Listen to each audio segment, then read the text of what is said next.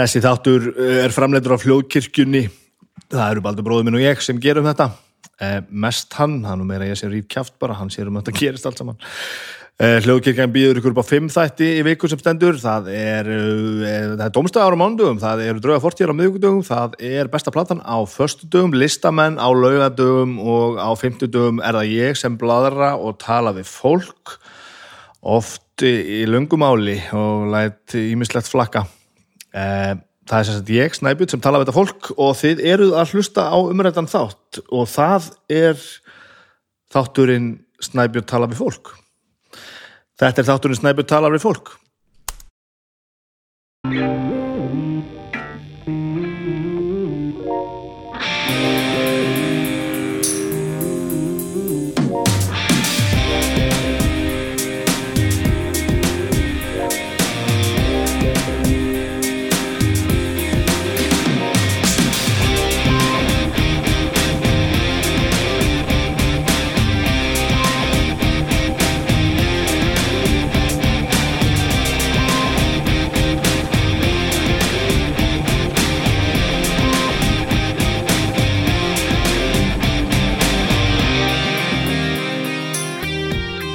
Ég held að ég verði bara að byrja því að byrjast afsökunar á þessu. Ég er búin að vera með hálgjörna móral alla, alla vikuna. Ég var svo leiðilegur í síðasta þætti, ekki viðtalinu, viðtalið var gott. Ég hafði ekki neitt út á það að setja, en, en hérna, ég fekk strax móral þegar ég lokaði fyrir mikrofónin eftir að hafa talað hérna, gert þetta sem ég er að gera núna, það tekið hérna kynninguna. Ég var í vondurskapi og nefndi ekki alveg og töðaði bara um að ég var eitthvað rosa þungur og eitthvað sem ég svo sem alveg var og ég ætla ekki að gera lítið úr því en, en ég hins vegar veit ekki hvernig mér tókst að skauta hjá öllu því frábæra sem að í lífi mínu á sér stað og vera eitthvað eitthvað leðilegur og lítill í mér. Um, ég var næstu búin að taka þetta upp aftur. Ég hafði henni ekki tíma, annars hef ég verið að tekið þetta upp aftur. Ég er svolítið ánæður svona eftir á að hafa ekki gert það, það er bara gott að láta hlutin að standa og geta séð bara í baksinspeglinum að maður er stundum bara lítið blóm og pínu lítill fáti þannig að sorry hvað ég var hérna var önur eh, það átti sér enga ég átti, átti enga rétt á sér. Ég, það var allt gott sem að mér snýri og ég glimta að tala um rosalega margt. Þegar ég til dæmis var að tala um þetta kannski hérna að til dæmis kannski vegu nú ekki, ekki þingst á öllu saman en, en þá voru reyters búin að spila þráleiki á tímanbílinu og vinna á alla sem var algjörlega þvert á allt ég hef oft talað mikið um, um reytis og fókbalt og haft gaman að ég en mér tókst að tala ekki um það þá. Það sem er hins vegar gert síðan að ég tala um þetta er það að núna eru búin að spila fimmleiki og tapa næstu tveimur.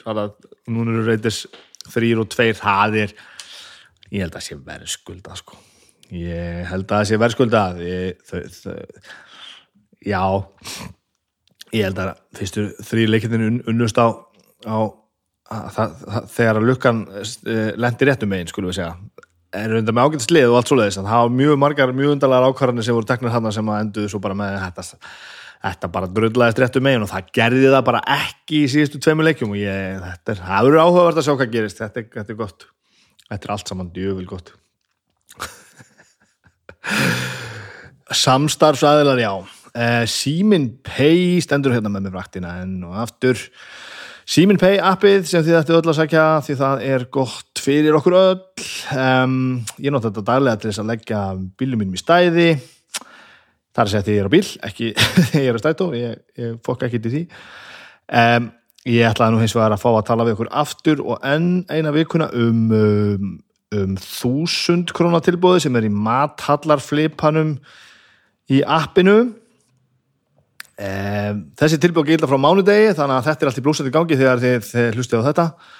Allt í blúsandi gangi og það er óvennu veglegt þúsund krónum tilbúið núna. Það er veitikastarinn Kore. Og þið getið valið það um fjórar skálar. Skálarnar e, e, Bulgogi Bop, Ugly Bop, Crispy Bop eða Spicy Pork Bop ég endur tek e, Bulgogi Bop, Ugly Bop, Crispy Bop eða Spicy Pork Bop Þið getur valið um eina þessu, þessum skálum eh, fyrir 1000 krónur, fullverðið er 1790 þannig að þetta er hvorki meirinn minna en 44% afsláttur. Þetta finnið allt inn í Simin Pay appinu. Þar sem þið pantið og borgið fyrir þetta og fáið þá þannig afslátt. Og appið er eins og þið vitið ekki bundi við símafyrirtæki eða kortafyrirtæki eða nokkur skapaðan þið gerir þetta bara eins og ykkur sínist og, þetta fullt af öðrum alls konar tilbúðum hana alls konar lettkaupstilbúðum og, og það er hérna hægt að kaupa flug með og gjáða breyfa play er og það er hægt að kaupa þött og það er hægt að kaupa ráttækja, hægt að kaupa allan fjandan, þetta er gott app sem sapna saman alls konar skemmtilegum hlutum. Þannig að tekja á því uh, tekkið á því. Það held ég nú aldrei það held ég aldrei, já þá miklu fleira sem ég hef getið að tala um skemmtilegt sko og náttúrulega ég, ég, strákurinn Björgvin, sonur okkar fór hann í sóttkví. Saði ég ekki frá því síðast, það lítur að vera. Ég er nú svo rugglaður tíma, ég veit ekkert hvað var að gerast þarna jú, ég líti á satt frá því. Var hann ekki komin í sóttkví þegar ég var að blæra þetta síðast? Það var sóttkví og ég þurfti að vera með honum í smittgátt og, og passa upp á eitthvað djöfisist rastl og þetta var allt einhvern veginn pínu ómögulegt þannig að um, þannig að það björgaði ekki að riðla hérna eins viðtalsmálum eitthvað, ég skuldi eitthvað viðtals ég þarf, að taka hérna einhvern tíman í döðatímanum öllum þessum döðatíma ég veit að það er postur að nútið frá ykkur sem ég áttur að svara. Því ég fái svör frá mér í vikunni, vona ég að því ég er að reyna að ná aftur öllu heim og saman. Um, að því ég er búin að vera aðeins busy undanfarið. Um, við fórum já, ég sagði frá því að draugar fortíðar fyrsta fyrsta fyrsti lifandi viðburður fyrsti viðburður sviðsviðburður hljókirkjunar var á fymtudaginn í síðustjöku og þá voru þess að draugar fortíðar á hurra og Baldur og Flósi settist það niður og Flósi saði Baldri frá, frá hérna Vilda vestrinu í, í, í, í lungumáli þetta dróst náttúrulega alveg, alveg slatta ekkert, ekkert, alls ekki um of. Þetta var bara lengra heldur við kannski reknuðu með þetta yrði. Þannig að við bara, það var bara tekið hlið og fólk bara setti meir í glösin sín og svo bara, og tekna spurningar og sal og hitt og þetta, þetta var allt saman sendt út beint á Facebook, ég geti séð þetta á, á hérna, Facebookinni á Draugum fórstíðar þetta var ógeðslega gaman. Kæftfullt hús og við ætlum að gera þetta ekki reyna, við ætlum að gera þetta eins og í viku að vera með eitthvað frá hljóðkirkjunni á sviðinu á húra um, sem er mjög gleðilegt. Ég, við, við, við, við vitum ekki alveg hvað ætlum að gera næst en það verður ekki drauga fórtíða næst. Það verður einhverja hinnum þáttunum og það verður mjög, mjög spennandi. Síðan fórum við eh, eh, daginn eftir fyrst á lögadagskvöld spilum við á græna hattinu með ljótu hálfitúrum þar var kæft uppsett líka og ógeðslega gaman alveg ógeðslega gaman. Gott að komast aftur í spilamennsku og, og, og allir ægilega ánaði með, með lífið og tilvöruna komast út. En hápunturinn að þessu öllu saman ennú sá að á förstu daginn síðasta varð Agnes konan mín eigin konan mín 30 ára gömul. Og við fögnum þessu ammalið alla helgina á græna hattinum og út að borða og á hótelherbyggi og ég veit í hvað og hvað. Og það var, var óskaplega gott. Þið heyri kannski á mér, ég er aðeins er ámur eftir þetta allt saman, það er búið að syngja mikið og drekka mikið og mikið stuð. Ógeðslega gaman. En Agnes er honum 30 ára gömul og hefur aldrei verið betri. Það er nú bara þannig. Um, þetta var, þetta hernaðist ógeðslega vel og, og, og við hvað á ég, hvern, hvernig á ég að koma þessu frá mér? Þetta er bara allt svo gott. Hún er bara svo helviti góð mannska og ég er svo ógeðslega ánægða með að hafa hafa náða að, að læsa klónum í hana. Og hún sínum í mig. Þannig að þetta var mjög gleðilegt. Og og við náðum að skemmt okkur ógeðslega vel með öllum þessum snildalegu vinnum okkar ljótu halvutónum, svo var Oddubjarni eh, söngvari í ljótu halvutónum þjókirkjuprestur og, og stórkosli stór, stórmenni, stóru vinnu minn hann var 50 á sunnudagin þannig að við drukkum hann hann út á löðatskvöldinu líka og fórum öll saman að borða. Þetta var bara ógeðslega gaman, þetta var ógeðslega gaman og ég þekki ógeðslega gott og margt og gott fólk og þetta var hryllilega, hryllilega, hryllilega skemmtilegt. Það er bara þannig. Mikið er gott. Um, sjóa á hérna með mig líka meiri sam, samstarf. Sjóa á er hér búið að vera hér þetta er alltaf þetta er svo gott, þetta er svo gott. Það er svo margt skemmtilegt, ég fór aðtöða hérna að sko vefsíðuna hjá þeim e, það er til að fara inn á vefsíðuna á sjóu.is og ef þið farið inn á flipa sem heitir stafvarnar lausni þá er þetta að gera Eh, hluti á þess að hugsa þetta er mikið meira um það. Það er að kaupa líf, líf og sjúkdómatryggingu þar í gegn. Eða ætlum við fát bara tilbúið tryggingar þar þið þurfum náttúrulega ekki að gera neitt og smetla þar á einn risastóran hnapp, fá tilbúið tryggingar og það er ekkert hvort sem eru einstaklingar eða fyrirtæki það er ekki tvitt í fyrirstu að fara bara þarna inn og, og byggja bara um tilbúð þið tapir enga á því og eh, ef ég þekki mitt fólk að sjóa á rétt þá gangi ég bara frá borði með betri díli en þið eruð með núna hvað sem þið eruð. Þannig að ég mæli með því að við farið bara um sjóa.is smellið þarna uh, fyllið þetta allt saman inn sem þarf að gera sem er nú ekki, ekki stórkustlega mikið og aðtöði hvort þið fáið ekki betra, betra tilbúið tryggingar þar ykkar af því að það þýðir þá bara þið borgi minna á mánu og þá eigi meiri peningi eitthvað annað. Það er það sem ég myndi gera. Þetta er sjóa og eru reynast okkur mjög vel eh, og allt gott um það að segja. Því heyri það, ég er aðeins hressari núna heldur en ég var annað ég er aðeins hressari, þetta er allt svo helviti gott. Ég þarf að vinna aðeins upp eftir þess að helvíti sótkví. Þetta er allt einhvern veginn svona pínu ómögulegt þegar öllu kipt svona samvætit ég viðkenna ég er hún hundleður á þessu. Það stóð svo tæft að við getum farið á græna hattin það var konana sagga var komin í sótkví og svo svonum inn í sótkví og það var eitthvað annað sótkvíamál og við byggðum eftir náttúrulega fullt af fólki sem þarf að koma heim og saman til að geta e, spila þessa, þessa tónleika. Við byggðum eftir að einhver, einhver myndi dettur skaftinu og við þurftum að aflýsa öllu sem að það gerist ekki og þetta var svona hryllilega gaman alveg hryllilega, hryllilega gaman var ég búin að nefna hvað var gaman um helgina? Það var nefnilega alveg hryllilega gaman. Ég, þetta er bara allt þetta er allt og djúvel gott. Æjæjæj meira, meira. Um, omnumur hérna með mér aftur. Mjög gott, afar gott. Ég var að enda við að klára ég sett var að klára viðtalið við hann hörð hérna bara áðan og ég er ennþá eiginlega að stanga hérna möndlunar úr, úr, úr törnunum á mér á meðan þeir að hlusta hérna á mig. E, ég hafði hérna borðinu hjá okkur e, omnámsúkulaði með sölt, e, sjávarsölduðum möndlum. Og ég komst að því að þegar ég var búinn hérna að tæmu skálinni súkulaðið ógeðslega gott með svona, já, svona saltar möndlur sem eru bara svona það er næstuði svona eins og það hefur bara látið detta svona súkulaði, það eru ekki inn í súkulaðinu, þetta er svona hanga utan á einhvern veginn og þegar ég var búin um skálinni þá var fullt af, af, af, af möndlum, muldum, saltumöndlum í botninum á skálinni. Og þetta er svona lítil skál hérna þessi hérna og ég tók hana bara svona með möndlu reikinu sem þetta var að sturta svona upp í mig og tögði svona á þessu öllu þetta er ekki eins og að borða nammi, þetta er eins og eitthvað allt annað. Þetta er alveg ógeðslega gaman. Ég er búin að taka hérna random, random uh, stikkpröfur og, og prófa þetta. Þetta, ég held að þessi já, ég held að það þvert á þess að ég hefði haldið sko, þá held ég að ég er enn hrifnar þessu heldur þessu með, með lakrisnum sko. En svo borðaði ég bara eitt og, og, og, gleimiði hvernig allt, allt, hvernig allt hitt var.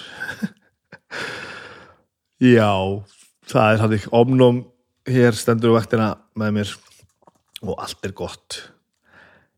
Um þið eru að fara að hlusta á langt viðtal þannig ég ætla ekki að tuða meira heldur en þetta. Það kom hérna hann, hann hörður kom hérna eh, pínu óvænt, kom að þessu óvæntri átt þetta, þetta viðtal og ég kvekti strax á það, getur verið ógeðslega gaman að tala við hann, ég vissi rosalega lítið um hann. Og, en ég einhvern veginn fann að þetta geti orðið, orðið hérna ógeðslega gaman. Og það var eiginlega bara frá fyrstu sekundu og fann ég bara ok, það þetta, hér er allt smódlið við þurfum ekki að hafa neinar ágjör að því að þetta verði, verði eitthvað, eitthvað erfitt eða þvinga en það töluðu við saman í, ég veit ekki hvað þetta var langt, þrjúra hálfu tími eða eitthvað. Gaman gaman. Ekki mikið að því. Þess vegna ætla ég að hætta að tala hér þegar heyrið ég gladur, þetta er alltaf lægi þó að reyndar að uppáttavillin sé mögulega bila aftur sem er ekki gott en ég er, ég er góður, ég er mjög góður. Um, og ég ætla að hætta þessu bulli og þið ætla að hlusta á mig og hörð tala saman hérna um bókstaflega allt og ekki neitt. Þetta var mjög gaman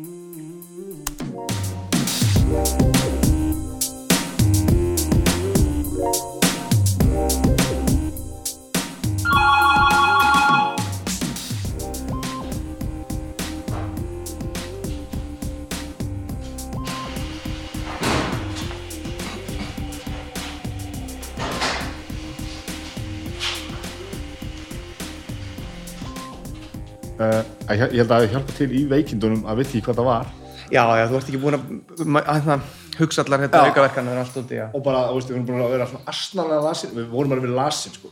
Fengum við þetta heima úti? Við, sko, við komum frá London nokkrum dögum sem, sem stáðu sko. Já, það voru bara fengið þurr hvað þar en Fólk sem var að ferast með okkur fekk þetta ekki sko. Nei, það voru, það voru alveg svaka superspretti dæmi í gangi að nýjum mars út af fókbóltaleikum sem er í gangi í London Já, já, já Það er kannski verið bara einmitt það sko. Já, það er leifbúleikur sem bara fleiri já, þúsundir smituðust þá sko. já, já. síðasti leikurinn fyrir lockdown. Yes.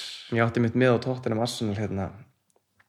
Ég er búin að setja í gang sko, ég er bara að byrja að grenja sko, nei, alveg geggja bara, heyri, heyrist ekki þér, sem að tafa þetta er snála til já, að já, fórir bara. Ekki, ég, þetta, stein, ég var að hlusta á steina. Ég mér hérna, til að heyra hljóði já, ég veit. Heyrði hérna langt samtali um hérna hversu mikill metnaður laður í þetta hjá okkur það er mjög gott já, en það hjálpaði heldur til sko, að við vissum ekki hvað það var. Já, já, já, og svo bara vorum búin að svona astanlega lasin í einhverja, þú veist 5-6 daga eitthvað, vöknuðum átt fisk og vorum alveg fárveik bara endur, þú veist setjapartin sko. Og, og svo allt einu bara svona eftir einhverja daga vorum við að lesa fréttina bara, er þetta þessi vír, vírus þarna frá þetta hétt Kína? þá Wuhan vírusin, já, kalla þetta það bara, og þetta bara eitthvað Kína og einhver, og einhver mér fannst þetta svo fjarrri sko, já, það var svo fjarrri mann einhvern veginn, maður heyrði eitthvað voð svona smá um þetta heima.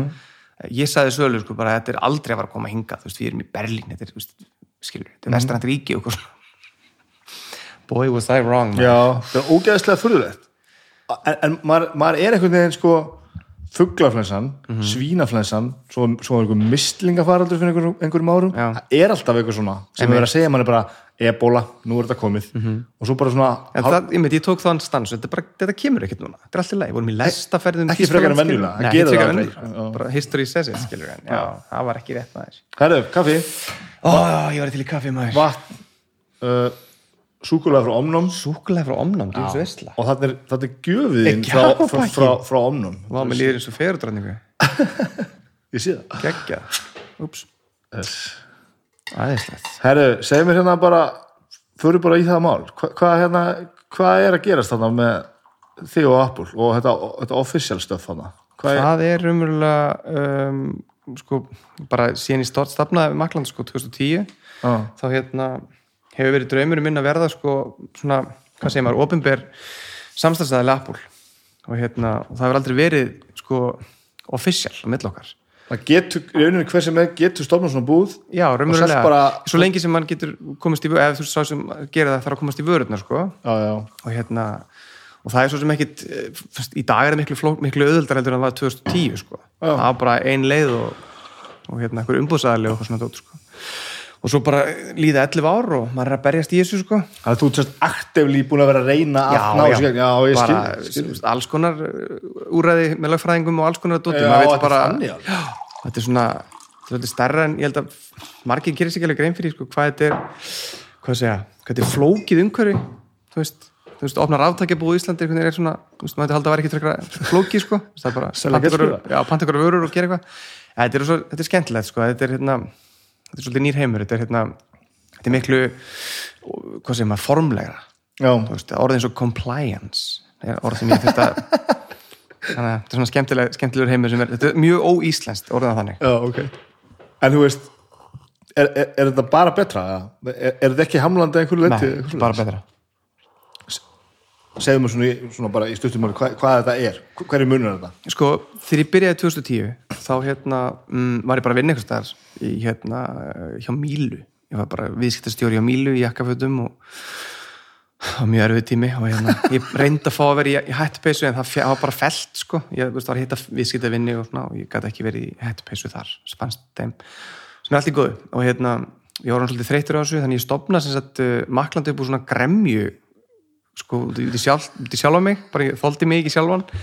Og eiginlega kona mín sagði bara um mig, það væri rosa, þetta var setning sem er svolítið fræg heima hjá okkur og hún sagði, ég nenni ekki að hlusta þau töðum þetta lengur, okkur stopnar ekki bara þetta Apple fyrirtæki sem þú búin að tala um í mörg ár og hættir þessu væli? Og ég bara, ok ekkert mál. Og hérna við förum svolítið bara svona grúski í þessu. Ég fyrir að grúski eitthvað, ég, ég var búin að skipta um skjái fyrir vini mína og í tölvu og svona diska og svona heima bara í stofinni og svo, og hún var alltaf að hjálpa mér.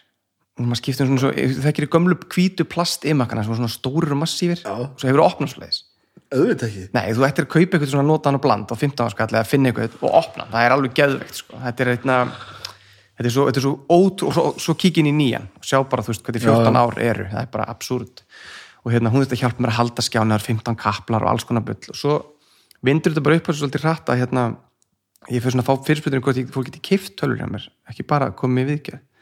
Og ég svona, hm, ég veit það ekki. Og þá var bara einn aðliðna heima sem að var að sá, sjá um sko Apple sem heitir, sem er þá samkjöfnisæðan okkar myndir epli hérna Var það, ein, var það eini staður þar sem gast keft Apple vörur? Já, svo hafa alls konar æfinga verið framkvæmda sko, eins og þarna tíu þú mæstu til því. Það var eitthvað gæði sem ætlaði að kaupa tölur frá bandaríkjunum og búið til eitthvað brjála verðsamkeppni og eitthvað svona dót. svo var þetta endað það með einhverjum sjökennintölum í þrótti og eitthvað svona. Þannig að það hefur alls konar, alls konar verið reynd sko. og alls konar klikkað í gerum árin. En þú veist, já, breyti ekki fyrir okkur er bara að vera komin undir svona þetta er, þetta er, ég, ég horf á þetta svo jákvæmt stafsmynd mín er ekki alltaf sammálaði sko, en ég er svo hrifin af svona aga ég er hrifin af svona ramma Já. sem make a sense fattari. það er svona vaksinnan ramma líka Apple er bara, það sem mér dettur í hug veist, hörður á Íslandi 41 á skall maður. Apple er löngu búið að hugsa þetta allt miljónsunum áður og veist, með betri lausnir sko. Já, já. þannig að veist, svona, það en veist, það sem við gerum svo hérna heima var þetta þjónustofana það er okkar ein smíði sko. Og hvað, þú veist, í gegnum hvað gerðir þurftur að hoppa til þess að komast allarlega á þessu? ég veit ekki hvað á maður það var svakalega margir margir húluhúps þar í gegn sko, sko ég er náttúrulega þetta, þetta byrjar á því að maður ætla bara að reyna að kaupa eitthvað neitt, þú veist, þú ringir í mig vantar eina tölvu, eitthvað svona þannig dæmi og ég keiri heimtíð með GSM pós og selur hana, það var þar sko Já. Og ég var bara í vinnunni, þú veist, það var að stelast á vinnunni hérna, langar lönn, setti, ég var með tryggs að setja úlpuna á stólinn sko. Og bara er hörður? Ég, hann hlýtur að vera hér, stóllinn er úlpana með stólnum og svona. Og hérna þetta mánuði verður engin reyðinu náttúrulega tíman en hérna uh, yfir í það sko hérna að þú veist, svo fyrir maður að halda lager og þetta verður eitthvað vestlun og þú veist, þannig að snemma árið 2010 þá kemur hemmi vinnu minn til mín sko, ég bara að gera þetta heima hjá mér. Hemmi heitin hérna Valgars Já. Og hann hérna hann tekur svolítið sömu ræða svo alveg á mig sko. segir bara um mig, veist, ég bara ég get ekki listað þetta lengur sko. Bara, og ég var svo hrættu við að fara út úr þessu, sko, þessu 95 elementi. Já, það er skeri. það er skeri sko. Og það, ég ger ekkit lítið úr því þegar fólk er tvístegandi með það sko, það var, þetta er bara einn stærsta ákvörðin sem ég hef tekið. Og var bara ágætis launum ykkur 9-5 jobb, þess að ég get skatt skilið úlpun eftir á stólnum, og farið í þryggja tíma ræktar tíma eða eitthvað skilur, bara í pottin eða eitthvað eða stofna makland og hérna og það var svona, þá byrjaði svona veist, veist, það húp, fyrsta húpi var sko bara komið svo stað. Að þetta er eftir hrun sko. Já. það var ekkit rosa, marg, það var ekkit rosa mikið af fólki sko sem var hérna það var ekki samastemmingu í dag, þú stofnar eitthvað fyrirtæki bara á rsk.is og next next finish og svo ertu bara farin að opna eitthvað vefvöslun og þú kaupir eitthvað vöru utan og það er eitthvað vöruhús út í bæn sem sérum þetta fyrir því og þú ert bara með passive income skilur Já. það, er ekki, það var ekki þannig 2010 sko þannig að já, þannig að þessi húpsa að vera mjög flókin en þetta er svo, svo flókin leið sko, ég veit bara hversu djúpt ég vil fara í það sko. Er stjúpt og nennir, mér finnst þetta mjög heillandi, sko. okay. ég meina, draumandun okkar hemma sko, hann valdi sem með okkur líka í þessu sko, hemma valdi þetta með, voru með barnir og löfi og svo þarna farfugla heimili sem hétt hérna hvað heit það aftur, Reykjavík Backpackers Já. þeir voru svona gæja sko sem að, veist, ég smita svolítið af þeim það var ekki, þetta er ekki þess klassíska íslenska þetta reddast dæmi, ekki þetta hérna tóti íslenska draumnum dæmi, ekki þannig. Heldur alls ekki það element, heldur hérna þá var svona, það var óbílandi trú á að ef þeir myndu vera nógu duglegir Já. það myndi þetta allt saman reddast, allt saman braggast. Já. ekki reddast, ég nota það ekki, það myndi þetta allt fara vel. Og hérna, en ég smita svolítið að því snemma frá þeim sko, sérstaklega hemmi var náttúrulega bara náttúrulega bara, ég veit ekki, hvar, hann, hvar væri Ísland núna ef hemmi hefði lifað, þú veist, það er innan tíu ár síðan hann lést sko, í- nóvember og hérna það var svona gæði sem bara, þú veist, úf, var ríkalegur hérna, skellu fyrir Íslands samfélag hann hafi farið svona snemma, sko. Ég þekkt af því miður sama og ekki neitt. Nei, sem bara, og því miður, það er alveg rétt, sko, þetta er bara einhver besti maður sem ég kynst, Svo, svo marga sammeðilega vinni, sko. Ég hef búin að heyra svo ógæðslega marga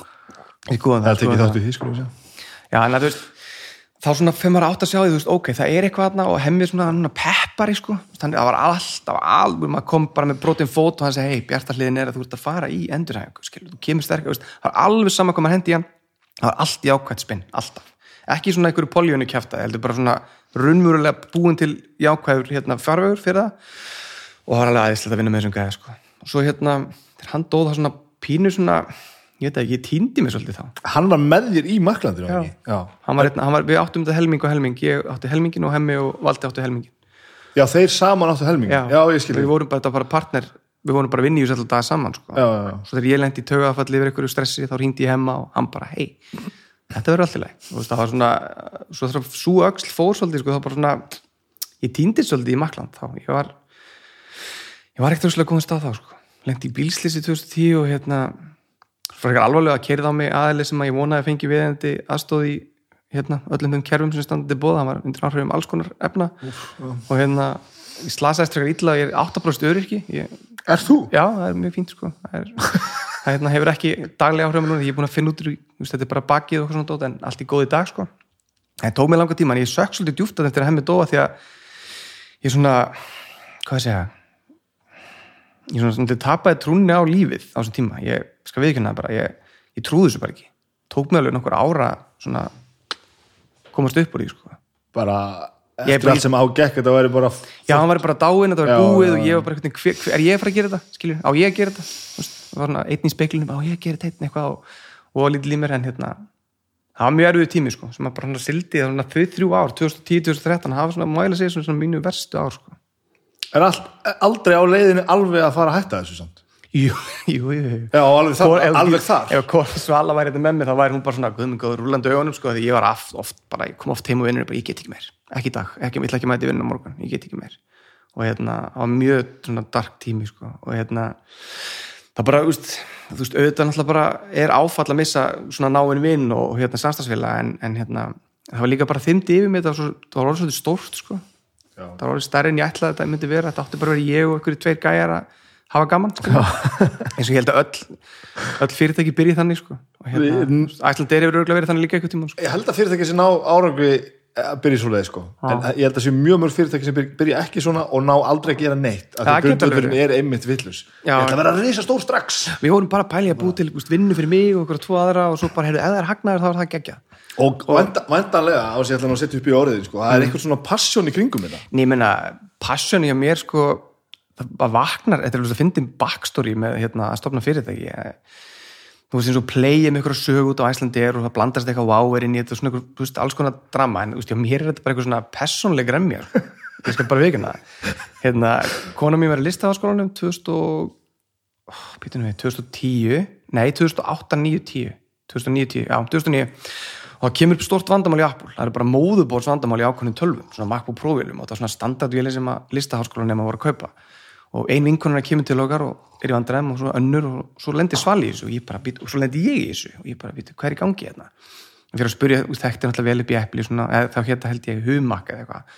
Þekkti hérna frábæra starfsmenn á vestæðin og fekk svona inside information hvað var í gangi og það var svona aðeins lokara þá svona hvað Apple hérna, meira leini já, meira leini þú veist að þekkja þennan og talaði við Jóa og svona og hann segir mér svo bara satt og segir bara það er bara major issue með þessi móðuborð og, hérna, og ég bara fuck, ok, shit, hvað er að gera því?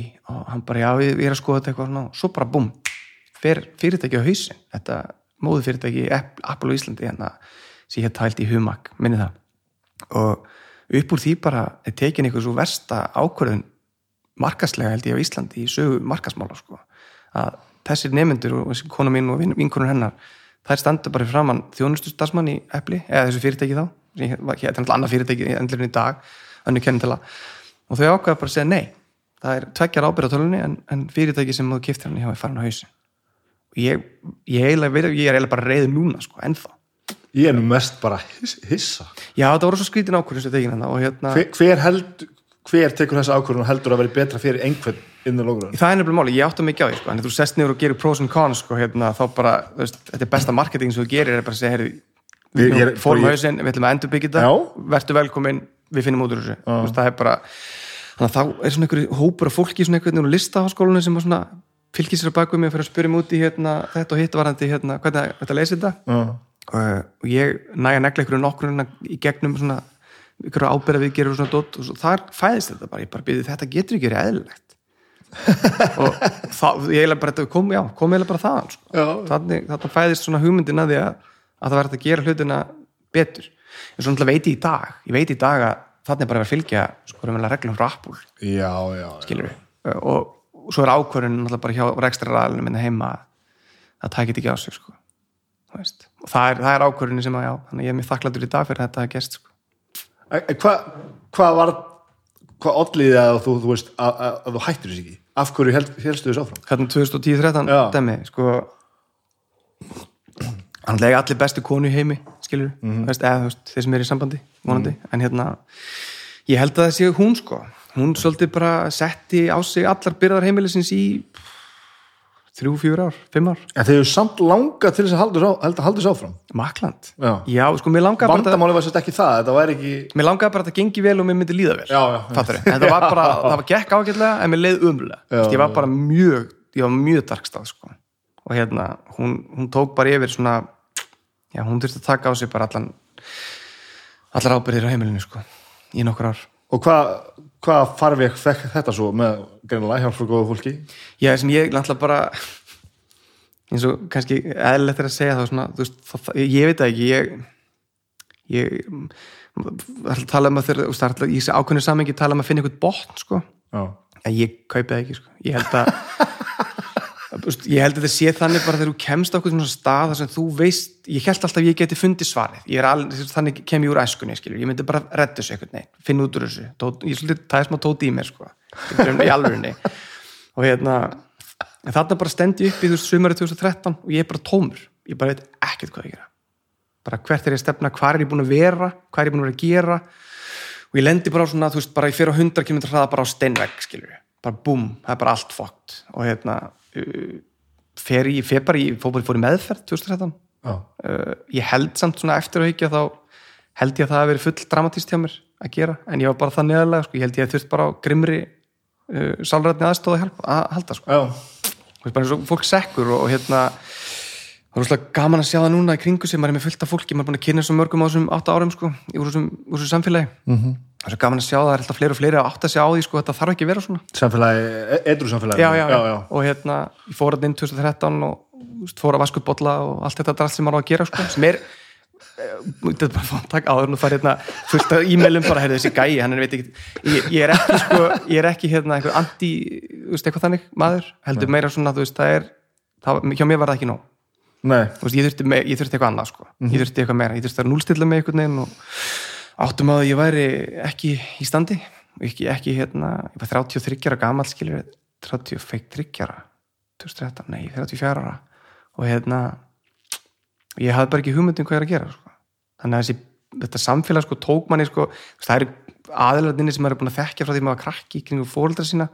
Það eru vinir sem maður vissi ekki að væru þarna þú veist, skilur bara, já, þú hér, ok, næs þannig að það er ótrúlega gott, ég get ekki nafngreint neitt næm út af þessari fáralegu nafnlendareglu sko, sem er, mér finnst persónulega fáraleg, sko. Er hérna, en það var alveg, alveg gríðarlega mikla hjálp þarna og rosalega stuðning og, og, svona, og kannski full mikil skilning. Já, ég skil. Skilur mig, Já. þú veist, það var svona mér fannst, ég fattaði það ekki fyrir svona þreymur án síðan að að, hérna, mér hafi verið rétt hækja árið 2013 og ég beitt henni sem svona hendi hækju já, já, já, þú veist, það bara lítið í mér og þá var það því ég, er- ég er svona ég er hins egin þetta er erfitt og eitthvað svona. Er þetta ekki aðeins að breytast? Mér finnst ég alltaf Þetta er fleiri og að- fleiri sem að eru ekki lengur á þessari hækju sem mást að tala um. Og ég ger, er ekki, ekki lítið úr því sko. Nei, er, ég, ég er bara, ég er bara, bara persónulega. Þetta er bara persónulega, ég áttum á því að ég get ekki tala fyrir hópin eða sagt að A og B og svona og svart og hvít heldur. Þetta er mjög flókið og við erum með meðferðarkerfi sem að já, ég, hérna, ég get taldið svona, fimm klukkutíma ræðum hvað mér finnst um það sko. Og, ég keirði sjálfur upp já, skilur akkur ætti ég að fara á já, fattar Já. byrjum bara þar. Já, það meikar enga sens. Ég laði bílnum minn og sagði hérna bílíkillina, ég var okkur gamlu Benz skilur, fólk horfða mig síkarið bara, hvað gaur þetta? Góðan daginn, ég er að koma hérna meðferð fólk bara, var gæfið hlýðina mig með bónusboka fullana, eigil sterkum skilur á leiðin inn í meðferð. Þetta er, þetta er alltaf stór skali sko. já. Það er rosa auðvelt sko að tala vel um þetta samt. Ég þekki nógu marga sem að fari bara þess að hefbundu leið -hmm. og björguðu lífu sínu. í bara 100% En ég veit engin smáatriði sko. Ég hef náttúrulega enga reynsla af þessu sjálfur. Ég veit ekki neitt sko. en þú heyrir líka oftast, maður heyrir oftast bara success story sko þú veist, maður heyrir maður, ég, það sem ég er að meina kannski er að koma að er að eins og fyrir mig sjálfan þá held ég að þetta myndi duga mér Já, setja hækin undir mig og segja bara ég ætla að haltra inn í gennum lífið einhvern veginn. Þannig horfði ég á það fyrir mig. Ég tala með þetta marga vinni mína þessu, sem er ennþá virkir í þessu samfélagi sko. og þeir tólka þetta öðruvísi skilur sumir tólka þetta svipað og ég, aðrir einhvern veginn og svona. En hérna, það var ekki fyrir en ég fór sko bara til sálfræðings 2016 en endar fór ég ekki til sálfræðings. Ég, konu mín sagði bara, hún gaf mér tvo kosti sko. Sagði við mig hérna annarkvörðu ferði til sálfræðings eða við fyrir, við fyrir til pararáðgjafa eða þú veist, við getum bara sleppt þessu. Og ég bara, wow, þetta er svolítið dramatist svolítið dramatist hjá henni. Ég þarf að taka part 2 af þessu vit Já, og svo endar þetta bara með að hérna, við förum til sálfræðings og saman og, og hérna, þetta er fallegasta moment sem ég áheldi bara með konu minni í þessum fyrsta tíma, sko, þetta er svo skeri pæling, einhvern veginn að fara, mér fannst þess að ég var að fara að dómara, þú veist, einhvern veginn hún mun segja, þú veist, já, þetta er sniðu hugmyndið eða nei, er, það var mitt, mitt perception, sko, að hjónabaldsrákjað, sko. Og hérna, sem er alltaf auglustlega kolrand og hérna, en hún leita á mig svona og sölu og sagði, hérna jæja, hvort eru við komin hérna saman í það til þess að halda áfram eða finna aðra leið?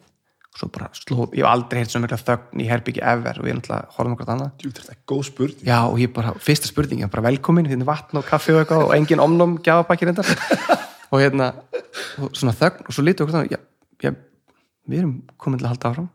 Frábært. Og þá bara búið. Og þetta er eitt svona, þetta var svona, æ, þetta er svona moment sem var svona, ég- já, í háskerpu þú veist, ég get ítt að play, þú veist, hvenær sem er mjög geðveikt. moment, já, þetta er mjög fallet moment sko. og, hérna, og það var svolítið bara reistort breakthrough fyrir, fyrir mig sko. það var svona hún, sálfræðingurinn minn er búin að vera, reynast mér rosalega vel og hérna, og hérna hún orðaði þetta svolítið skemmtilega, hún sagði oft koma til mín gaurar eins og þú og hún, hún er mjög beinskeitt sko. og hérna, að teku mig mörg ár þú veist, að skræla laukin utanum sko. Mhm. þú veist, en þú komst bara hérna og sagði bara ég nenni þessu ekki getur please, veist, ég til í að drekka kjúklingablóð eða veist, standa á einu fæti í þrjá klukkutum að dag bara, veist, hvað vilt ég geri? Og hún segi, það er rosalega svona, það er kannski svona, ef einhver er að hlusta sem er í einhver svona basli, sko þá er það helviti, það kemur manni helviti langt að vera, hérna vera komin og sjálfum sér. Þú varst alveg komin á þann stað. Þið fannst þetta bara, varstu bara, bara fett upp á öllu saman? Nei, sko, svo er þetta svo flóki líka þetta er svo erfitt að útskýra þetta þú veist, ég, ég skil ekki hvernig fólk getur skrifað eins og ég er að horfa mynd það sem heitir Mate núna á Netflix Já. er maður að horfa á þetta? Nei. Þetta er, þetta er bara, þetta, er, þetta hlýtur að fá bara öll velunin, þetta er rosalegt sko. en það er þetta að tala um þetta svipa dæmi svona eitthvað, eitthvað svona þrótt og, og hérna, fólk, hvernig fólk getur komið frá sér þessum orðum og hvernig það getur sett þessi scenaríu upp sko, af því ég á svo erfitt með að lýsa mínu eigin sko, Dóti, ég er mjög takmarkan orðaforða held ég, þá er þráttur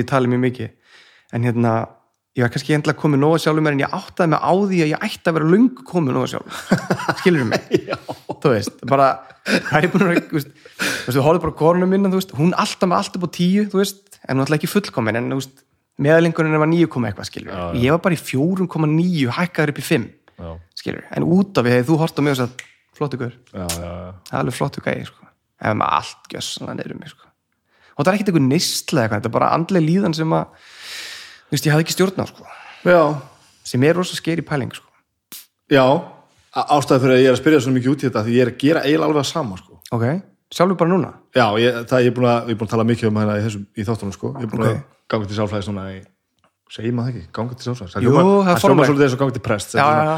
að ég er búin að vera bara í massífi ma massífi bara, sjálfsvinnu já, já, og bara sem byrjaði eftir að þetta, þetta, þetta hlaðar fór að stað sko. ég byrjaði að var eitthvað alltaf að tala um hvernig mér leið hérna sko. eitthvað, eh, alltaf að berjast við eitthvað sem ég vissi ekki alveg hvað var sko. Mhm. -hmm. og ég fekk náttúrulega bara veist, marga pósta sko, en fekk svo bara eitt póst frá manni sem sagði bara ég veit hvað er að þér og ég veit við hvernig þú varst að tala ok og bara, bara setti mig í samband við Magnús Blöndal sálfræðing Mhm. og ég bara setti mig bara, ég bara hérna, skrifaði þeim manni og ég fer bara til hans einu sinni í manni já, ég meina þetta er bara, ef, ef maður finnur sálfræðingin og maður hérna veist, vill gera þetta Já. þá er þetta, þetta er, þú kemst ekkit að einhverju hræðilegum sjálfa þig. Þetta er bara, þetta er eins og að fara með bílinn í viðgerð og þú trættur um að koma eitthvað í ljós skilur þetta er bara svo farið til talangnis já, veist, bara er ég með 30 skemmtir Já. fæn, en það þarf samt að díla við það og það, Það er ekki eins, eins ræðilegt og heldur sko. Nú ætla ég ekki að tala fyrir fólk sem líður virkilega, virkilega illa og allt saman að því að munum á það sem að þú ert að segja og hvernig ég upplifið mitt Mhm. en það mér hefur aldrei liðið illa sko. Nei, sko, það er nefnilega, þetta er góð punktur. Ég er nefnilega held að mér liði rosalega vel. Svo, eh, ég ætla bara að segja þetta. Ég var á aðfundi fyrir sex árum eða eitthvað, sjö árum.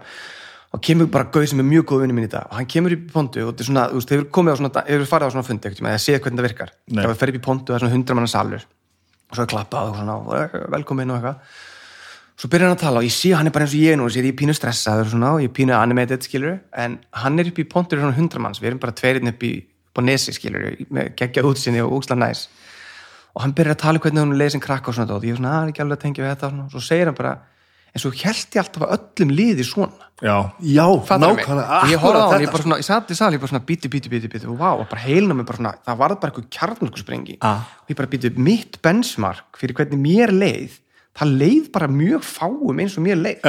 Veist, ég var bara gaur sem gæti ekki farið út úr húsi en þess að fá bara magakrampa Já, já. ég var að læknum út af magakrampum og alls konar dóti, fór ykkur ristilspeglanir og alls konar. Ég prumpaði sem svona ristilspegluna slími yfir allansafinu og leiðindi bandarækja með pappa minn það var mjög le- leiðilegt mál og hérna, en ég reyndi allt til þess að finna út hvað var að, skilju, en það var ekki líkanlegt sko. nei, hann var á sama stað, sko, bara kvíði var ekkit einhvern veginn svona í orðaforðanum þegar við vorum allast upp, sko nei nú, nú ertu að tala um bara Já. mig bara, nema ég þau, ég held ég hef alltaf vita nógu mikið að það væri svona í áttina að þessu þannig ég hef aldrei stemplað þetta sem eitthvað líkamnett eða eitthvað sér í raun, raunverulega að mér sko. Já. en þegar ég vakna mótana og bara þetta er ómögulegt, það er alltaf ómögulegt og ég hef með súrt brað upp í munn sko, og ég get ekkert gert, þá hef ég sem alltaf vita bara, það er eitthvað fókt upp í það sko. En ég, sko, ég held að þetta væri bara svona væri allir. Já, Sko, ég var málið, sko. Ég var svo hissa kona mín, bara hvernig fer hún að þessu. Ég, ég veit þetta, ó þetta hljómar svo skringilega þegar ég segi frá þessu, sko, ég skammast mér fyrir að segja þetta. Mér upplifur svolítið eins og ég hef búið svona hliðar veruleika frá því að ég var krakki skilur. Ég Mhm. hef bara hafa verið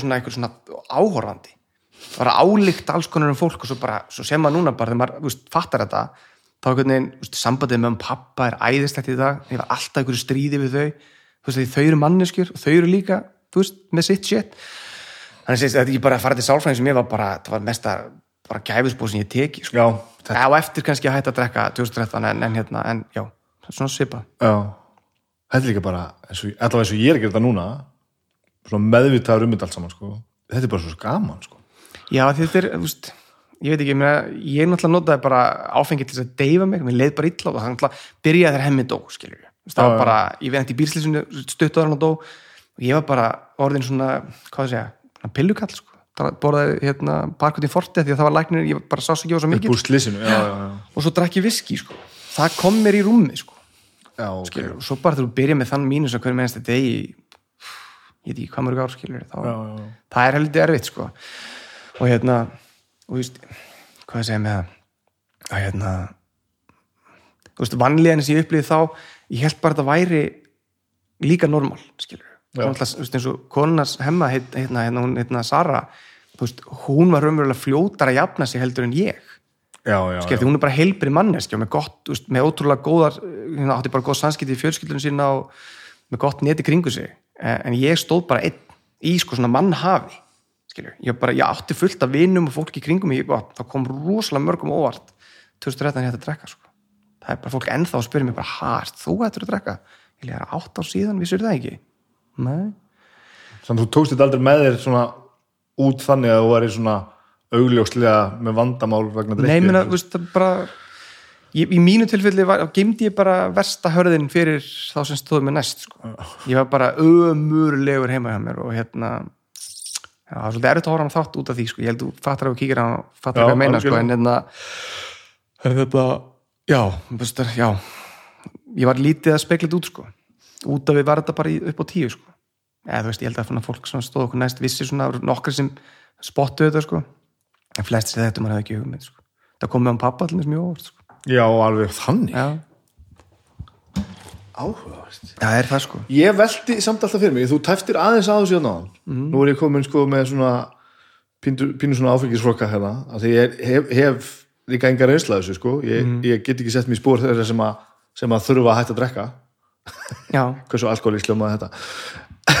Nei sko ég er svo líka já, en ég skjóðu, skjóðu A, að sko ég var að tala um þetta við er ég að segja eitthvað sem ég hefði að segja? Nei, Flossi vinnu minn var hérna viðtali. Mhm. hann, er, hann er hérna búin að eitthvað í mörg mörg ár og og draugum já, díla mikið við erfið þunglindi og alls konar, þú veist.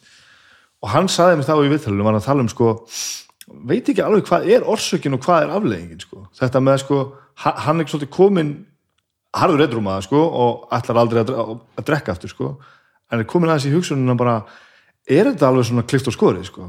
Ég, ég er alveg þarna sko. Er maður bara svona rosalega mikill alkoholisti og þá fer allt í steik? Ég held þetta sé ekki, ég, sko, nú, nú farið bref sko nú, þú varst er að opna- bréfin, þú opnaði dyr þarna sko sem að verður erfitt að loka aftur sko. Ég, hérna, ég kaupi þetta ekki. Nei, nei, nei, ég kaupi þetta ekki.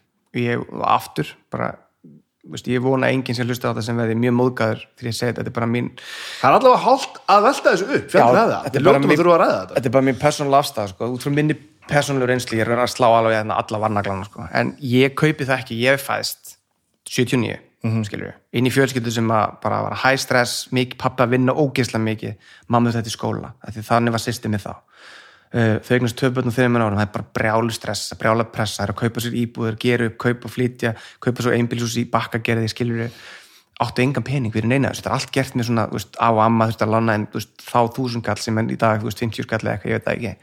Og hérna, að ég hafi komið út úr þessu ástandi kvíðin uh, með einhvers konar og svona dulin vandamál, veist þarf ekki að vera neitt rosalega skrítið, sko það að ég hafi drukkið, verið kvíðin sem krakki verið svona lúðið mig á svona sveppaklippingu, veist, var að æfa á píanó, var bara svona undrabann í píanói og var í fótbolta og var allt upp á tíu skilur við, en ég var bara með í maganum alla mína batna, sko þú eftir því síðan þá alveg já, já, Já, bara já. því ég var veist, kannski 10-12 ára að byrja bíómyndin að spilast sko. fyrir það er bara blank sko. ég bara man ekki neitt sko. bara kona mín segir, já ég hitti Bergþóru vingunum mína á hérna Tjarnaborg við erum tveggjara, ég man þegar við erum allsberðar að laupa úti og fórstundur eld okkur. Og ég bara tveggjara ég veist, veit ekki neitt.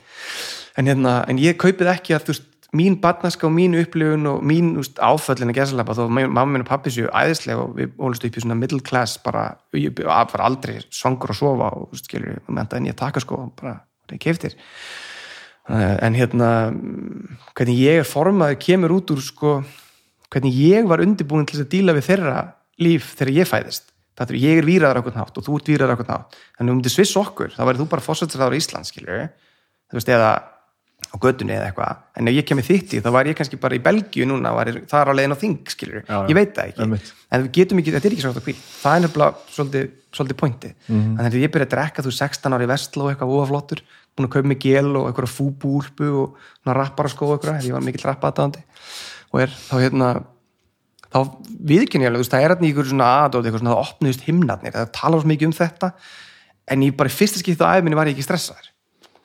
Það er, ég er í partí og ég byrja bara að drekka og ég man, ég man þetta hvernig bjórn og það, það tala um neyslu, þess Já, að það- á áhrifinu áfenginu já, bara, það bara slakna, bara, ég fekk Já, já. bara slaknaði á mér, skilur, það bara tegjan bara hún bara, bara hún gekk aðeins saman og það bara, Já, já, og ég bara, þetta er næs veist, og þá kemur þessi ránkumin, þetta er næs.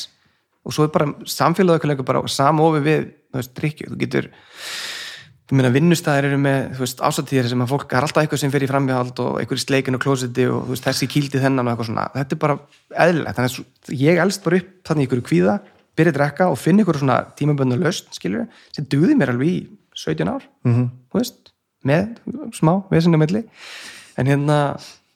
mér helst eftir sjárendur er að aldrei prófa neitt meira heldur en áfengi. Ég, ég, er ég er búin að ákveða það, ég mun ekki hitta hugbreyndefn aftur.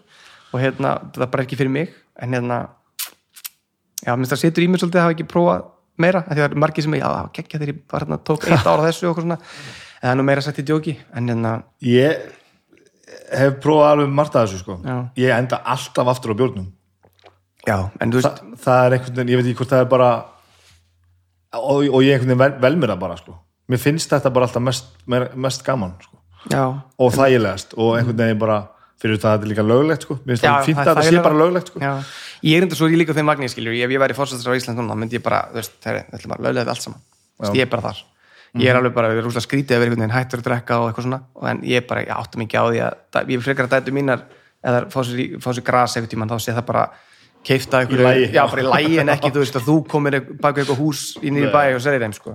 Nei, auðvitað veist, en hérna, en þetta sem Flósir segja hann með sko þetta svart að hvíta mig, er alveg góð pælinga því að, þú veist, ég, ég trúi því bara ekki að ég hef fæðist með eitthvað gen Nei, skilur mig, ég sé eitthvað ég, ég, ég held ég hafi verið klárlega ég sé výraða þannig til að díla illa við uh, hérna neyslu vímöfna, hvað skeins af því ég er þannig gerður kvíðarlega séð hvernig heilina mér virka, hvernig tengslamyndin hjá mér var og svona það var bara rosa margt að hjá mér áður en ég byrjaði að drekka ég veit ekki, við þekki eiginlega engan sem bara, herri, ég var bara með allt upp á tíu líf mitt hefur verið dans á rósum svo byrjaði ég að drekka.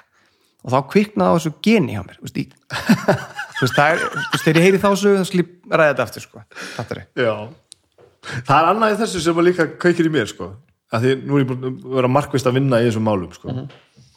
Og ég finn alveg hvað ég er veikastur fyrir ég, það er ákveðin hluti sem tryggjara mig sko. ég fæ bara svona einhverja valmáttar tilfinningu gagvart einhverju, Mhm. ég bara þarf að sinna börnunum mínum, ég ætlum ekki góður í því já, þú veist, jú, ég er góður í því en mér líður eins og ég sé ekki góður í því Mhm.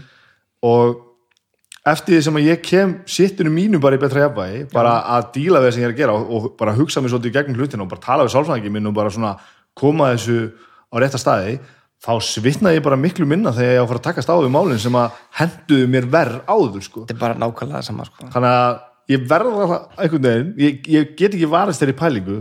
Ef þið líður betur er þá ekki minni hætta á því að áfengi fari með þig? Af því, að, að því að sagan er svolítið það bara, nei, það er alveg sama við hvað aðstæður er, ef ég mér eitt bjór þá er ég döðadæmdur sko. sko, ef ég myndi setja það núna og segja við þig ég hef aldrei pælt mikið í því. Þú veist, auðvitað hef ég pælt í því, skilur auðvitað, þetta er bara mjög, þetta er bara hot topic og er mjög gott að holta að tala um það. Að því þú veist, ég ég trúi 100% núna að við myndum fá okkur eitt bjór saman núna Mhm. -hmm. og, þetta er tvo, þrjá bjóra saman og horfa okkur til fótballtaleg saman eða eitthvað eða bara hafa bjórinn í spjallinu það, það er ekkert vandamál Nei, nei. skilur, en þetta er meira bara svona, þú veist þetta er svo konum við bara um mig, ég, mér langar ekki að segja fullan aftur Nei, og, og, og, það- bara og flott það það er bara, sko. I get it sko. en hérna uh, þessi tilfinningum að þetta sé svona þú veist, nú er ég að koma núna rosalega hálanís en þú veist, það er til eitthvað sem þetta OA Overeaters Anonymous, fólk sem er með matarfík og, og verið í þess Já. já. Þú getur ekki hægt að borða æ, skilur, þú veist, þú getur ekki hægt að borða mm Mhm. -hmm. það er, þú veist, þannig að þetta er svo skrítin pæling að það sem ég held að gerist sko hjá mörgum og gerist hjá mér, að verður svona þrávíkjunni skipt út, þú veist, þú fer úr því að vera með þrávíkju fyrir því að komast alltaf veist, hlakka til föstudagsins, þá er ég að fara með strákunum út, veist, þá er ég svona góðu skapi og öll vikan er góð, það er svo er ég þunnur og lögat og sunnunda og brjálar í skapinu ég skipti þeirri þrávíkju út sko fyrir hérna uh, eitthvað svona þrávíkju út í það að ég megi ekki drekka. Já. fattur mig, veist, já, ég, ég, er, ég er það ég er sámaður Já. en það er ekki, ég er ekki þar. Ég er bara svona, ég, ég er velja þetta. Ég er, núna er ég komið þess að ég get valið það, ég ætla ekki að gera þetta. Ég þarf ekki að vera hrættur við þetta. Mhm. þetta er ekki eitthvað svona skeri, ef þú væri með bjóratna ég myndi ekki pæla í honum sko. Þetta er bara, þetta skiptir mikið máli. Þetta er bara eins og sýsti minni með hnetu hana hún er ekkert að spyrja má ég smakka hneturnar skilur hún bara sleppir því og, hérna, og þó ég horfði ekki sem ofnæmi en þetta er svona góð líking sann sko. þannig að ég veit það ekki, þetta er náttúrulega mjög stórt topic og þetta er mjög alvarlegt topic fyrir marga. Veist, það eru margir sem halda, þetta er algengasta uh, ástæðan fyrir því að fólk uh, kemur aftur og aftur, aftur og aftur og aftur í meðferð. Er að því það heldur einhvern veginn að núna verður þetta betra, skilur, það er bara algengasta skýringin sko.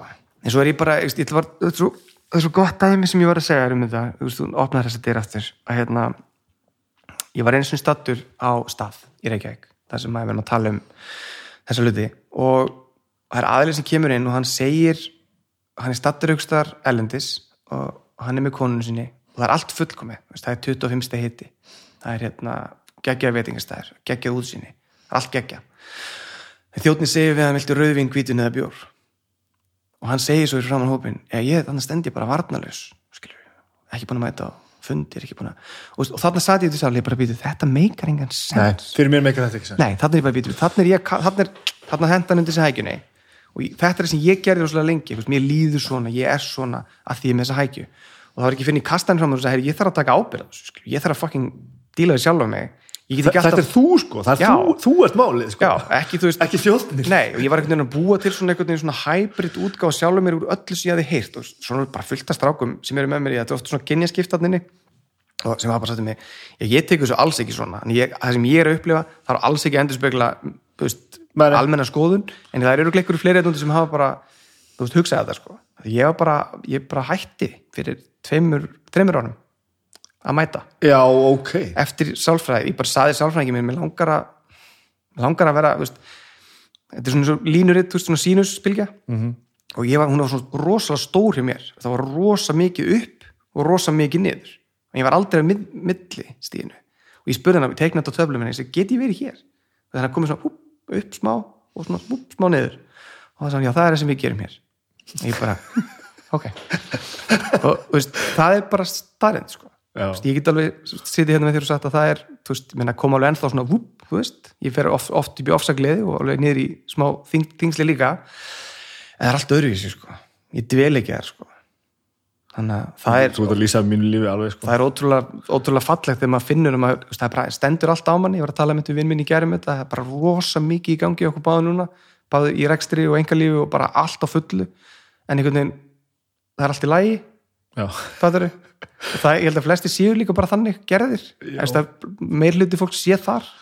Og það er þægileg tilfinning að vera ekki lengur að fríka úti yfir að gangi ofvel eða óvilla sko, nei, nei, nei. Eitthvað. Það hjálpa mjög, mjög, mjög mikið bara að að vita ég er svona já, að geta bara lesið í það bara, nú líður mér einhvern veginn og aðeins bara svona að hugsa málið og bara já, já, já, ég er hérna einmitt út að tala um þessa kúrufu sko, maður upp, ég upplifði þetta náttúrulega mjög stert sko. átta sér bara á því bara herðu, herðu, nú, þú ert aðeins að nú ert, að fikra þetta niður fyrir nulli Já, sko. hvað að gera í og, ba, og ba, já, eð, og, og jafnvel ekki einu sinni það, heldur bara að hafa náða að stoppa og hugsa bara já, já, þetta er að gerast núna, þá ertu komið með einhver svona meðvitund um það Mhm. og þá einhvern veginn verður þetta ekki svona kátíst og óskiljanlegt sko. Einmitt. Ert þú svona fixer? Það líður illa og þetta fixa það eða líður vel þú veist, Steini sem var hér, Steini í Kallneskunni mm -hmm. mjög nánu vinnir og, og hann hérna, ég var út í Bellin hérna, í ykkur COVID-þrótti döðans fyrir árið síðan og það var bara óslega erfitt skilur og ég ringi í hann og segi bara ég er svona og konu mín er svona og börnin eru svona og bla bla bla bla bara svona tala við hann hvernig mér líður sem er bara nöðslegt að gera og mjög fallegt að ég vini til að gera það. Og það segir hann við mig hei hei, meina pælingu hérna prófa ekki að fixa þetta. Prófa ekki, ekki, þú veist, ekki fara upp í rúmi í kvöld og bara hvernig getur látið konu mín líði betur svo að mér líði betur með að henni líði betur og, og bara droppa þessu.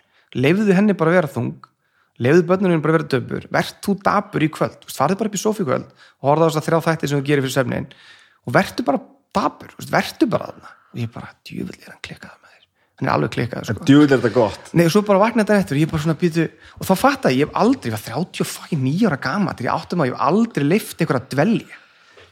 Skilur ég er ekki þessi fixer Nei, ég fyrir bara beint eins og vinur mér sem ég nefndi á með þarna kvíðan og sem opnaði þetta fyrir mig að allir væri ekki eins og ég skilur hann sagði, hann sagði, ég þarf alltaf að setja með eitthvað svona gulan við, viðgerar hatt skilur Bob the Builder, svo byrjar eitthvað þemalag og svo skemmi ég allt skilur með þessu viðgerðum sko. í staðin fyrir að lega hlutunum bara veist, aðeins að matla sko.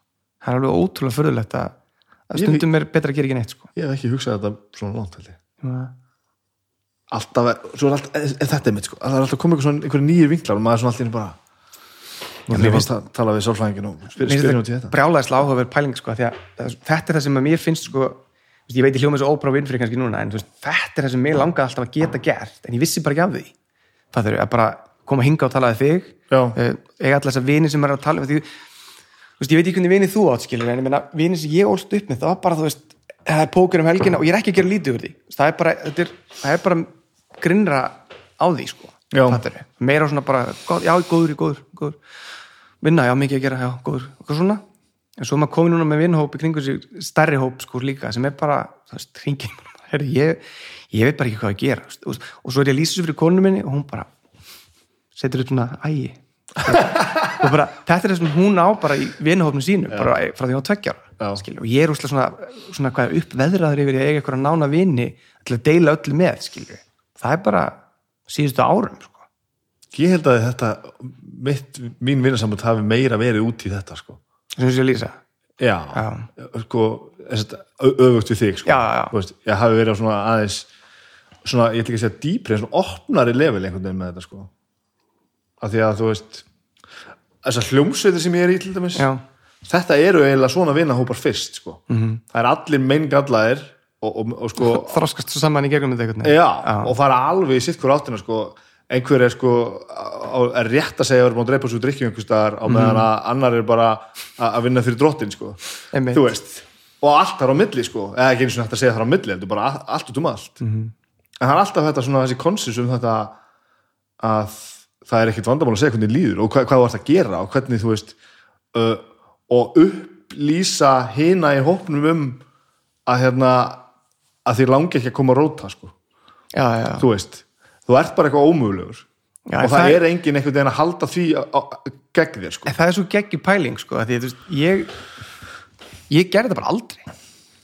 Nei. ég saði bara aldrei, veist, í dag ef ég hef verið bara eitthvað illa fyrir kallaður er ég bara væri eitthvað, var eitthvað að það er bara hringt í þess að ég get ekki gert þetta, ég er bara því miður ég, ég það er eitthvað komið upp á hjá mér, ég verðum að gera þetta setna og þá verður þú ekkert reyður það er bara, ó, en leðilegt ég, ég þarf ekki lust að hörð tala í einhver tíma skilur, og allt er góðu, finnum annan tíma Mhm. en fyrir fimm ára síðan það er mætti þarna alveg með allt í stressi og bara en hefur mætt ég hefði mætt sko, já, já. alveg mætt sko. Gerði, ég, það var nefnilega svona einhvern veginn það er svona, það er svona sterkur vinnuandi í ættinu minni, báðum megin þá veist, þú vinnur þú veist, þú mætir já, og hérna, ég gerði það alltaf ég var alveg að stað það sem ég fann bara einhverja einhverja tilli ástæð fyrir að koma ekki sko. já, ok, laug basically bara, en alveg að sjálfum mér sko. Já, ég fann einhver svona ástæð fyrir að ég þyrfti ekki að vera það sem að ég, ég átt að vera sko. skilju og það er slítandi sko.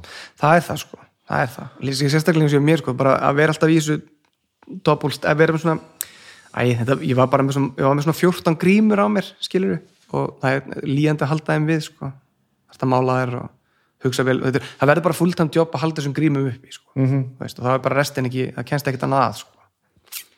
Svo bara leiðu þetta fyrir niður og þegar fólk spyr mér í dag hvernig líður ég bara, ég er bara mjög stressað ég er rókist að mikið að gera í vinnunni og ég er bara, eins og vinnu minn er búin að koma í heimsótt í mér núna í nokkra daga eða nokkra vikur sko, og ég bara, ég hef ekki tíma að því ég er að vinna bara brjálega að gera í vinnunni, svo erum við með allt í rúst heima okkur þetta máli sem að vorum að leiða húsið okkar með úti og tókum við þessum á rúst og hérna uh, og svo er bara, uh, bara mikið, er bara við erum 11 og 13 ára börn og, og svo eru við líka par og er bara listin er langur og ég er bara, sorry, ég, ég hef ekki tíma. Ég er bara heima að recovera skilur Já. bara, það er allt í veist. þannig er það bara stundum. Langa hérna árið gleymi ég að tala um þetta sem varst að tala um þetta með ekki beint að tala um þetta þessi AA-mál sko. Nú er ég mjög góðan vinn sem að bj- bjargaði lífið sem með því að hætta í, í drikki og neyslu sko. Getur við satt nafnið eftir þáttinn? Að þá getur við brotin regluna eftir þáttinn, ekki beinni. Já, potið sko. Ok, nice. Eh, ég, ég ætla ekki að segja nafnið á að því ég veit ekki hvort hann langar til þess að Nei, ég að tala um ég er- þetta, ég er að djóka, ég er að djóka. en enga síður, já, ég var rosa erfis með að halda svona reglur bara til að halda það sko. En, mér finnst ágætt að það vera ekkert að básuna eitthvað af fólk sem að nei, algjörlega, sammála. Uh, og við túrum stundum saman Mhm. gerum hitt og þetta, eða höfum gert. Tjú veit fólk að giska núna hver þetta? Er sækir fundi þegar hann getur þegar við erum að túra Mhm. -hmm. finnur sér bara fundi og hann kemur bara betið tilbaka Mhm. og það finnst mér algerlega briljant það er af geggja því að ég þekki hann alltaf mjög mjög vel sko. ég veit á hvað fórsendum hann er með sjálfan sig sko. og hann vill bara fara á fund sko. ekkert út af sannleikanum sem er endal, endilega hann er bara að tappa inn í eitthvað hann er bara með sitt mál og hann fer bara orðin pínu ómögulegur eftir einhvern helvíti skröld um austur-Európu þar sem allt er ónýtt sko. mondlikt af öllu og allt klístrað. Og segir bara bless fer og fær sér kaffi, ka, kaffibólla á einhverju kaffihúsi fer síðan og fær sér verri kaffibólla á, á einhverju fundi sem hann fann í gegnum einhverja, þú veist, einhvern það net sem eru fjórir gaurar já, eitthvað, einmitt. Kemur tilbaka 90 mítum setna e- og einmitt notabene ekki að fela neitt hann segir okkur bara nákvæmlega hvað hann fara að gera og allt þetta kemur tilbaka og maður finnur bara Já. nú er hann bara búin að gera sitt. Og bara, og fyrir mér er bara tilgangurinn þarna, ef þú bara búin að finna þér þessa rútínu og þú getur bara tappað inn á þetta og bara svona komið tilbaka og bara ah, 100% og þarna er fólk að bjarga lífið sínu sko. 100% ég reyndi að, ég fluttum að þetta Berliner 2019 og að konum við verið mastersnám. Og ég reyndi að halda þessu áram þar. Ég var svona semi-hættur hann ég fór út sko en hérna, eftir að við fluttum út þá bara fannst, veist, ég alltaf vorum að tala um sammeila við okkar hérna í, í, í hérna, sem býr úti. Og, og annan, annan aðala sem að reynda að draga mig alltaf á ákveðna fundi. Neyri Kreuzberg og ég bjóð upp í hérna, í mitti, þannig þetta var svona það var alveg fimm tíma pakki Já. og ég þurfti bara að taka ákvörð bara ég, ég samræði sálfræðingum, ég kom það mikið heim út af vinninu og svona, ég fór á tíma til hennar og sagði, hvað á ég að gera, hún hvað ætlar að gera ég, hva, ég er að spyrja þig hvað ég á að gera. Og hún bara, nei, hvað ætlar þú að gera í þessu? Og ég bara, oh, svo leðilega sundum sko. Og hérna, hún er best. Og hérna, og ég segi hún sagði, lístu vandamálinu, hvað, hvað, hvað ert að glíma við, skilur og ég segi, ég, ég hef ekki fimm tíma. Skilur, einu sinni í viku þá get, ég get ekki farið í fimm klukkutíma mí, mí, mí tíma, ég get það bara ekki. Nei. ég get ekki fimm klukkutíma yfir vikuna, Já. það er ekkert mál. Og svo já, það er svarið. Og ég bara, oh. Þá þátti ég að segja við strákana bara, ég get ekki komið, skilur, þetta er úrst að næs ég hitti sklugan fimm, fórum í lest fengum okkur að borða saman, þetta er náttúrulega mega næs geggjaði matur, löpum svo okkur fund, hlustum, vorum þar í klukkutíma einn og halvan, fórum svo okkur ís besta ís, besta ís í heimi hana. Svo fórum bara heim. Þetta er ég góður á því. Já, en ég kom heim í bara, þú veist mm, að ískraði, skilur mm. -hmm. konum mér bara einn heima, ég er having a great time, sko. Þannig að þú veist, það er einhver balans sem ég bara fann ekki og ég, ég get alveg mætt á eitt fund í viku eitthvað svona, en fyrir mér var þetta þannig, mér langaði bara að geta verið independent, mér langaði til þess að trúa því ég var með ykkur að trú, allt í hennu eftir þess að sálfræðatíma, að ég gæti actually verið ekki hakkaður á því án þessa en þetta geti líka verið, það mætti alveg líka vera en ég yrði samt að geta verið heilbriður án þess að þurfa þetta þetta væri svona eins og, eins og vasklas skilur. ég þyrfti ekki að drekka þetta vasklas skilur. ég geti samt verið í lagi Mhm. -hmm. og hérna, það er bara henn sem komið er búið að ganga mjög vel sko. Þú veist, og ég tekka alveg reglulega af. Ég meni, ég er í rosalega, mínu nánustu vinnir í dag er allir að mæta reglulega á okkar fundi og hérna ég er sálfræðingi, reynda mjög random. Ég fer svona þrisa, fjóru sinum ári núna til hennar. Um, varum við tjáni bara fyrir tvei viku síðan það er svo mikið að gera í vinnunni og fer til hennar því að kona mín verður svolítið þreytt á þessum tett fyrirlistum mínum um þú veist, hvað gerist í vinnunni í dag? Og hérna, hún er með nóga sínu sinni könnu, sko, hún er líka að vinna og alls konar. Þannig að hérna já, ég held, ég held að ég sé búin að finna formúlu sem virka fyrir mig, þú veist, þannig ég geti haldið áfram að batna skilur, ég held ég sé ég held ég sé svolítið langt frá því að vera að telast eitthvað svona fullkomlega heilbriður, þú veist, ef það er eitthvað markmið, veist, ef það er eitthvað svona gól fyrir mann. Ef það er til. ef það er til sko. En ég held, ég, fyrir mig er ég fullkomlega heilbrið sko, fyrir mig sjálfan, því ég er, ég er ekki lengur ég er ekki lengur að skammast mér fyrir hvaðan ég kem hvernig ég var og hvernig ég hagaði mér. Það, það er bara búið að afgreða þetta. Mm -hmm. þú veist, gagvart fólkin í kringum mig og svona lang flestun sem ég svona þú veist, hafði áhrif á í genum lífið, lífið þessi, meir, já, ég, ég held þessi svona nokkuð safe að enginn ringi minn núna morgun eða þetta fyrir loftið að hérna að segja við mig, það er nú eitt málatna frá 2001 sem að, við þurfum að ræða. Ég held að sé svona þokkalega gott. Þannig að það er fyrir mér heilbrið þetta er heilbrið sem mér langar alltaf í. Að er einhvern veginn vera bara, mér líður vel í húðinni minni. -hmm. og það var bara aldrei þannig. Veist, og ég held að það sé svolítið svona erfiðu þröskuldi fyrir marga stíg yfir sko. Ég stegi yfir um þröskuldi því að konum mín sagði bara um mig, þú veist, út. Veist, það var bara þannig. Ég bara gerði ákveðin hlut og svona klísukjendan hlut og hérna uh, og já, mér maður svo sorglega að hlæja þessu sko en samt að hlæja þessu. Og það var svona, þú veist, það var ekki það, var ekki það sem var þessi steipuvöku sem ég kerði á heldur, þú veist, það var konseptin sjálf af mig, bara, ég satt bara eitthvað undir einhverju, einhverju svona, þak, svona þakskigni í rigningu og bara svona, hvað er ég að gera? Bara, hvað er ég búin að vera að gera? Og svo kom út og það var mér svolítið erfitt sko, að þú veist, það var ég búin að fatta sko, ég væri úkslega fucked up. Og hún átti sko að hjálpa mér, ég hún átti sko að baka mig upp þá og þá sagði hann bara, nei, þú veist, þú þarf bara að finna út hvað er í fucking gangi hér, skilur og svo bara sjáum við til. Og sem betur fyrir náði ég að blekja hana í nánara samstarf nokkru viku setna sko, eða nokkru mánuði setna og hérna, og það hefur bara gengið mjög vel síðan Já. en hérna, það, þú, já, þessi staði sem maður er á veginn að, hérna, að líða vel í skinninu sínu af því að fyrir mig var þetta svo rosalega ákvörðun að ringja að ringja upp og voga er bara rosalega ákvörðun sko. Því þetta er svo svartkvíkt sko. þú ert svo Já. fekk fastur í sko, ef þú tekur þessu ákvörðun þá ert að segja við sjálfa þig og þá sem er í kringu þig, ég ætla að hætta að drekka Og þú Það meiri sér orðin þessi gæði. já, þessi gæi, og þú ert ekki lengur sko, þú veist, ég er ekki lengur hörður ég er hörður sem hætti að drekka Já. og eitthvað svona, og hérna, fólk fyrir að hárfa öðru á mig og hugsa, á, fyrir ekki, má ég drekka hennan bjór, bara, já, já við vitum að drekka hennan bjór, má ég bóra þetta snikka skilur, eitthvað. Og hérna, ég held þessi rosa margir og ég fyrir rosa marga í kringum mig, og ég veit um marga bara gauðra sem eru búin að vinni mín sem ég hafa krakki sem að, veist, mundu vilja fara eitthvað svona leið, en fyrir þeim er sko sálfræðingur ekki endilega eitthvað sem að þeir pæla mikið í en þetta er of dramatísk aðgerð líka. Uh að fara einhvern inn í meðferð eða fara á aðfund sko. Af því að þú ert hættur að mæta. Já, og, og í beinum framhaldið þessum mútið að tala um núna mm. uh, upplifur hvergi neinstæðar að eins og þú sérst sko að, að þið sé að mistakast að þetta sé orðið eitthvað svona feiljur hjá mér? Ekki persónulega sko en, en mér veist samfélagið vera svolítið grimt við að að stimpla þá sem til dæmis bara byrja aftur að drekka og jafnvel þú gera það bara ljómandi vel -hmm. og aftur sko þetta bara þú verður að mæta reglulega á fundi þangar til að lífið er búið annars ertu búin að gefast upp og þér, og þér fer að líða illa aftur Já, já, já. það verður Það þannig. mun gerast. já, Já, ekki einmitt. blekja sjálfum að þig því að þetta er eina sem þú getur gert já, þú veist það sást ekki í mikrofónum, ég rúlaði augunum það, já.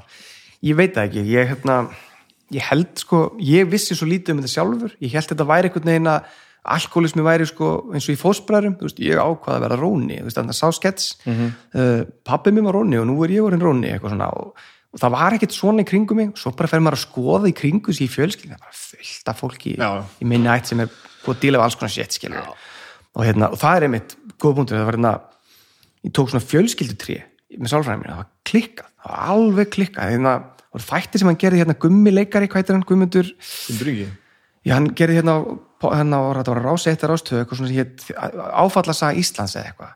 Það var svona, hann fór aftur um aldir og bara rak sitt eigi fjölskyldtré.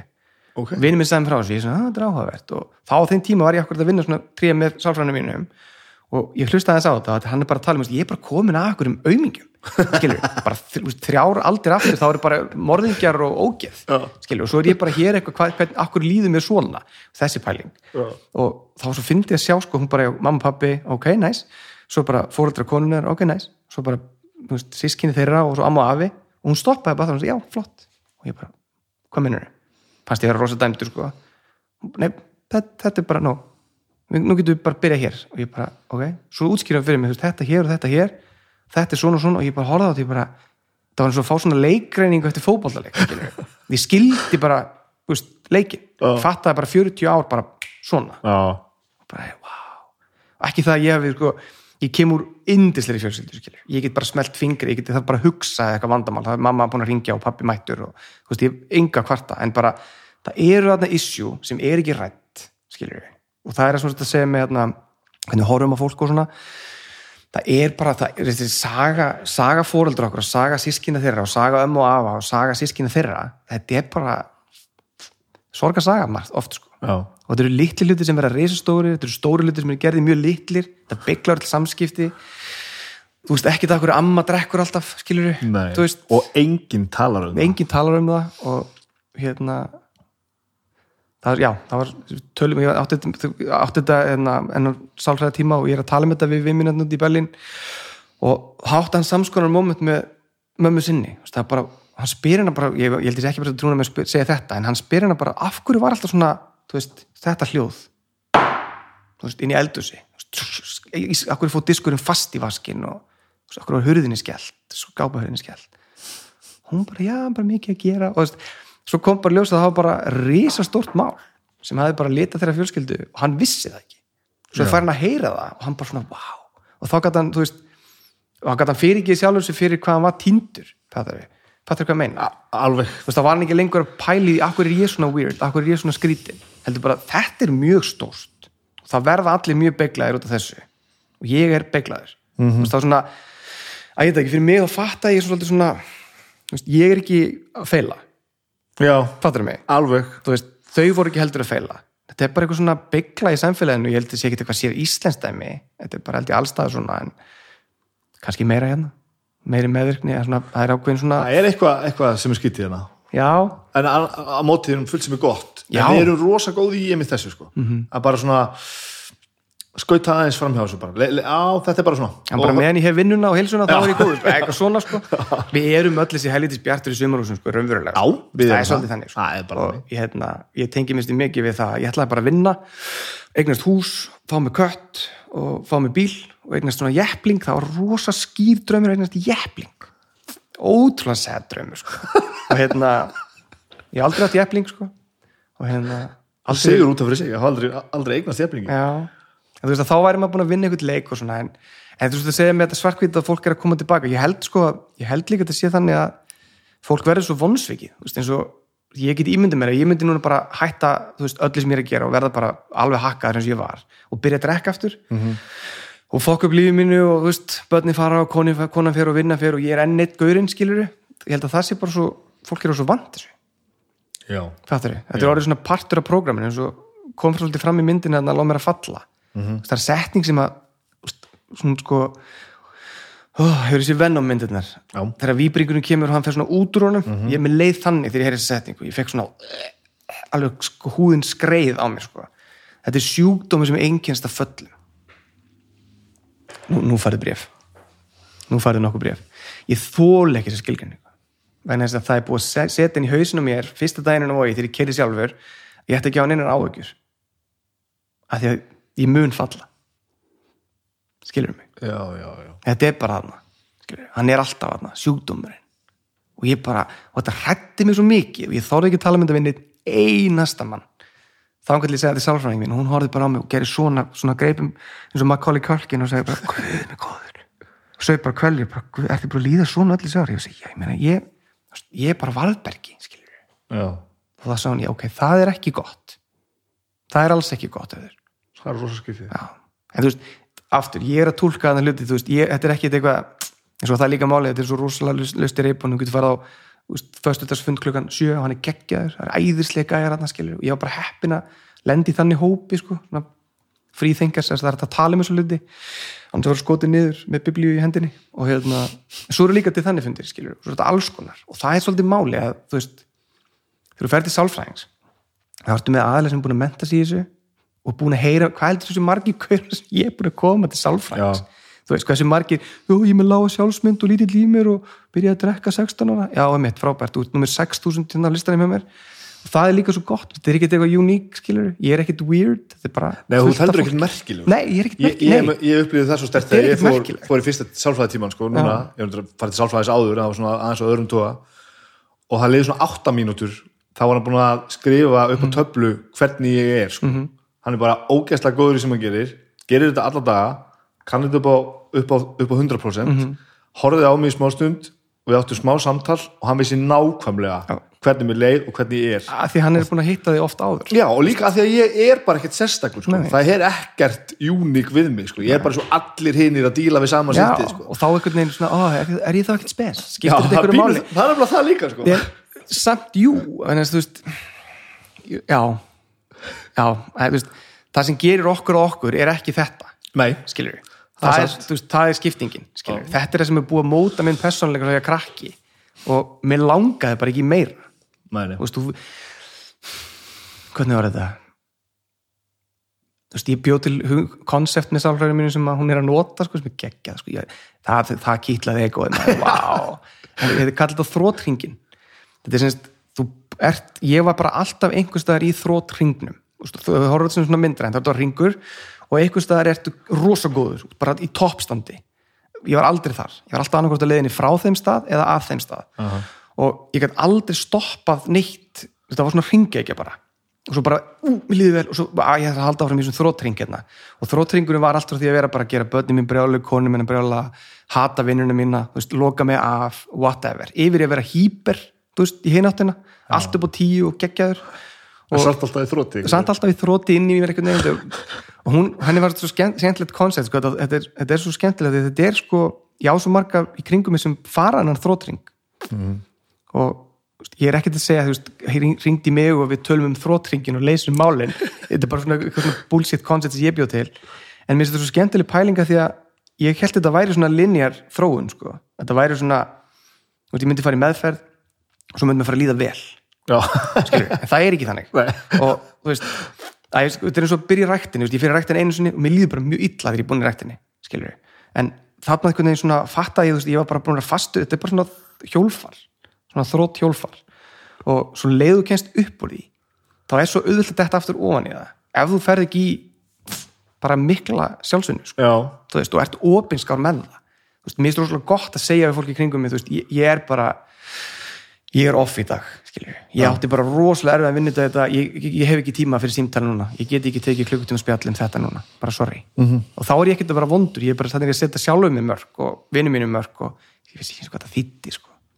Alin upp á heimilega sem símir hingdi og pappi minn, elsku pappi minn sem er indislegur, hann sá síman hann stóð snæbjörn og hann bara djöfus snæbjörn, anskotin svo bara blessaður vinnur hmm. og þessi típa og ég var bara þessi veist, gerði allt fyrir alla og svo bara var ég heima í trótringnum sko. ég er miklu frekar við, í því að að horfa á síman og flippa honum bara við sko. já, ég, það, ég get það ekki sko. Veist, ég gata aldrei, ég var bara Nei, ekki gott sko. Nei, nei, Nú er sé- það slæmt. Já, bara, ég sé- Ég bara gæti ekki díla við að taka símtali sko. Já, ég gæti ekki díla við að díla ekki við það. Veist, það var bara ekki hægt sko. það var bara ekki möguleik og, hérna svo, ég rætti þetta svolítið hérna, hérna Jón Gnarr er ágætiskunningi minn og hann saði setningu daginn sem var svo geggjuð sko, hún var pæli í svona veist, hann er búin að tala mikið um svona geheilbrið og svona gennum árin og hefur verið með sína, bara sín vandamál sjálfur það hann hérna ég er alltaf verstur sko þegar að sýsturna skömm og sjálfsvorkun kom í heimsókn. Og þú veist, það dingla. Og þá opnar hann bara svona hurðina bara komið bara. Og svo er hann bara þar og, þetta er svo geggjupæling sko af því að þú veist, aftur þessu þætti hérna The Maid sko, það satt svo í mér sko af því að það eru atriðat í þættinu sem ég hef, þú veist, ég hef verið þannig, ég hef gert þessa hluti og ég hef átt þessi samtöl það sem að þú leifir þið bara svona að dvelja í þessari sjálfsvorkun leifir þið bara, þú veist, ég mitt, mitt mál er svo uník það mun enginn skilja þetta svo, svo bara eins og þú segir, þetta er bara þetta er ekkit uník þú veist, þú lappar, lappar hérna í bæ heitur 14-20 manns á leðinni, skilur og það eru helmingurinn aðeins með þessi vandamál Já. skilur, og, og lausnindar eru alltaf það sömur sko. það er að besta, það er ekki mm þú, þú, það er ekkert sérstakt við þig sko. Nei. svo er mjög sérstætt skilur að vera einhvern veginn að ég myndi, hún var að tjóka með eitt vinnu svona, ég væri svona C-klass celeb. Að ég er með þú veist, 5.000 followers á Twitter og hérna, hef bóðið mig fram til aldingiskostninga og eðilegt stjórnmálaflokk í leðinni og eitthvað svona. En hérna, en hérna að sko að vera svona public með sjálfan sig þegar, veist, það að ég sé gett þú? Að ég er svona extrovert. Eða þú myndir taka eitthvað svona line-up og svona, þessi er extrovert. Ég er, þú veist, nei, Nei. það er ekki ég. Ertu þá með svona út af við karakter? Ertu með, Já. það er svo leiðis Það ég var með sko. Svo, núna, núna er út á því karakter minn bara hættur. Hann saði upp störfum sko, hann var bara rekin og ekki verður ekkert ráðin aftur. Að ég er bara út á því karakter minn er bara núna ég, ég það er miklu þægilega ég, minni vinna? Ég minni vinna ég mæli rosa mikið með það var miklu minna af svona boltum til að jögla sko. hvað er þetta sem við erum alltaf að reyna að fela? Það er þessi skömm, ég veit það ekki það er þessi skömm og ég, ég er með úst, ég er með alls konar kenningar sko, sem eru, úst, nú kemur Alex Jones í mér hérna skilur, en ég held að, að kallmenn á Íslandi að stóru hluta til þjáist af krónísku lágu sjálfsmati. Þannig að við erum sérstaklega okkar kynnslóð menn hvað árið þú fættu, 78 Átta? 78, þannig að við erum bara ára á milli okkar. Við erum hvorki nýja skilur við, við erum Já. ekki þessir kallakallar, við erum ekki hérna með þykka dumalputta því að við vorum svo svakalegi kallar, skilur við e, að því við vorum svo duglegir að vinna, ég er bara með minn ég er ekki svona með sigg á höndunum, ég hef aldrei pissað í sjó, skilur við uh, og við erum hérna ekki heldur einhvern veginn í tengslum við tilfinningar okkar. Nei, nei, nei. og fattar við mig, svona mitt á milli einhvern veginn, hvorkin ég og ég held að þetta tengist bara lágu, hjá mér er þetta og ég held að þessu margir í kringum eru sammálaðið þess að þeirra vandamál eru oft tengt lágu sjálfsmati sko. Ég held að ég tengi ekki við það sko. Það er ekki mitt. Nei, ég vissi ekki hvað látt sjálfsmat þýtti sko sjálfur. Nei, ég eftir að komast að ég að því. skammaðis mér fyrir að vera ömulugur eitthvað þannig, þetta er ekki það sko, þetta er bara ég, þú veist, sá, gott að mig sálfræðingum ég sagði við mig, hún er búin að hjá henni í mörg ár. Þá segir hún mig, ok, nú, nú kemur svona, sá, nú kemur að öðru, nú ætlum við að snúðu þessu við, nú ætlum ég eins að tala til því og ég segi, ok. Og ég seti hérna svona, núna seti ég bara hérna með ég seti eins og í kastleysunum með svona spenta greipar og svona, og veriðlegur og hún, hún byrjar að segja við mig þú veist, þú ert svo klár, þú ert svo flottur og þú ert hérna, hugmyndaríkur, þú ert svona frumkvöld í þér og hérna, byrjar svona að segja svona jákvæð hluti sem hún upplifir frá mér. Ég halla mér svona í sökkun í sófan þetta er fyrir innan við tveimur ára síðan. Og ég var bara svona, og hún sá bara líkanlega viðbröðum mín og ég bara já, takk. Og hún bara, hvað er það að gera? ég leik, hvað munur? og hún bara, þú ert bara orðin alltaf saman herftur allir. Ég leik, nei ég er að ljúga henni, veist, hún sér þetta og hún alltaf springur bara hlátir og segir bara, veist, hv- hvað var svona óþægilegt? Ég segi, ég veit það ekki. Hann bara fá þetta hrós það þurfi sem er allt sem ég var að reyna að fá sem krakki unglingur og, og svo early adult og adult skilur og svo þegar kemur svona, og genuinely kemur þá var ég bara hó, bara krumpaðist í allir sko. en er það ekki merkilegt. samt líka bara þegar maður er svo óvanur að er svona Tala svona, það er þessi, þetta einlægni er ekki mitt fortegi og nú veit ég að Steinir hlustar á þetta þegar hann, hann alltaf var að fara til spánar heim morgun og þá var hann að fara að springa úr hlátri en, en hérna, ég er alveg einstaklega kaltæðin einstaklega sko. Já, og hérna bara to a fault sko. ég er mjög Ok. hérna, já búin að alveg beina 13 sem er búin að taka við keflinu og hérna rústa mér reglulega og hérna staði með því mig, vorum í göngutúrið í Berlín fyrir nokkrum mánuðum og vinnir okkar voru þetta með og voruð þessu sko. þannig ég gati ekki svona logið þessu sko. við erum að tala um Joker, þetta er Joker myndina. Og hérna, hún er Joker, hvað er það? ég leið Joker, næ, þetta er vondikallin í Batman, já, já, já, um það verður að gera teiknimyndu það, ég leið, nei, þetta er svona leikimynd og leikarins leikur, þetta er rosa góð leikari. Þetta er svona svolítið dark mynd. Og hún bara ekki ákvæð, ég leið gaurin er svona, þetta er svona hann með alls konar vandamál og hann er svolítið svona þrótaðu gaur og svona innmanna og lítið í sér og, svona, og lísti svona Jokernum. Hún bara, hvað er þetta æfis að þín og ég, veistu það, ég er, ég er ekki enda búin að jafna mig sko. hún, er 13, hún er 12 ára þegar hún segir hennar brandara og er, já, þannig að markmiðið mitt með alveg kaltæðinni bann var því var náð þennan dag. Það var mjög gott. Farðu með mig bara þegar þú bara fæðist, skilur við förum, mm. að sér gegnum þetta, Hva, hvaðan ertu og, hérna, og inn í hvernig, hvernig samengi fjölskyldu fæðistu og, og hvað er að gerast mm, fæðist 79, ég bara kemur úr fjölskyldu sem er bara svona, þú veist, ef maður myndir googla typical Icelandic family og útlendingur, það kemur mynd af ættir minni, mm -hmm. þú veist það bara hérna, am og afi, hard workers þú veist, fæðist 30 og eitthvað, 20 og eitthvað ennur öðrum megin. Og mann pappi eru bara þú veist, ótrúlega venjulegt íslenskt gott fólk sko, bara hardworking þú veist, vilja, þú veist, fjölskyldan er kjarnin, veist, við eigum, við eigum ekki að líða skort, þú veist, svo tilfinning. Og hérna, ég fæðist bara inn í svona eins og sagðan, svona stresstíðanbíl í þeim sko. Eru í eða? Já, Reykjavík, Reykjavík, mamma pappi koma mamma kemur frá, hérna frá hérna, Selfossi Eirabakka þeim pakka, amma er þaðan og afi frá Grindavík, mm. Keflæk og hérna, svo er hinum enn í pappa minnum eru allir úr eigum Já, þannig ég, er svona, ég myndi segja ég væri fjórðungur eigamæður mjög stoltur af því. Og hérna pappi er hálfur eigamæður, það fættist þar á uppalinn. Flutti fyrir gos og hérna já, bara rosalega svona hefðbundin íslensk ætt sko og þægilegt heimilislíf sko. Það var ekki það eina sem að kannski maður hefði þetta að horfa tilbaka þá svona, það var alltaf fólk að koma inn og út sko, og pappi voru svolítið svona miðstöðum fyrir vinni sína, mm. eitthvað kom upp á. Það mætti allir á sófandi með og pappa já, þannig. Já, svo erum við orðið þannig og svala líka sem er æðislegt sko. Þetta æðislegu stað til að vera sko. ótrúlega gaman að geta verið svona til staða fyrir fólk og að fólk horfa axilega á mig núna þú veist, 40 okkar gama allir bara, ég treysti honum fyrir þessu, það er ekki sko. Hvað er? Já, það er mjög næs Þannig já, svo bara, þú veist, elst ég upp hérna í, ég elst sko, ég fluttum svolítið, var yngri voru, þau voru svona, gera, kaupa ykkur íbúð, gera upp eins og þegar fólk er 25-6 ára gammalt er að gera, eða þá fólk er 25-6 í dag að reyna að finna einhver íbúð vandilega og það er öðru sér ástand núna og hérna svo skjótum við rótum í, í gerðanum í 108, þannig ég er það sko. og hérna nýkomin niður að skíinu að vikingur var íslensmestari og hérna á leiðinni vonandi á annað skí eftir viku Já, ég fylgist ekki vel, vel með ég, ég skal, ég, ég hef séð fyrirsagnir skal senda þér e-mail eftir með öllu um viking en hérna, þakka þið til nei, svo bara klassist bara æfi fótbolta þar og kynnist stórum hópi fólks þar og, hérna uh, já, bara Sískinahópurinn í hvernig? við erum, ég á eina systur sem er örverfið Já. kom undir hérna, pappi hefur satt það í djóki hann kom undir í San Francisco sko. Þá hérna, ég var 13 þegar hún fæðist sko. Þess langt á milli okkur og bróður minn er þreymar ára yngri en ég. Ok, og hérna, já. Öll hérna, öll langskóla gengin þannig að þetta er mjög leðilt að segja að þau eru bæði með masterskráðu sko, þannig að ég er ekki með masterskráðu en ég er núna heimskasti heimskasti sískinni já, þetta er mælt í því. Djúvel, ég er það heimskur, ég er ekki já, ég veit það, pappi, sko, pappi bara mistar í ræðandaverkin sko, en hérna, já, þetta er bara svona klassísk fjölskylda, sko, rosa gott góður hópur, sko, -hmm. og hérna og átti svona, ég ma- bara mjög svona fond minningar um, um uppöld uppvöxtu minn, sko.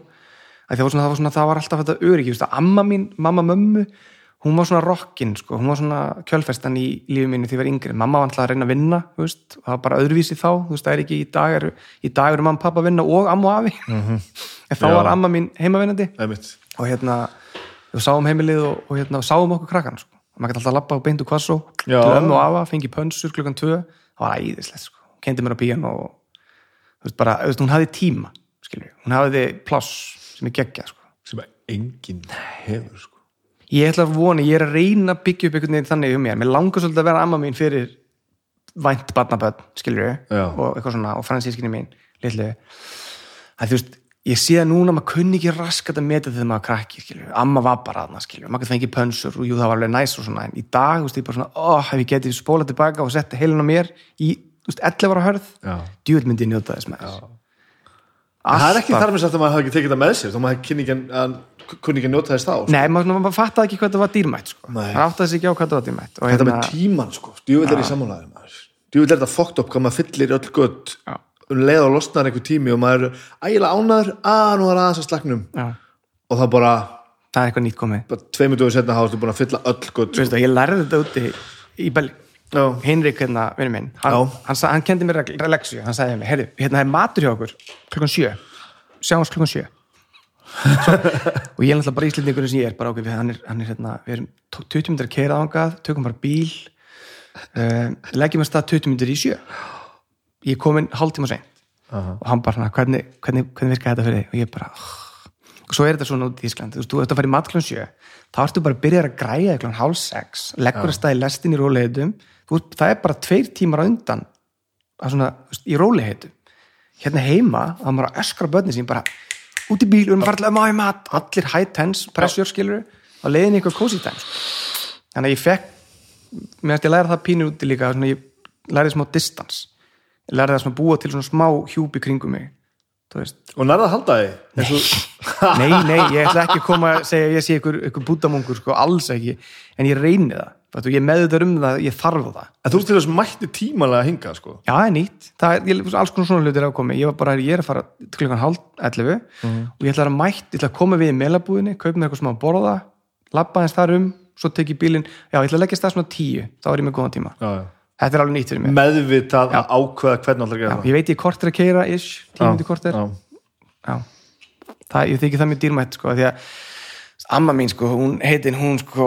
er er já. já. sko, sko, sko, tím, hún var ekki með klukku sko hún var bara Dr. Strange, sko. hún bara gætt fært sér ykkur tímavítir, hún var bara, var alveg sem eitthvað klukkan var hún var bara náttarab stundum, stundum ekki fór í garðvinnu klukkan tvö nótt, henni var, var alveg sama er það Já.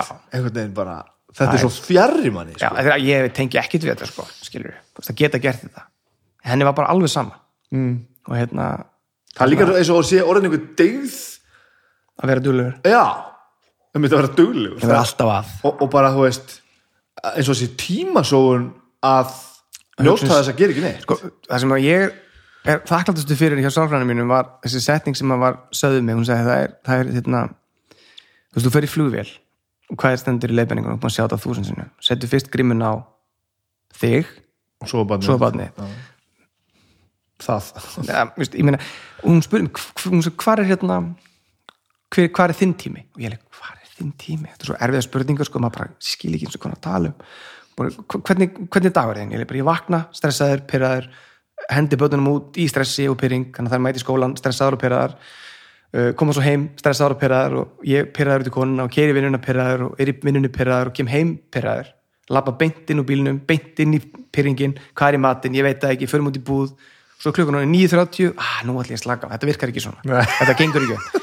Þannig að hún sagði, ok, ok, gerði fyrir mig. Prófaði bara næst, hérna, gefðu þið 5 mínútur út í bíl áður nú kemur heim, Þú segðu bara koninni og ætlar að sita í 5 mínútur út í bíl áður nú kemur heim. Þú veist, ég áttum á því að fólk er hlusta á þetta bara, þú það er eitthvað aðeins og gæja því að þetta gera bara mjög margir örgulega mjög reglulega. Hún segi bara, þú ert að fara úr vinnunni inn í heimilið gerði þessi skipti svona, þú búið til svona smá skipting.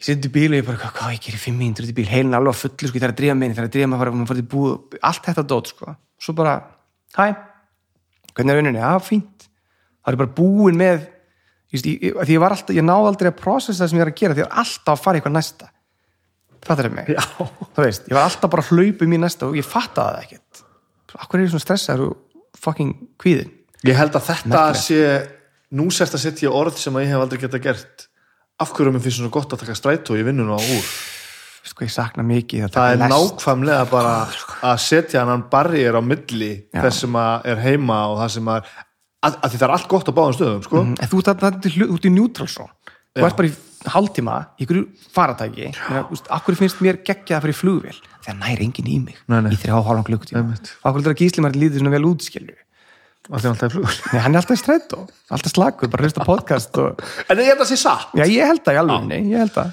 Ándjóks, hvað er þetta gammal, hvert komist þú? þú ert komin í ég er grunnskóla eitthvað og vestló og eitthvað og Fót- ætlaði að vera fósættisraðara og eitthvað. Varstu með svoleiðis? já, frendi minn var fósættisraðara Þorsti Pálsson. Já, varstu, þú varst uh, alveg svona framaplön bara? Já, meira svona brenglu sjálfsmynd sko. ég held ég er því að ég er því fósættisraðar eitt dæmyndi, þú veist koma.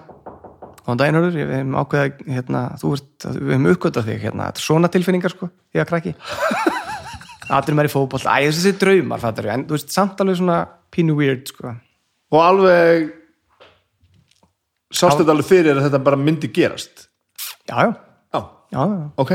Og það var líka sagt um mig bara, já, ekki fórölda mér reyndar og ekki fjölstu mín nær en slangaði satt um mig sagði, þú ert svona típa til að vera fórsættisraðara og ég bara, já, ok 13 ára eitthvað þetta er líka svona gamli tíminn sko. þá var þetta svolítið bara já, þetta var svolítið það æðsta og besta sko. Mhm. fyndi ég búin að taka viðtal núna við, við slattaði einhverju eitthvað svona Mhm. hvað þetta hefur greinilega breyst mikið sko. nú farið bara, veist, það er engin munur að fá veist, einhvern ráðherra í, í kaffi Nei, sko, þú þú ótt að proppi skilur, Já, þá bara rammaninn já, við þurfum bara, er við bara- þurfum að fjölfaldan er Björk er frábær, það er allt, er fullt af að proppi er bara, veist, þetta er okkar besti maður. Já, ég held það, já, ég er ég, bara við erum sammálað það. Já, ok. Já, svo, bara, svo fer ég bara í vestló og eitthvað svona boring dæmi, veist, bara veist, típiskur mentaskælingur bara í rappfötum og átti appisungula bjöllu og eitthvað. Og flótur og tók mér svo gap ég fór, í- fór að vinna sem öryggisverður upp í hérna upp í læknavæktinni upp í smáratorgi það var hilarious, það var svona clip-on bindi frá öryggismiðstöðinni. Og geggja og hérna, svo fór ég í háskóla háskólan Reykjavík, hvaða ár er það? þetta er, ég er svo gammal sko, þetta er 99 Ó, þetta er aðeins undan mér, ég var að vinna þannig smára smáratorkinu í hagköp 99, nei, ég var það nei, þetta tjóka nei, nei, ég var bara að vinna inn í kæli það var þessum rúmfattalærin er núna Já. í já, ég hef örugglega- ég hef hitt þig við höfum örgulega verið bara ég hef hort á þeim ykkur fróka, þú varst að vinna í kælinum og ég með bindi, sko. Já, heldur það? já, ég var rosa frókafullur, sko. Rosalega frókafullur ég var svo vissum ég yrði eitthvað great. Er, og hvað þetta great var var ekki alveg skýrt, sko. Og hérna já, og svo, já, svo bara kynnti stelpu í Vestló, sko, sem var sem er mín stærsta eftirsjá, sko. Það er bara hvernig ég hagaði mér það, sko. Það er það er svona ég ekki að fara á djúft í það kannski en ég held að séum búin að lesa þau mál og, og við hittumst í dag og föðmurst og segjum hæ sko en það er svona, það er ég held að séu rosa margir með svona þetta svona fyrsta sambandi mm. og saman í tíu ár sko og það var bara, veist, ég var ógislega leðlur bara umlugur sko já, ok fokkaði henni mikið upp sko og vissur það á meðan? Nei. það er svona svo leðilegt, það er svo erfitt að útskýra það fyrir fólki, Þú veist, konu mín með kenningu sem er hérna hún er svo klár sko, ég elska hann svo mikið hún hérna, hún sagði hérna um mig einu sinni, þú veist, hvort þetta heimskur eða vondur? Ég bara, ha, hvað þau að hún, sko, hún, er, hún, er, hún er rosa, er rosa prinsipmanneskja, hún er alveg bara ef einhver hérna, sorry, hún, hérna, hún er rosa prinsipmanneskja og hún getur heimfært þetta allt, sko, þetta er bara heimspekinina í kjarnan er bara hvort er heimskur eða vondur. Og ef þú ert heimskur, ef þú til að játa þú ert heimskur þá vissur ekki hvað þú ert að gera ef þú vissi hvað þú ert að gera, þá ertu vondur.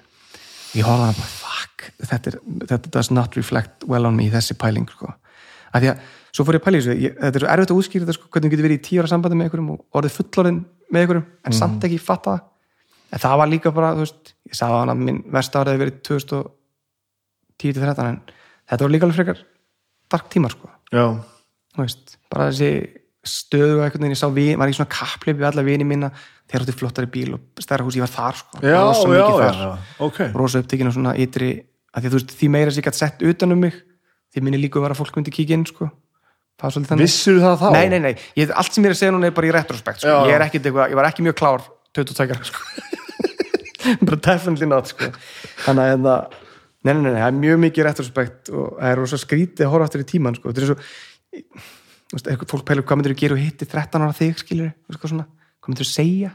Kiftu bitcoin, eitthvað, svona búlsið ég myndi bara segja bara hei, hörður, hérna, þú, slum, hérna, ég er hérna 40 ára útgáfa þér, ég er rosalega creepy gaur, þú í bíltum með mér, þá myndi ég segja við hann bara veist, þetta verður allt í lagi, en, en viltu please tala með mömmun og pappa og beða um að borga fyrir sálfræði tíma, það er eitthvað að þér, þú veist, það er eitthvað, eitthvað beglaðna. Vildu óska þess að ég fengi það fyrr? helduru að það hefði virkað þá?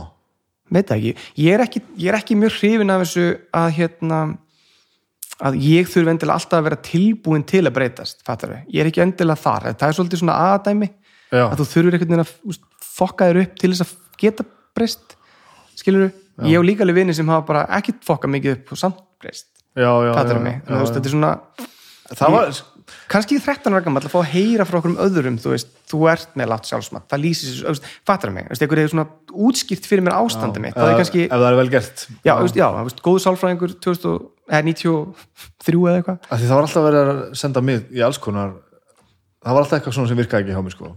ég, upp úr skóla og, Mhm. og var eitthvað ómögulegur og eitthvað svona, samt aldrei beint eitthvað að því ég var aldrei leiðin að glötun sko. nei, þú varst svona bara, þú varst innan skekkjumarka já þannig, en mm samt ekki meir, meir en svo að- að að móðu mín, fyrst og fremst þegar maður er stórkostlega mannskja og veist, kennari og, og bara af gamla skólanum og, en samt þannig að hún hún fyl- fylgir nýja tímanum þannig að hún átta sig á því að það er ekki hægt að fara alltaf hörkunni sko. já, að reynda að senda mig til alls konar sálfræðinga og geðlegna og ég í hvað og hvað ég var bara ekki tilbúin í það sko. Nei, ég er kannski, ég er kannski að reyna að heimfæra uh, stöðun í dag já. í þessum gera á mig til lítill, fattur já, já, já, Ég held óskast að þetta hefði verið staða þegar ég var lítill fattarðu?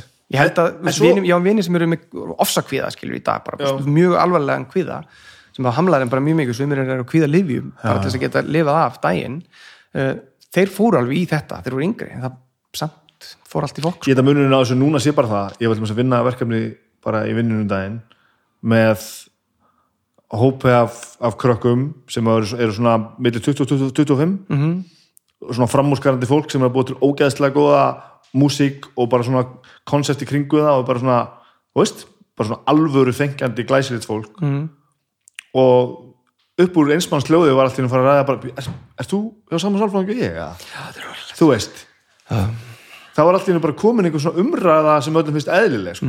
við höfum þetta aldrei bara í ykkur vinnu og bara, Já. já, hann var til sálfræðings þetta var þetta var skömm sko. meiri sér þá bara in the 90s var þetta ennþá bara, ef þetta var ekki skömm þá var þetta eitthvað rosalega frávik sko. Já, að þetta er eitthvað slemt, virkilega slemt að hafa gerst sko. það var alltaf, alltaf verið að vera að laga eitthvað sem var að En þetta, þetta, þetta kom að þennan góða punkt sem ég held svo að punta með sko, er að, það er hérna the kids are all right sko. það er það, sorry, það er bara þetta er að vera betra þetta er alltaf að vera betra og betra og hérna, Núna? Já, þetta er bara orðið fólki sem eru eftir okkur, það, það er svo það er tífalt betra það ljósar með undan okkur ykkur í tilfinningagreind og sjálfsmeðutund og er að þetta er laga fullt af drastli sem það við og fóreldrar okkar skemmtum sko. algjörlega, það er líka alls konar, fólk tala um aumingjafæðinguna, mér finnst það svo geggjupæling sko, aumingjafæðingin, það get ekki allir ólið þórðar í einhverjum Adidas leðjaka og, Og er, og hann er sko. geggju típa, Já, já, don't við get þurfum me ekki wrong alla svoleiðis. Ég er bara, hitt er bara, þú veist það eru, miðjan er annars staðar hérna, belkurvan er, við erum flest þarna, svo er einhverju geggjaði naglar skilur og eitthvað svona, whatever. En hérna, með konum ég var að byrja inn í vinnu núna í sumar og hún er að vinna á vinnustæð sem ég bara, ég öfunda hana svo mikið, svo heitt og innilega bara öfunda ég hana. Það er bara samtöl einu sinni í viku einu sinni í mánuði, hvernig líður þér? Hvað er að frétta þér, ekki vinnutegnd heldur, þú þetta er eitthvað sem hefði bara verið hleyjað fyrir 15-20 ára já, og bara engin bara asnalegt. skilið bara, til er hvers, við erum að vinna hér og svona, og hérna, svo er bara með yngri, aðeins yngri krakkar, það er svona 8-9 árum yngri fólk með henni, mikið. Og þetta er bara svona, einmitt, heilstift fólk mm. allir að díla við eitthvað. Það er nefnilega svolítið pointið mitt. Ég vildi ekki vera fullkomin ég vildi bara vera heilstiftur eins og maður horfði á ömmu svona afa, þau voru með alltaf á tíu. Þau voru ekki alltaf á tíu. En að það sé svona ferðalagi sem ég langa alltaf að fara var svona þroskast en ég vissi ekki hvað ég vildi. Ég, vissi, ég hef ekki, ef ykkur sagði mig 25 ára, þú ert 41 árs þá verður mér rosalega fínan skilning á sjálfi, hvernig þú ert og hvað þú þarft og svona, það er pointið. Þá ég sagði bara, ég nefnir þess, ég, það er ekki sem ég langar í skilur við, aldrei sko. Það er það sko. Þetta er það sem maður vildi. Já sorry, mér sveldi svo mikið á vatninu Já, ég, ég, ég dætt út bara. Eh, þú, þú talaði mikið um þú veist, fótbolta og eitthvað. Va- varstu á leiðin að verða eitthvað fótboltasnillingur eða, eða varstu fótboltasnillingur, ég fylgist ekki mikið með þessu. Alltaf. varstu frægur kannski? Nei, nei, nei, nei, nei alls ekki. Ég, ég var hérna, þessi klassíski íslenski eh, strákur sem ætlaði að vera aðrir maður í fótbolta. Ákið sig og eins og plakkuð upp á vegg og pappi var í gamallónum og var með mér í grunnskóla í vestmannum og, pappi minn er svona gauð sem að þekkir alla, skilur -hmm. sem ég, hérna, maður furðulega margir sem að þekkir, sko. Og hérna uh, ég æfi fótbolta alveg eins og ég lifði lífinu mínu á þessum tíma. Upp á svona 5,0 4,9 hækka upp í 5 og, það bara býð til að kemja ykkur og myndi segja, þú veist, þú ert valin í landslið þú veist, æ, fattar ég var aldrei tilbúin að leggja neitt á mig. Áhugavert. Bara algjörlega slakkaði mikið um allt, ég átt að hlaupa, átt að spretta þá leit ég til að sjá hvort það þjálfur er ennþá að horfa og skokkaði, þú veist, ég átt þannig ykkur vá hvað það er leiðileg típa það er umulig típa því ég ég, var alveg, ég var mjög góður í fótbolta Já. og hérna brúða bræðans pappa það var íslensmestari í fótbolta og, og pappi er mjög liðtakur í fótbolta og allt þetta. Það er svona rosa mikið svona einhver fótbolta ætti einhver. En ég ætlaði alltaf að verða sko spila með viking og vera íslensmestari í fótbolta. Og hérna svo bara í öðrum flokki þá bara áttaði mér að því bara "Heyrðu, þetta er klára annar flokkin ég er ekkert að fara að gera þetta. Já, ok. Sexnum í viku, ég er ekkert að fara að gera þetta. Ég get ekki skokkað og kíkt hvort að þjálfarinn sé að horfa á mig. Ég þarf að gera þetta á alvöru og þá bara, pff, þá nenni ég þess ekkert skilur það var svolítið þannig að þetta hjá mér í Englanda sko. og hvernig þá þú veist, hvernig hættur því bara, var það bara ekkert mál? ég blæði er ekkert svona ég var alltaf í fótbolta með svona gömlu félögum einu sinni í viku og svo stopnuðu við nýtt félag þetta 2003 fjögur, þá hérna, endurvöktu við augnablik sem er svona sýstu félag hjá breyðablik Mm. Þá var svo erfitt að stofna ný lið þá. Okkur lang, voru svona margir með svona brosna drauma. Litlir í okkur, vorum í öðrum flokki og hættum allir því við nefndum ekki leggja okkur þetta ekstra. Og það var svona utendeld í fótbolta. Og það var svolítið mikið þrótt þar. Það var svona, fótbolti sem var mjög erfitt að, veist, við vorum þar í 2-3 ár. Og það var leiðilegt sko. Mm. Svona, mm, menn voru að mæta þunnir í leiki og svona leiðindi. Dómarinn er ekki góður og svona erfiðar aðstæður og erfitt bara. Þannig að ákveð, heyrðu, bara búum bara til fótboltalið og ég fer og hitti fullt af félögum í Reykjavík og, og hér nágrannar sveitafélögum og svo loksins var hann Andris Pétursson hérna, hann er hérna mikill Evrópusinni og er mikill svona breyðabliksmaður og hann, hann á mig og sagði, þetta er bara frábær hugmynd. Og hún kom upp úr hérna fótbollaleik sem heitir Football Manager. Nú fór bara kveik í símanu sinni þegar heyrði þetta. Eh, en þar er semst Real Madrid, þú veist hvað Real Madrid er mm þeir eru með Real Madrid B Já, sem heitir eitthvað Cadiz eitthvað svona akademíulið sem þeir geta sett unga stráka inn í en þeir missi ekki tengslinn, þeir eru ennþá í sama klúbnum mm -hmm. þannig að þeir fara ekki á lán endilega til að liða og endur sem að fara bara. Og ég segi, mér langar að gera þetta á Íslandi.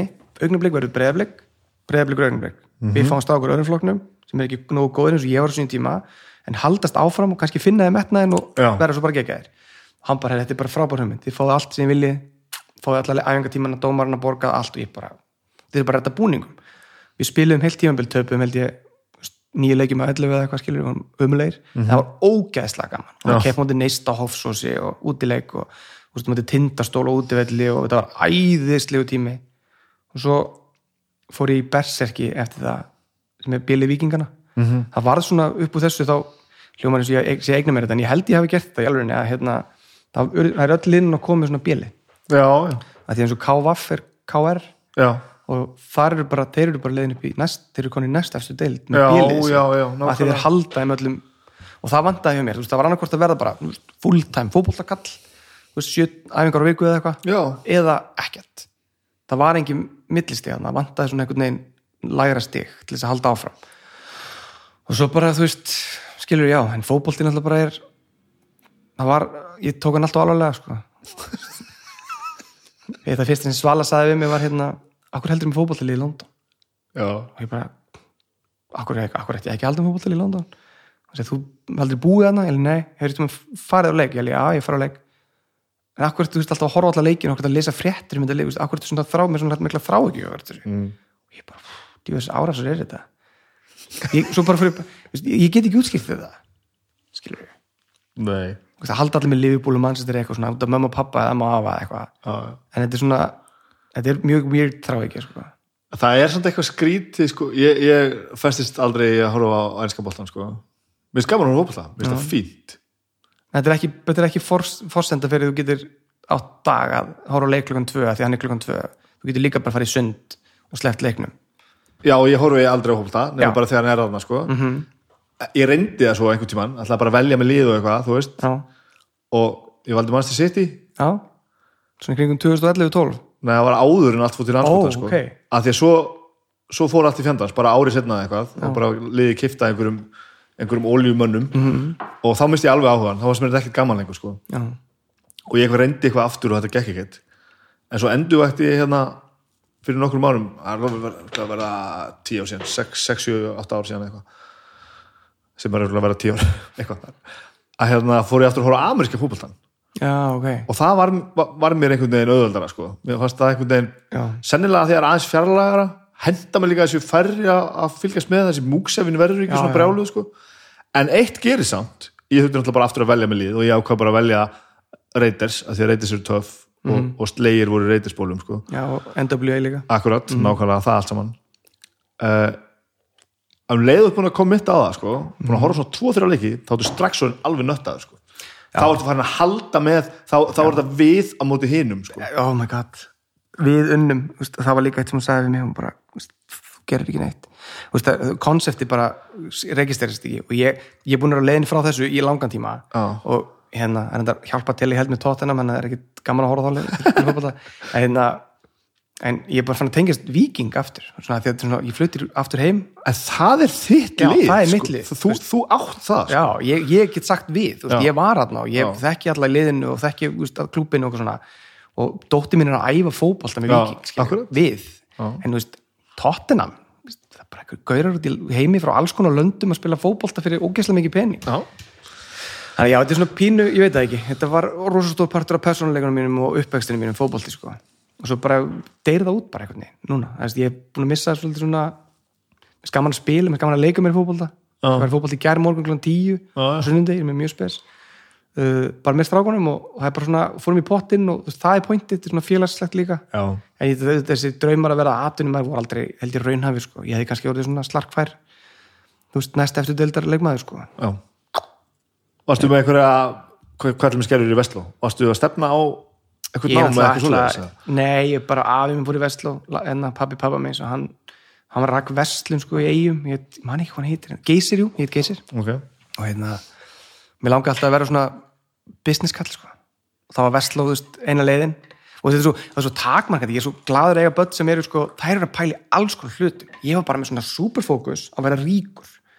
Vera mikið Bara eignast peninga. eigna, ekki, ekki eignast, nei, held, ríkur, powerful Já. vera, stórkall. Og svo bara, veist, raungerist það ekki og maður er bara lítið lýsir og eitthvað svona þá er það erfitt sko. En hérna, dætu mín allir mist þær, þeim langar að fara í listnám og mér langar að fara til sk- skóla erlendis og svona, og hluti sem ég sko, hugsa alltaf um ég, ekki sén sem myndi þóra því sko. ég þóra ekki neinu. Það var heldur ekki verið að hjálpa okkur við þetta? Nefnir mamma og pappi, ég satt um mamma og pappa mér langar að fara í hérna, skiptina til Fraklands í ár með hérna, exchange prog þau er bara ekkert mál, Já. ekkert mál, græðum þetta en ég bara ekki, Nei, ég er líka að tala um samfélagið skítrættu við þetta. Ég er líka að tala um samfélagið bara, Já. þú veist, ég trúiði aldrei ég geti gert neitt í líkingu við það að vinna við að spila tónlist. Nei, Já, frábæri, alltaf. Mhm. Þú veist, bara akkur ekki? Og svo bara þegar, meiri segja, þegar ég setti eitthvað effort í það og fór að trúa að eitthvað verið hægt þá var ég alltaf bara, þú veist, komin upp á stærstu sviðin allstað, sko, bara ok, hér klikkaði eitthvað. Ég, þú veist, akkur, akkur var ég að slarka í einhverju djöfisins kjafta í fleiri, fleiri, fleiri ár Mhm. þegar ég hefði getað farið bara í alveg full force og lært bara eitthvað kringum þetta og fara að gera eitthvað við þetta Mhm. já, Hver- hvert fóru draumandi manns maður Þannig að, veist, ég held að munum sé líka núna að samfélagið er opnara fyrir því bara þú getur alveg unni við að vera bara á YouTube sko, já, en þú, þarft að gera það mjög vel. Já þú, en en það er hægt, þetta er, þetta er þú þessi þarft ekki að læra einhverja yðn Nei. sem backup sko, En- gerði þetta bara almennilega. Bara fyndu þú þetta passion. Og það er líka svolítið máli, það var ekkit passion skilur, það var bara svona dóði og uh, klára verslu og eitthvað með, þú veist, einhvern veginn voru, ég með nýju kom eitthvað út úr samrættaprónum, Ah. nýju fyrsta pekki verslu og svo bara, svo bara línur þetta niður. Og hérna reyndar að bróðum minn held ég með í verslu og hann, ég held hann að ég legstu meðal einhvern til að útskast sorry, gau og hérna, en við vorum að svipum bara, það var bara gaman í verslu skilur, djám og læti og, og svona klassísku mentaskóla hróki og ógeð, pissandi á hurðinni MR og Já, eðilegðum vaffi MR daginn og þetta var svona, bara hræðileg stráka pör sko, svona, það er svona, ég skal, skal samþykja það þannig er svona strákar eru eins og strákar eru það var stemmingin, þessi gamla mýta svona eru bara strákar.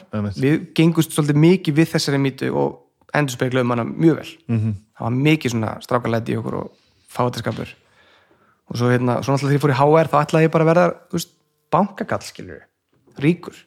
Já. og hérna, svo bara fljótlega sá ég að ég hafði engan áhuga á þetta er svo fucking leiðilegt maður. Já. tölur allan daginn. Og svo er ekki fyrirtæki já. Að dræfið var bara þetta, verði einhver svona já, ég hef með rosa skýra sína á hús og bíl og þetta, að, ég var bara ég var rosa bandarískur hugsun sko. mamma, pappi vann ekki í bandaríkunum og var ég námið þar og svona þannig ég var rosa mikið í bandaríkunum og ég bara sá fólki sem þú veist, fórum í brúðköp hjá vinnu þeirra þegar ég var 13 ára og þá var ég bara, veist, ég, þetta er staður hér vil ég, Kalifornía þetta er, hér gerast draumarnir. Og ég er svo þakkláttur fyrir að ekki fælt eld á drauma, sko, ég væri fucked up, sko, ef ég færi þangað, sko. og hérna ég var rosa upptíkin að bara svona, að, já, eitthvað svona eignast hluti og vera flottur. Mér langaði líka að sanna mig fyrir mjög um pappa mikið, ég var rosa upptíkin að því líka Já. vera duglegu fyrir þau og eitthvað svona ég meina ég kláraði bara háskóla út af þeim sko. ég hef ekki klárað menturskóla háskóla ef þau hefði ekki verið on my ass sko. Ég þurfti það sko ég fikk aðeins meiri slaka sem þýtti það að ég gerir ekki nei, svo Nei. langt frá því sko. það var bara drillaðin í hausnum sko, að, veist, það væri bara tvent í heiminum sem skipti rosalega miklu máli þetta er svona ég tek aftur í tíman það er að, eða þrennt, það er að vera rosa duglegur og vinna mikið, mm. menta sig og hérna já þetta er tvent fyrir ekki, þetta er tvent vera duglegur og menta sig. Mm. sem er alveg já, rétt. fyrir ekki þriðja, jú, fyrir ekki þriðja. Aldrei nota sterk eiturlif, aldrei nota vímöfni það er hættulegt. Og þetta bara sat í mér. Og þetta er, já, þetta er svona, er svona kjartin í mér þegar ég er í háskóla, en, en, þetta þrennt í réttum já, á réttum já, á fósitum þetta eru góða pælingar sko. stórkostlegt en, en, en sem svona frístandandi einhverju svona minnisvarar um hvernig allt á að vera og ekki vera þetta er pínu svona ég held bara, ég held sko fyrir mig þá held ég að þetta hafi verið bara, ég, var, ég horfði allt og svartkvít og allt veist, ég var allt og þröngsi það upplýði mér þú veist, og svo hérna fæ ég bara þessa víðsýn svolítið í gjöf eða þú veist gjöf, ég fæ þetta bara gegnum svona pushback frá konunum minni sko. bara, það var bara mættist þarna tveir alveg ólíkir heimar sko. Guð sem hefði fengið allt upp í hendunar þurfti aldrei að vinna fyrir neinu var það svoleiðis? Já. já, ekki það því mann pappi voru eitthvað þú veist, að degra mig Eðst, jú, þú degur um alveg ég átti Jordan sko þegar engi vissi hvað Jordan var og ég átti, þú veist, fúbúföt þegar engi gætt keift fúbúföt og pappi var svo mikið í bandaríkjunum og ég átti, hafði það rosalega gott en ég var ekki, þú veist, degraður einhvern veginn svona æ, ég var ekki spoiled brat skilur, Nei, nei. þannig, en hérna hún kemur úr öðruvísi uppeldi sko. hún kemur úr svona bara, bara ekki til mikill peningur og er svo- já, jú, ég var alltaf lægum að slant liðið síðan. Það er, hérna, kynnist henni raunvel í gegnum fyrirhundi konunum minna eða fyrsta sambandum mitt og hún er, er verið vinkunur og við vitum svona hvort öðru í nokkur ár. Og svo bara, ég áttur hún mig fyrir nokkrum árum bara fyrir 2-3 árum síðan, hún hefði séð mig sko þegar ég var 20 eða 22 eða eitthvað, hún 17 hún bara, hm, heitir gaur. Svo líða bara rosa langu tími sko. Við vorum ekkert eitthvað rosa close vinir þá bara við vissi af henni og, og svona í svona social circle og svona sniðmengi við sniðmengi hjá mér sko og svo bara einhvern veginn 2007 er ég, veist, tók út mitt fyrsta þrótt sko, almennt. Þá, veist, hún skilur við mig fyrir hendi sem er bara þaklatur henni að hafa gert fyrir sig og mig á þessum tíma, bara besta ákvörðin sem hún hefur tekið, hún hefði að taka hana fyrr. Eitthvað gaggrinn eitthvað við það og hérna uh, fyrir hana sjálfa. Og þá er ég bara í svona í pínu lost sko, bara í sambandi og það er mín sjálfsmyndi byggð á að eiga íbúð, eiga veist, eiga bíl verið vinnu, allt þetta. Og svo hver er ég, ég veit það ekki. Og við förum bara eitthvað svona random djamsleik á vegamótum, bara hittist þar 2017 í februar já, já. og hérna hérna, februar já. Og hérna höfum ekki slitið síðan sko. Nema þarna þegar ég skeitaði hans í degi 2013 já. og duglega. Og hérna það er svona það er svo fyndi sko að því ég nálgæðist hún, hún er svo klár sko. Hún er ekki, þú veist, er ekki að tala um svona akademikli klár, eitthvað svona, þú veist, það sem hún er hérna, getur frætt með einhverja rannsóknir. Hún er bara svo, hún er svo grind fattur mig, já. þú veist, það er svo mikil grind þarna, það er svo, það svo sjaldan ég hef aldrei náða böstana við svona að drull á sig, eins og ég ger oft sko það sem hún bara segir eitthvað bull bara, bara gerist ekki, það er alveg absúrt að vera svona eins og ég er og vera svo með konu sem er svona það var mikill svona ég hef lært rosa mikið henni sko. Hvernig klárar háskólanum? 2003, já, ok, við erum sittað á þessa tímanlínu sko. já, 2003 svo en það bara, veist, er ég algjör það bara, já 2003, 2007 er bara um slæmi tími skilur ég, bara ég gramur út í alla vini minni sem eru bara gerandi geggjaða hluti eignast börn og þú veist, ég, ég man þetta setningu sem ég hugsaði einsinni, ég hugsaði þetta svona heima mér ógislega gramur eitthvað, þunnur, ógislega pirraður tóttan mér ógislega tapa og allt ömuleg af hverju get ég ekki verið eins og þeir? Já, af hverju og, getur mér ekki liðið eins og þeim? Þetta er, þessar pælingar. Eitthvað svona sjálfsvorkun og skömm og lítill í mér og fyr- fyrir hvað varstu þá, veist, hvað skömm var það? Hva, bara að vera ekki jafn flottur og þeir einhvern veginn og eitthvað svona, veist, með allt upp á tíu og ég var að reyna að elda eitthvað draum skilur, að vera eitthvað flottur gaur og, og ekkert eitthvað svona að vera eitthvað hagað þeir illa eða Nei, gera við vorum allir að gera svona hlutin ekkert að gera, að, fara þvert á þessum og trúðir á sjálfur ég vissi bara ekkert hvað ég var að gera þetta var bara, ég var að byrja að setja saman eitthvað rosa þú veist, var ekki með leiðbenningarna skilur mig, og svo bara allt í fokki og ég bara, akkur þarf ég að vera svona óöppin með líf mitt og eitthvað svona, þú veist Þetta alveg glata sko. svo horfðum að vinni sinna bara brosandi í ykkur raðhúsum í fóðsóinum og þú veist, með konur og maður fæ- þeir eiga fullkomi líf svo varandlega, veist, þeir er allt Já. þetta er bara bullshit sko.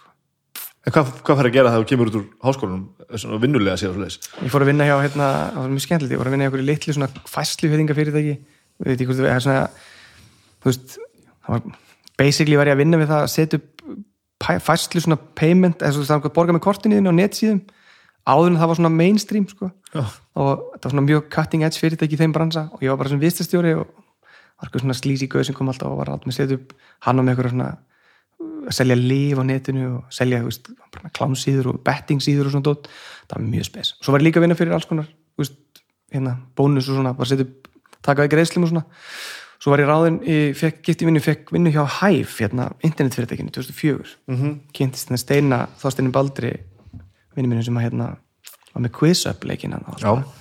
við unnum saman í þrjú ár, það var mjög áhugavert það var mjög skemmtilegu tími mm -hmm. svona tveir, tveir kongar ég heldum að vera rosalega kongar og hérna það var mikil tipa Ég sé þetta alveg fyrir mér. já, þetta var hræðilegu tími, sko. en ógæslega skemmtilegt þetta, því að maður, maður má ekki líka hata sjálfa sig þannig að það var líka gaman þó ég hef verið fíbl en hérna, ég var mjög mikið fíbl á þessu tíma. Hvern, hvernig fíbl Í, um hvað er það að tala? Já, hvernig á að segja þetta, þetta er góð spurning. Ég var bara svona fíbl sem að bara, þú veist, ég hugsaði bara um mig sjálfan skilur og veist, ég, ég veit ekki hvort það meikið sens en að þið, þegar þú veist ekki hvað vilt þá reynir að gera mjög mikið alls konar dóti. Og ert líka úrslega upptíkin að eitthvað öðrum finnst um þig og þetta verður úrslega erfitt. Ég veit ekki hvort þið komið sér rétt auðvitað frá mér. Ég var bara að reyna einhvern veginn að hafa gaman skilur við þú veist, eins og einn góðu vinnur okkur svölu sagði, ég er bara, við erum að reyna að hafa gaman hérna á Íslandi, það er bara mjög erfitt. Og hérna, ég var að reyna að hafa gaman en ég bara, ég hafði ekki fórsenduna til þess. Ég hafði ekki, ég hafði ekki hugmyndum á hverju ég byggði, hvert ég var að fara, ég vissi ekkert hvað ég var að gera. Ég bara, ég kefti mér íbú 2001 og ég selði hana 2007 og sko, ég átti mikið í henni? Kefti hana 10 miljonir, seldi hana 27 miljonir ég kom út í mínus ég var það. Já, já, já, já. bara veist, allt, alltaf í útlöndum er hann að tróði ykkur gött sem er liðið betur og veist, þetta var bara disaster sko. þannig að fólk horfður á 20 til 30 svona, já, svona, veist, ég er sjá krakk í dag og vinnir okkar í dag sem eru 20 til 30 í dag þau eru eiga bara the time of their lives skilur. þau eru Já. ekki spennan búin og hátt þarna af því að það er sem samfélagi krefstæðin heldur þeim er bara, they don't give a shit ég bjóð í Berlin í fjör ár og var bara skóla, það var ógislega næs og ég bara, oh, hvað ég vildi óska þess að ég hef verið þessi gaur í 20 og eitthvað og hérna, ég öfundar svo fólk sem er þú veist, svona sjálfs, eða, þú veist, örugt sko, Já. þú veist bara flytið til Berlinar og bara flytið til Kaupmannafnar og fer bara í skóla eða fyrir að vinna á kaffihús í tvö ára bara því það er að hafa það næs. Þú veist, lífið þarf ekki að vera fokkin eldingarleiku við einhverju steipu í einhverju hverfi reykja sko. Nei, þú veist, sem er það sem ég var að gera já, já, ég skil ekki Hvað lærur í HR?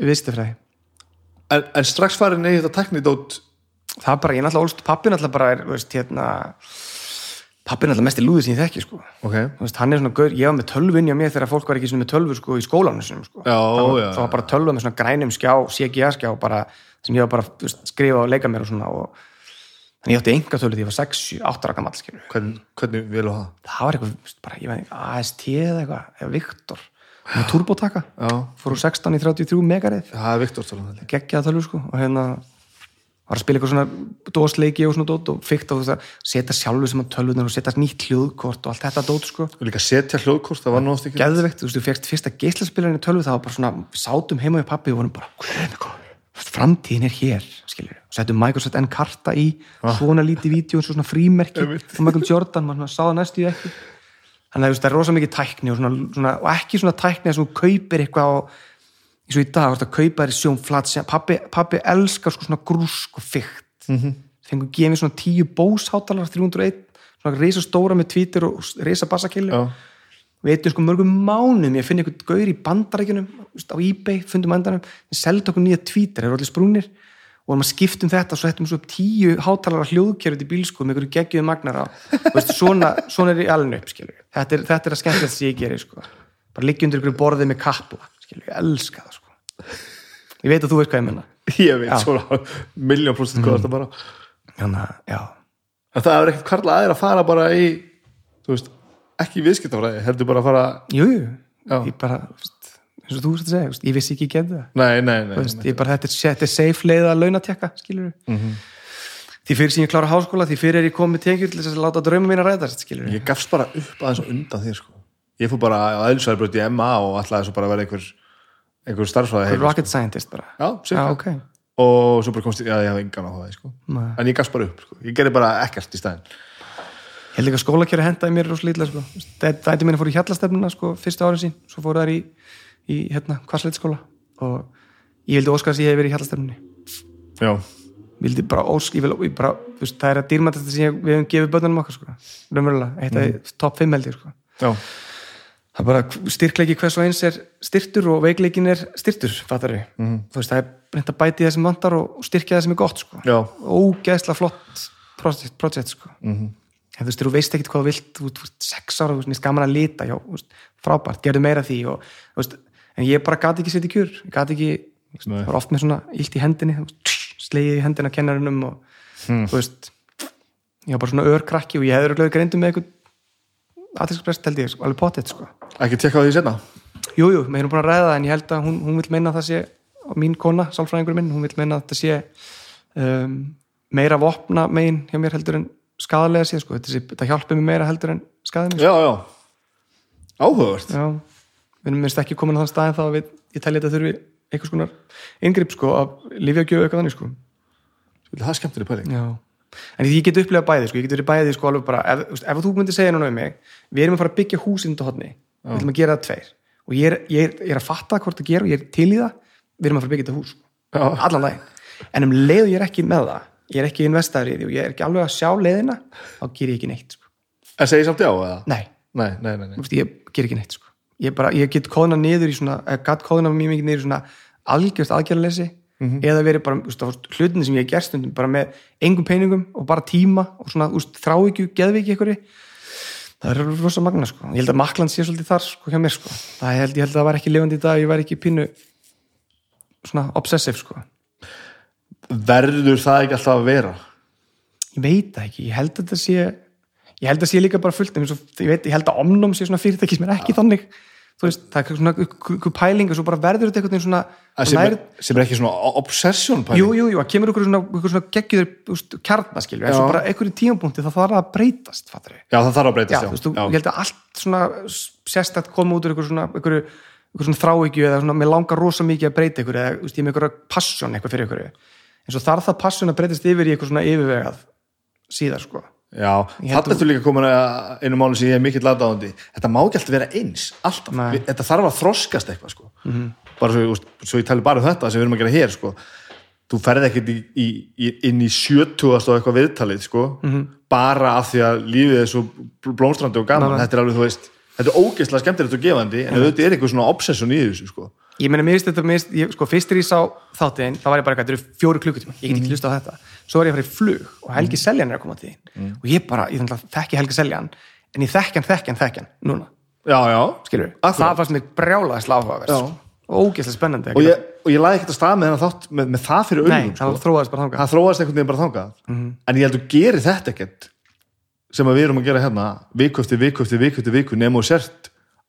með pínu makland sko. þú þarft já, eitthvað já, já, ég skil skilurðu? komin já, en þú veist, það er kannski pælingin passioni þarf að vera til staðar en, en þú veist, á einhverjum tímapunkti þurfti ég bara að sleppa tökunum á rosa mörgu sem ég var að gera skilur sjálf að það. Er bara síðasta árið er búið að vera svolítið þar í mér. Ég er svona búin að vera svona rétta fólki eitthvað svona legukaupa hér og þar og við erum allir um 23 skilur vorum bara tveir til að byrja með. Eru 20 og já, það er rosa skrítið maður. Ógstlega leðilt alltaf fyrsta, borga laun það er rosa leðilegt það er rosalega bara kannski ég bara sveitó sko.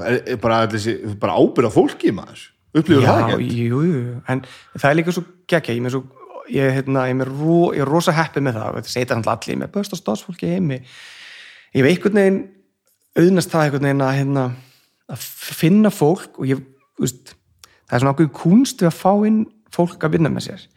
Að, veist, ég vil kannski fá einhvern veginn sem að er að hlusta á mig og gerir bara sem ég segi það er ekki gott. En ég fekk fólk inn sko, og svo heppin að nokkri aðeins sem hafa bara, sem er einnig búin að vinna með sjö ár, hann er 35 ára eitthvað, já, já. þetta er rosa stór partur og lífi hans er bara makland. einhver hörður í makland einhver gaur með massive issues. Og hérna og hérna, uh, hann hann til gott að mér, bara hann Hafþór vinur minn sem vinnur með mér hann hérna, hann bara fatta þetta hann þú veist, hann skildi við horfumst í auga, hann bara, ég skil hvað þú meina Já, já, já. og það var ógíslega næs. Og það eru, það eru fleiri að inni sem eru bara nákvæmlega þar sem bara fatta þetta. Þetta er ekki, þetta snýst ekki um að græða peninga. Sorry, hluta var í makland það er alltaf bara byproduct af þessu. Ef það gengur vel og við erum að gera þetta vel og það er gaman og það er stemming og það er eitthvað tilgangu með þessu þá kemur það. En hitt, það má ekki vera fossendan þú getur ekki þú líkir þetta setningan hagnaðar drifin fyrir því ekki, það sko. hata þetta koncept. Mm -hmm. Þetta er, þetta er hérna, En heldur það geti ekki verið passion að bara græða peninga? jú, örgulega fyrir eitthvað sko. ég tengi bara ekkert við það. Ég er einhvern veginn passionum mitt núna er ef ég get, ef ég get þetta þannig að börni mín vera fullarinn og maklandir ennþá til. Já, pæli hvað það var í klík Já, þetta er frábær pæling. Þú veist, bara, það getur sagt að pappi stopnaði þetta fyrirtæki og hann er lungu hættur en það skilur, komin á heimili með bleiu en, hérna, en pappi stopnaði þetta. Já. og ég vann hann þrjú ár sumurinn, þetta langar mig. Já, þetta er frábært? Mér langaði, maklandar byggt á svona kaupmarun á hotninu, stemmingu. Mér langaði þess að vera eins og meila, hérna, ekki meila búin heldur hérna, kjöt hérna höllin. Já, já, já, já, Þeir eru ennþá að það, já, já. þú veist. Og með útrunni, hérna, maður sinna mjöl í hillunni, það er geggjað, sko. Ég elska það koncept, sko. Þetta er svolítið hérna það sem að ég, ég er pínu, ég er náttúrulega aðtilsjúkur alveg frá aðtilju sko.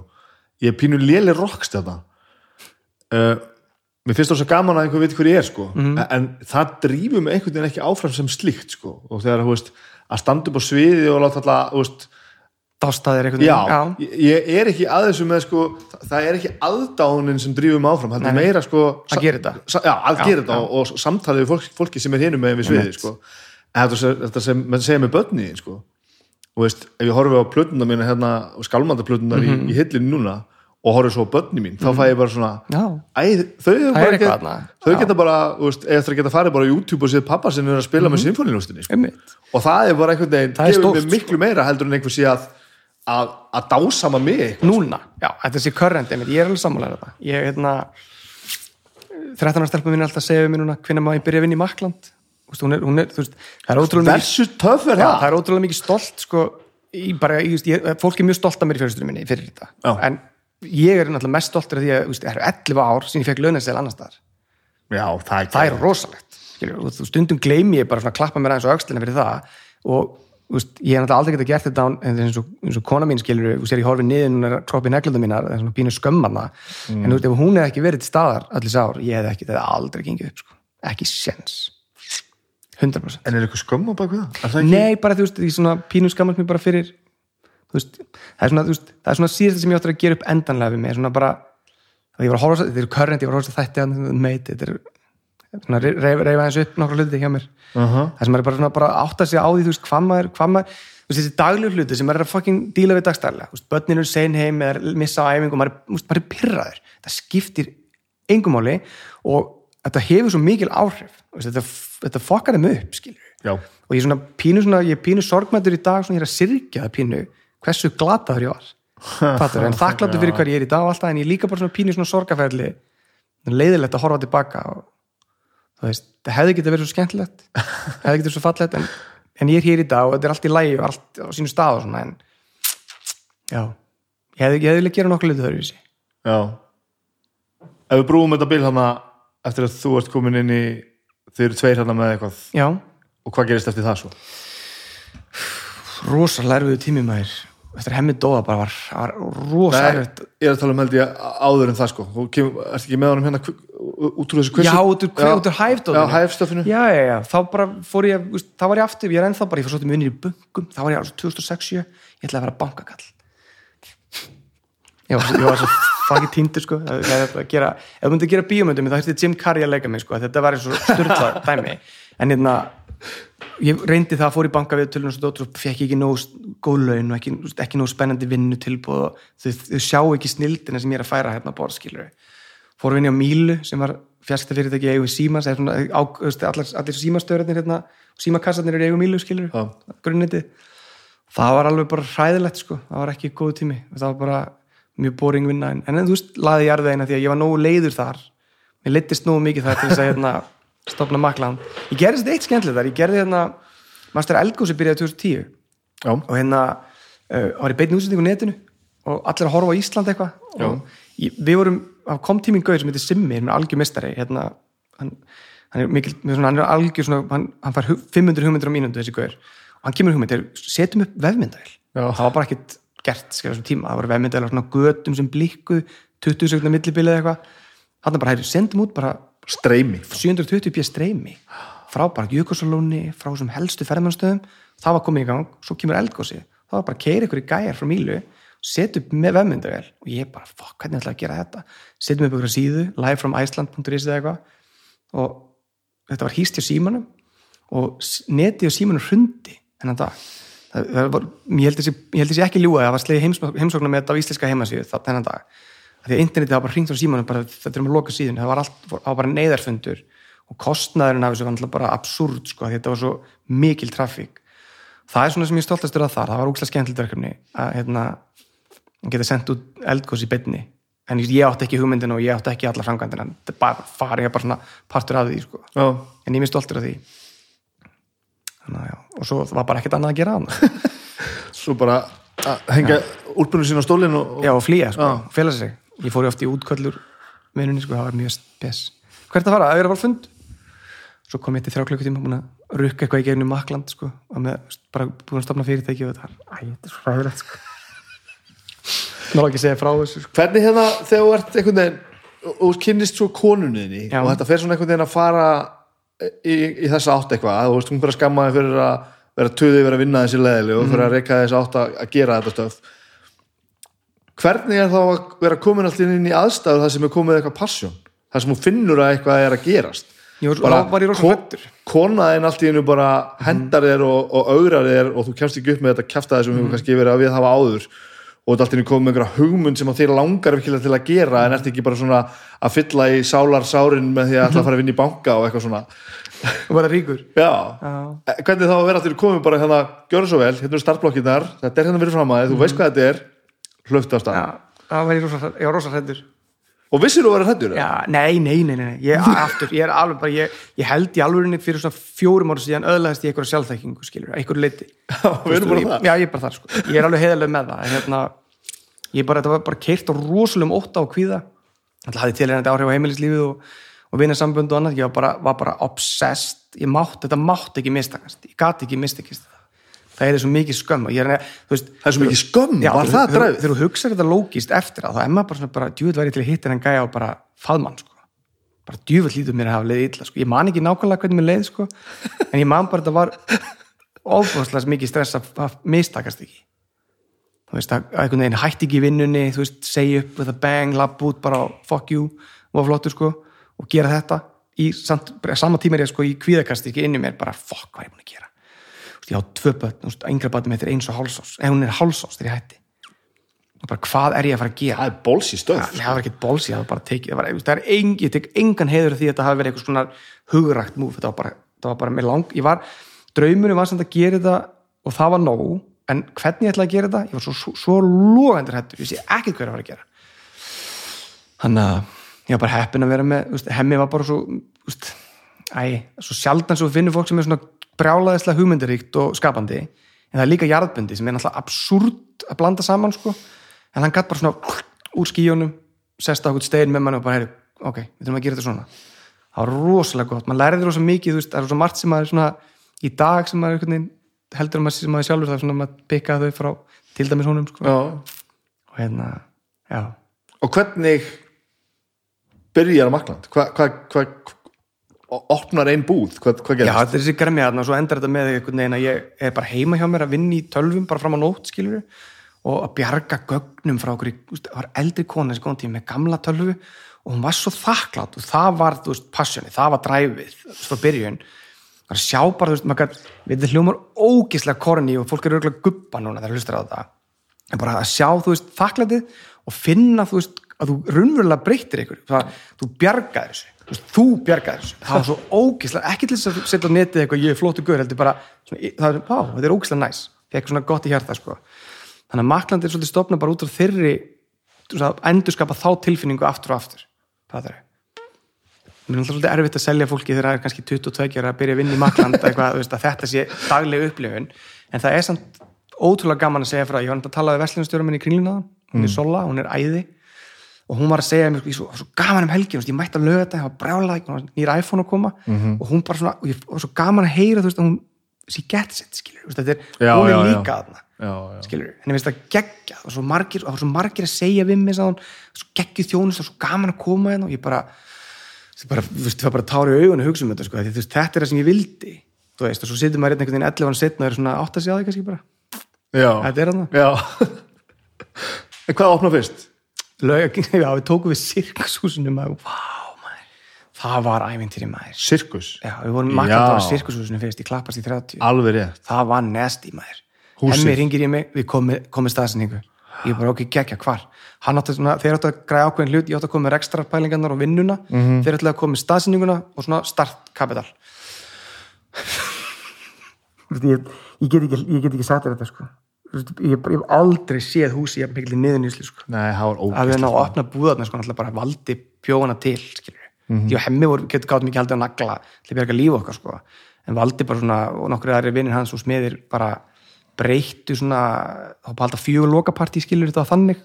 Þú veist, það var ógeðslegt venninni og hérna hvernig hann náði að gera þetta búð er bara, ég dáist að því sko ennþá, það er 11 ára síðan en ég bara, við eigum svo mikið myndum svo tíma, tókum við mikið myndum Baldur Kristjáns var alltaf að koma til okkar ljósmyndari og Já. taka myndir og svona og ég held sýningar hérna og hérna en þetta hús var viðbjóður. Það var, það var ekki hægt að vera með verslun þannig að við gerðum satt í þrjú ár sko, og með þrjú ára Og þetta er þrjú ár? Vá. Og það var bara svona, það var þetta allt in the balance og maður bara bætti einu stafsmanni við og það var bara shit, hvernig er ég að borga sem gæði laun og hvernig get ég getið þetta? Og hvað er, hvað er maklan þá að gera? Selja þetta byrjuði að selja tölfur bara og veist, alls konar bara Apple-vörur en þetta var alltaf að selja alls konar hluti tókum eitthvað spilin sem eitthvað gæði, þetta eitthvað flakk held ég, eitthvað gæði sem gerir svona crowdfunded spil og vorum að selja alls konar svona weird stuff líka sko. Já, já En þetta snýrist bara um það að bara að smá selja út eitthvað sem þú keftir á heilsölu Ég var með eitthvað draum um það að verða uh, the go-to place fyrir Apple á Íslandi.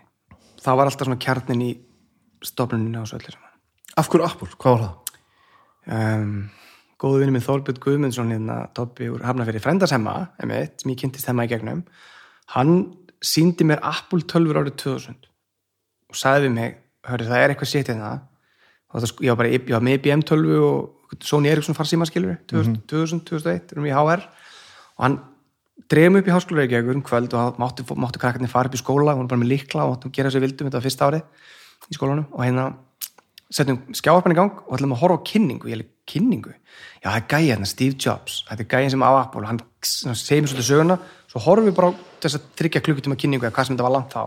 Og svo kom þetta one more thing í lokinu og ég bara ég var gjössamlega dolfallin ég bara karisma hjá þessum gæja. Hvernig, og þetta var svona, þetta var byggt á mjög miklu hróka og hann kannski var ekkit frábær einstaklingur svona persónulegu leveli, en sem sko hug- hugmynda, hugmyndasmiður og svona bara svona framkvæmdastjóri þá er þetta bara, þetta er einhver ótrúlegasti gæi sem hefur bara verið til hann, bara, hann, hann, hann raunverulega sá fyrir hvernig hlutin er ætti að vera og hann vildi nálgast alltaf þannig að þú myndir fatta það instantly þegar hann letið fá okkar tæki að þú, já, ég skil mm -hmm. þú varst ekki að byrja að lesa 30 blæsna bækling og fá mig í heimsótt að kenna þér það og þegar þú nálgast hlutinu svona sko, það er bæði rosalega skeri en það er líka ótrúlegt sko, að geta lift sér að hugsa svona sko. mm -hmm. Breyta öll og tölu alltaf um hérna, life changing og veist, this is the best ever er svona allt í efsta stíð sko. og hérna, ég bara fjall svolítið fyrir þessu sko. Fjall, eh, fjall svolítið, ég bara, bara fjall alveg fyrir þessu. Fyrir hugmyndafræðinu það bara. Já, bara það var einhver ára við þetta, þetta fyrirtæki, vildi óska þess að ég fatta á þeim tíma, ég var náttúrulega ekki nóg klár sko, kaupa hlutabrif í Apple þá hérna, ég ná, það væri nú hérna, ríkur dæmi hefði þá rest sko. Þá eru við glóðþróði já, var ég, alveg, ég var ekki hérna, ég var bara að horfa að hlusta á því eitthvað starf kerandi og dæmaði hvað var ömulur Já. og hérna uh, upp úr því bara þá fór hann að mata mig svolítið af þú veist bara hvað var í kúlu og hvernig svo er ég komið ykkur svona hefur ég séð hérna gömlu með handfanginu? E-book, fyrsta tölu mín var þannig hún var appisnugul grænar og apsíkular, fjólblóðar og það var 800-600 upplaust sko og í dag getur ekki svona opna heimasíðu í því, þú er ekki séns. Og hérna þú veist, það eru myndirnir á heimasíðun okkar eru þúsund sinni þúsund skilur mm -hmm. það eru stærri heldur en skjári var og hérna Þannig erum við líka að tala um manni ásakaði þetta fram fyrir að þarna var allt í einu búið að hanna tölvu. Já, Þetta Þetta voru var- ekki bara það var ekki tölva, þetta var Já. accessory akkurat, skilurðu. þetta var ekki bara einhver svona lækna grár heldur þú að ég hef verið með töskutunum hana í leiðin í skólan Já, þú tókst hana með ég tók hann eins og rítvili bara engalega það því það er tíundubæk og hérna og það var svo mikið vesen, ég gæti ekkert nota wifi ég gæti ekki nota íslenska stafi en ég skrifaði mast, nei, bjöðsreikirina mína á þriðjutölunum mína eða fjóruðu svona svona powerbook titanium það voru geggjaði vel sko. og byggðar úr bara skriðdrega titanium dæmi sko, og, og, svona, og svona hérna hvað það með, sterkbyðar mm hún var þannig gerð sko að það var ekki hægt að fá hennar viðgerð þjónustjörni heima það var alveg, það var, Apple var svolítið ítla statið heima þá. Og þá, ef ég hreyfði hana þá slökti hún á sér. Samt var þetta fartölva, batteri voru ónýtt -hmm. en kefti nýtt batteri þá var samt eitthvað að þá í tenginu og ég gati ekki laga þannig ég bara ok, ég ætla að svo er svo trjóskur, ég ætla að klára bíðisreikinu mína á þessa tölvu svo sendi ég fyrsta draft á kennara minn og hún bara, er ég rengi íslengi stafir? Og ég leið, að já, já, já, þá þurf ég ég að fara inn í tölvuna og hakka eitthvað drastlis að láta sko vörd á minni tölvu skrifa út íslenski stafi fyrir hennar tölvu. Þú veist, mjög pointless í allt dag. þessi verði, alveg. Einmitt, krakkar í dag bara ég er nú bara með iPadu minn og það virkar allt þar. Það er ekki lengra síðan en 20 ár síðan þetta var bara major vesen sko. já, já, já, þannig að það er, það er það er svona, já, og líka sér stemming í kringum Steve Jobs og Wozniak, ef þú þessi myndina? Hérna, hefum heitið The Pirates of Silicon Valley. Já.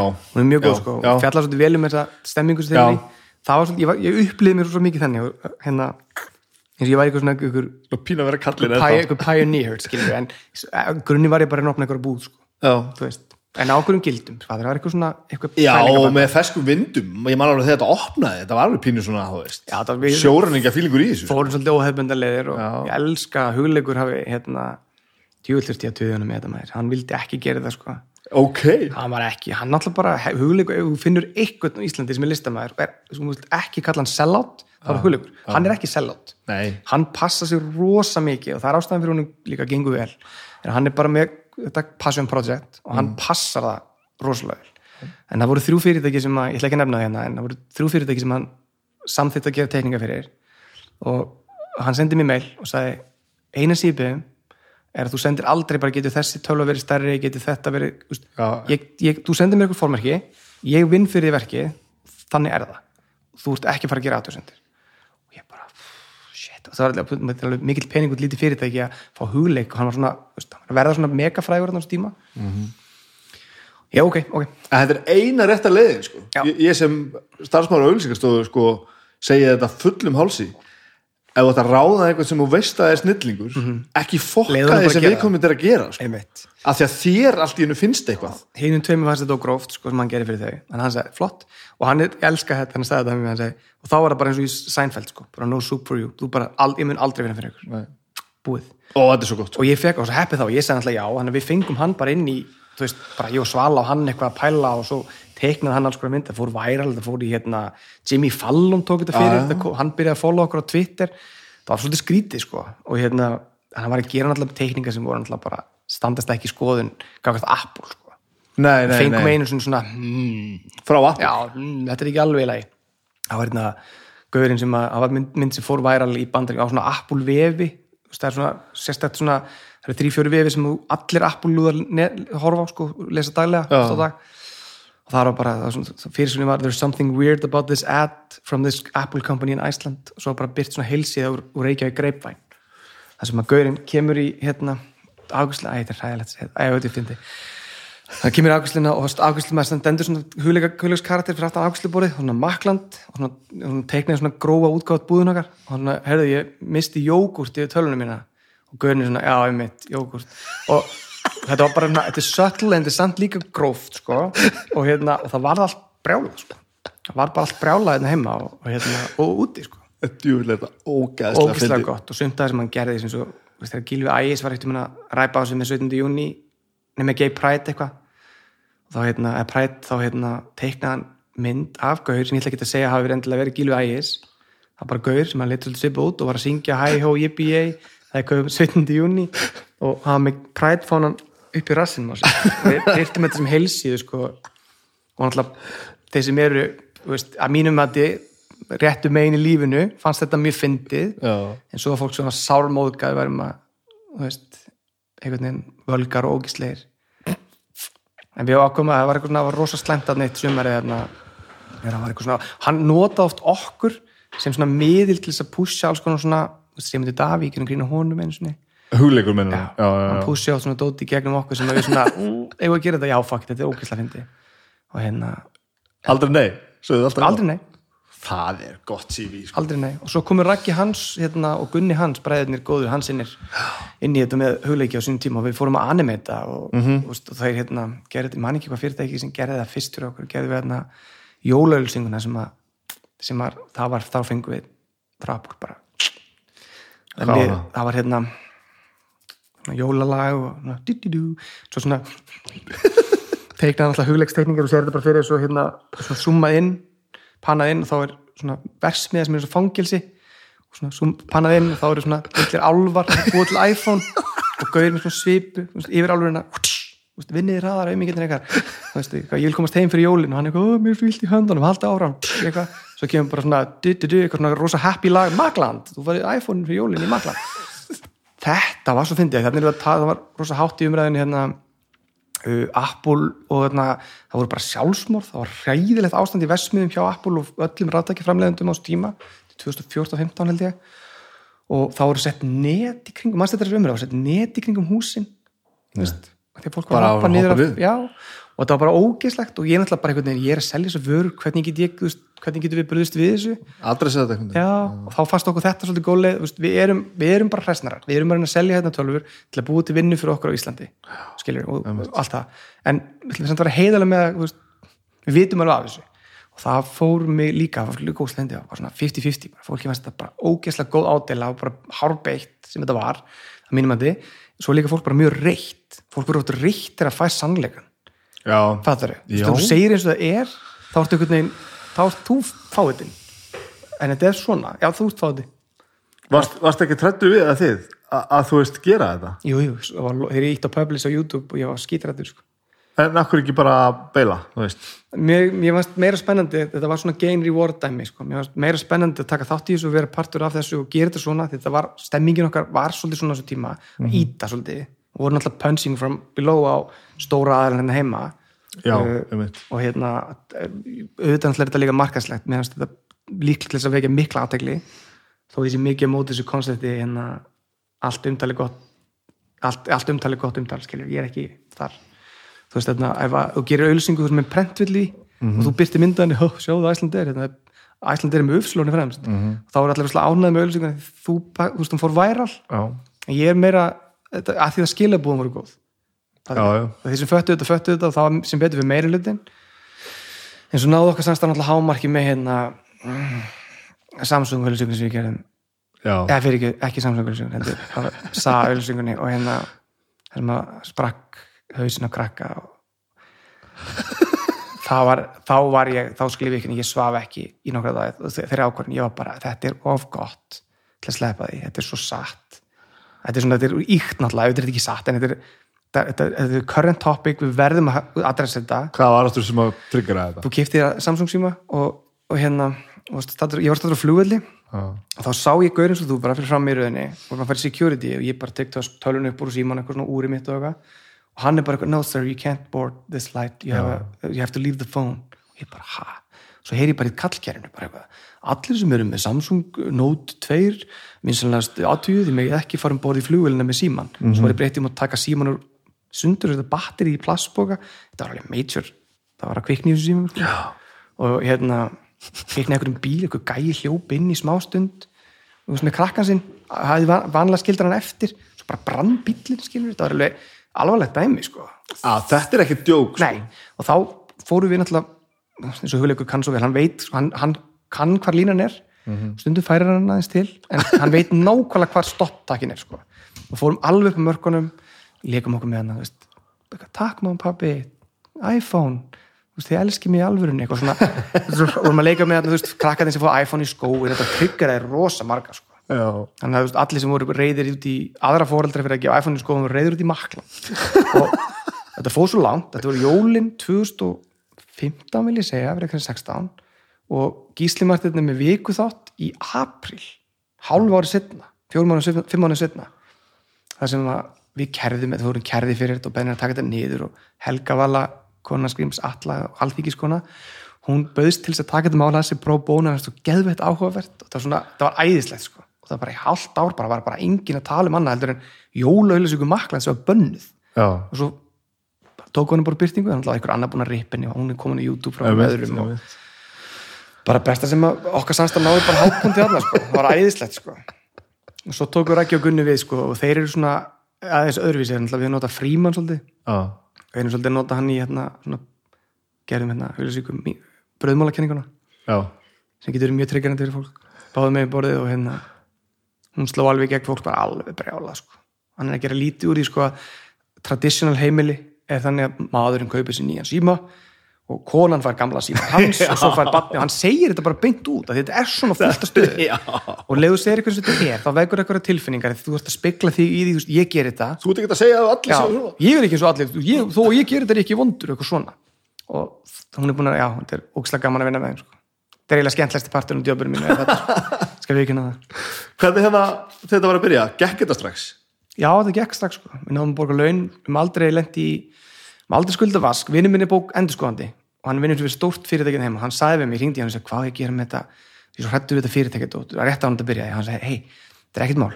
Þú sér það fljótt hvort þetta gangi, en nummer 1, 2 og 3 aldrei sleppa ég borga rimlagjöldin. Ég er rimlagjöldin, hvað er það? Þú veist, það er vaskurinn og aðflutningsgjöld þú flytur eitthvað inn, þá færi svona tollkrít kaupir vöru fyrir 100 skall og, og átt að borga 20%, 24% skatt af því. Eða, já, já, og hérna borga þessi gjöld, þá verður þetta alltaf leið og ég bara ok. Og þannig að ég bara þessum að borga mér ekki laun í eitthvað, þú veist, það alveg komið bumps on the road. Def, alveg definitely sko. En við höfum, ég hef náð þeim árangri að vera aldrei með rauðan reikning á netbankanum í Makland en í nokkra daga veist, Já, ok. Sem er ógislega góð tilfinning. Þú veit það er magna já, og höfum aldrei, við höfum alltaf með svona kennitöluna og það var svona, það er líka præti einhvern veginn. En þetta er alveg fullt af peningum sem farið gegn. Það þarf alveg að eiga fyrir að, eiga fyrir að borga reikningana Það er ekki þetta að halda þessu bara fljótandi bara á bara einhverju gúdvili og lukkunni. Jú, Jú, það er hægt að gera það er hægt sko, fyrstu ári voru bara þannig. Það var bara fólk eins og þú sem fattaði hvað vorum að gera. Uh, þó ég enda kannist ekki við frá þeim tíma skilur, ég man ekki að það var komið en það voru fólk bara að koma að þetta var það vildi, Já. hafa valkost. Já, já, já. það var óanett með, það var á sama stað og ég skilur með hitt, hinn option og hérna uh, það er jú alveg hægt sko, við erum ennþá að sjá ég er að sjá fólk, ég er svo gaman að fletta upp og ég segi bara, segi bara Jón Jónsson hérna, einhver gaur búin að sjá hann er búin að koma síðan 2010 já. það er klikk er að 11 ára vist þess að og þetta er ekki eitthvað allir skilur við, en við erum mjög stolt af því að hérna, við tökum þetta mjög alvarlega. Tökum, þetta er úslega dramatískt að tala um þetta hljóman eins og ég sé eitthvað klikkað en hérna það er úslega mikilvægt þegar ég, ég vesla, hvað gefur þú fyrir þetta ekki oft sens til dæmis? þú ferð á okkur síðu, sér eitthvað er til gerir í búðina, það er ekki til. Úst, hvað, gefur oft svona Úst, hversu, hversu reyðu verið þú út í fyrirtæki? Ég, ég hef mjög lágan þröskot fyrir svona. Já. Mér finnst þetta ekki í lægi sko. Nei, ég er rosa mikið hann sjálfur, ég verð fljótt grammur. Já, Ég ég, skil ekki Akkur getur ekki bara drullast til þess að hafa hlutin í lægi Það er svolítið bara að vinna en að gera það sko. Já, af því að þú annarkort getur það ekki að því þú ert hérna, uh, ekki capable, skilur ég, Það er sem mest í töðunar mér bara Ég finn bara að fólk bara fucking nennir ekki að gera drastið að fólki sé saman það Þá var ég alveg mannígur sko. ég, þegar við ráðum inn fólk þá er bara setting sér segjum bara, þú veist, það, er, það er ekki eins að vinna hérna og annars staðar. Hér er okkur ekki sama. Þú veist, ef að þú upplifir það einhvern veginn því að sé alveg sama please konti til mín, segðu mér það. Ekkert mál, en þá getur ekki unni hérna. Mhm. að, þú veist, það er pointi með þessu að þú að fólk, að, það þarf að endur speglast alveg frá því þú ringir sem er náttúrulega ógislega erfitt þetta að manna einhvern veginn það sem, þú veist, þetta ringin í fyrirtæki er alltaf erfitt með 20, þú veist, það býður óslega lengi. En þegar hún, þegar hún er í fólki þú veist að komur ykkur afgræslu sem við stafsmaða makland og við komum til að býða kannski tíu mínútur Mhm. og mætir ykkur þurrum viðmóti. Mm. veist, við verðum við erum alveg þar.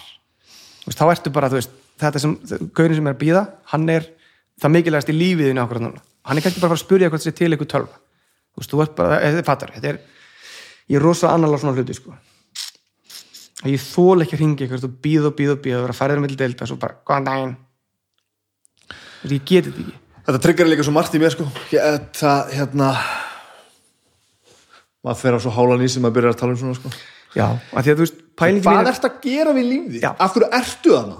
algjörlega og ég, ég er ógislána með það í dag þá er bara, og ég gegnum árin það er bara búið að vera ro, að rosa mikið fólki sem kemur til okkar, vill vinna með okkur sem er mitt að, þú veist, fattar pælinguna Já. sem er búið að taka eftir okkur, já ég tók eftir okkur samfélagsmiðlum, ég fíla hvernig En svo er þetta alltaf eru smitandi líka Ég meina, Þú finnur að einhver hefur ástríðu þá, þá þarf þú sjálfur upp á, upp á tætna sko. Já, það er svolítið þannig sko. Þetta er alltaf, já, þetta er búið að vera fárlegt ferðalag sko, en hérna svolítið nær hápunkti núna í vor sko, með þessum samningi við Apple sko. það svolítið setur okkur upp á annan leikvöld sko. ertu ekkert hrættur að vera að missa hérna underdog fílíkin nei heldur þú sér það bara ásækningum okkar að þú berða saman þá. Já, ég áttu nú kannski ekki við, við, við Þar. peningana sko. Heldur stemminguna? Já, þú veist. Þetta er rúslega erfitt, þetta er, þetta er hárfín línan að milli sko, ég hef alltaf sagt til stafsmennina mína stafsfólki mitt og mitt samstagsfólk er að ástæðin fyrir að við erum til er að því að við erum að reyna að gera hlutina betur heldur en ykkur annar. Það er tilgangu þú stofnar nýtt fyrirtæki. Ég hef eitthvað að segja. já, playið með eitthvað pælingu sem þeir telja æslandi get ekki bla bla bla.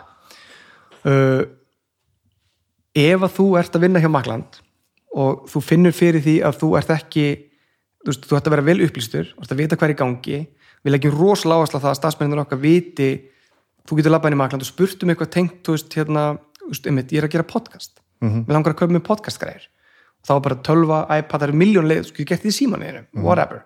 Uh, það er, er sem sé lína sín að tala um sko, er þessi hárfínu lína milli þess að vera hrókafullur og að vera já, þú? þarfst að vita, þú þarfst að sína fólki að það vi, þú viti hvað er að tala um eða þú sett 100% þú gefur um 100% vissum það að þú veist það ekki þarfst að fara að finna út úr því.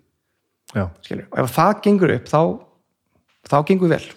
Já, ég held að þetta sé e, e, nákvæmlega þetta. Og ég held að eftir því sem að vera frekari á, á, á þjónustu og, og, og viðmót sko -hmm. Ég er eiginlega farin að fara fram á það að einstaklingu sem er að afgræða mig hafi skoðun á hlutunum. Já, við höfum alltaf gert þannig. Við spurjum þig bara og kemur inn í búðina.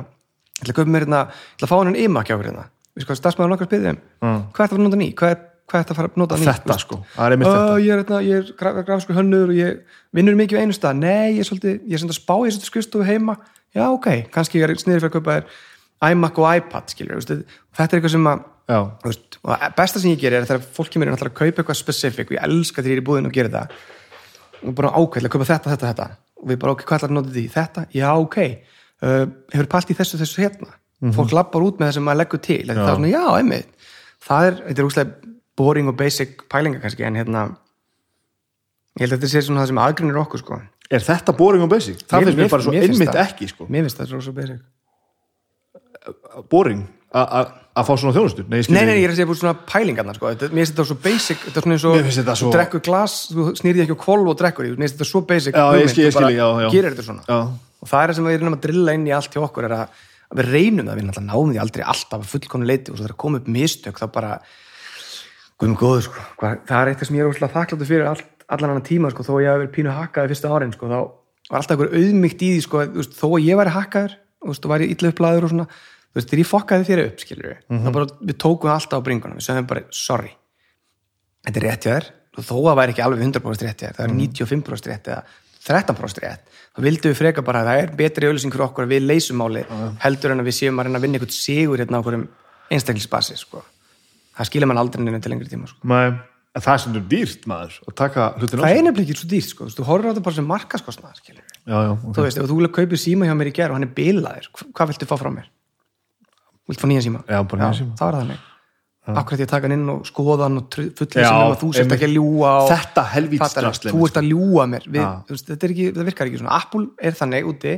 Ég keitti mig síma í Kaliforni 2015 vorum hann í mánuðum með börnin. Fórum alla, alla vestustöndina, djúlar, ég hefur gert það? Veist, þetta er bucket list nummer eitt, keira niður Pacific Coast Highway. Þetta er bara, andlegt bara andlegsta stund sem ég átt í lífi mínu. Uh, ég fyrir að kaupa með töl hérna síma, því að það var þinn tíma ekki svona roaming dót, það var ekki, það miljardur að fara til bandarækja og nota síma Einmitt. og ég var í vinnunum alltaf líka í fríi og ég kaup með síma og kaup með svona prepaid kort til að nota fyrir netti og svona. Og ég spyr gaurinn, get ég honum þú veist, er eitthvað, er svona return policy? Hann bara, já, 30 dag pælingu. Og ég bara, má ég nota hann í 30 dag ég er akkurat í 30 dag í LA eða, hérna, fyrir vestan. Ég bara, heyrðu, ég fatt þetta. Ég fekk hann endur greiðan Er þetta ekki frekar dirty move samt? Jú, auðvitað, en þetta var hægt fattar þetta þeirra, þeirra level of confidence er að, þú veist, gaurið sem skila svona eru gaurið eins og ég. Men fólk, 95% af fólki, 98% af fólki er að kaupa hennar síma og er bara massa ánægt en auka confidence er þessi þú mátt skila honum. Við höfum ekki fundið leið til að gera þetta því að marginutnar á Apple verum eru bara mjög lágar þú veist, þetta er, Já. þú veist, maður er þakkláttur fyrir tveggjastæða tölu sko í framlega sko Já, já, já. og hérna, en hérna, til mér eins og fyrirtækin heima ég er mjög gaman að hrósa fólki sem gerir hlutina vel eins og Elko, bara þau eru nálgast þetta nákvæmlega svona kaupir mm. riksu hjá þeim og hún er bara ekki svona á að vera ég kipti riksu hjá þeim í mars og ég fekk að skilir já, velið með nýja og ég var bara, ég var tilbúin í slægi og svona, já, já. Svo komin- bara, var það bara að kenna manni þetta já, svo var ég ætla að mæta að vera að geða allir, svo gæði bara brosandi, hei, góðan dag maður, hvað, hvað get ég gert fyrir þig? Er ég með riksu hérna? Já, hvað er henni? Hún bara virkar ekki svo ég vil virki, leið mér aðeins að prófa hana. Farið inn í búð, fáði kaffi og svona sama við gerum, skilur við, makland og ég var svona, wow, geðveikt, þetta Já. er sama pælingi og ég lappa út bara með nýja riksu helvítið sáttur, sko, já, þetta skiptir ansi og ég er búin að segja þetta sko í þremur hlaðvörpum máli. það, nákvæmlega þetta sko. Já. og ég vona að fólk sé að upplifa þetta sama í okkar þetta er náttúrulega, þú veist það sem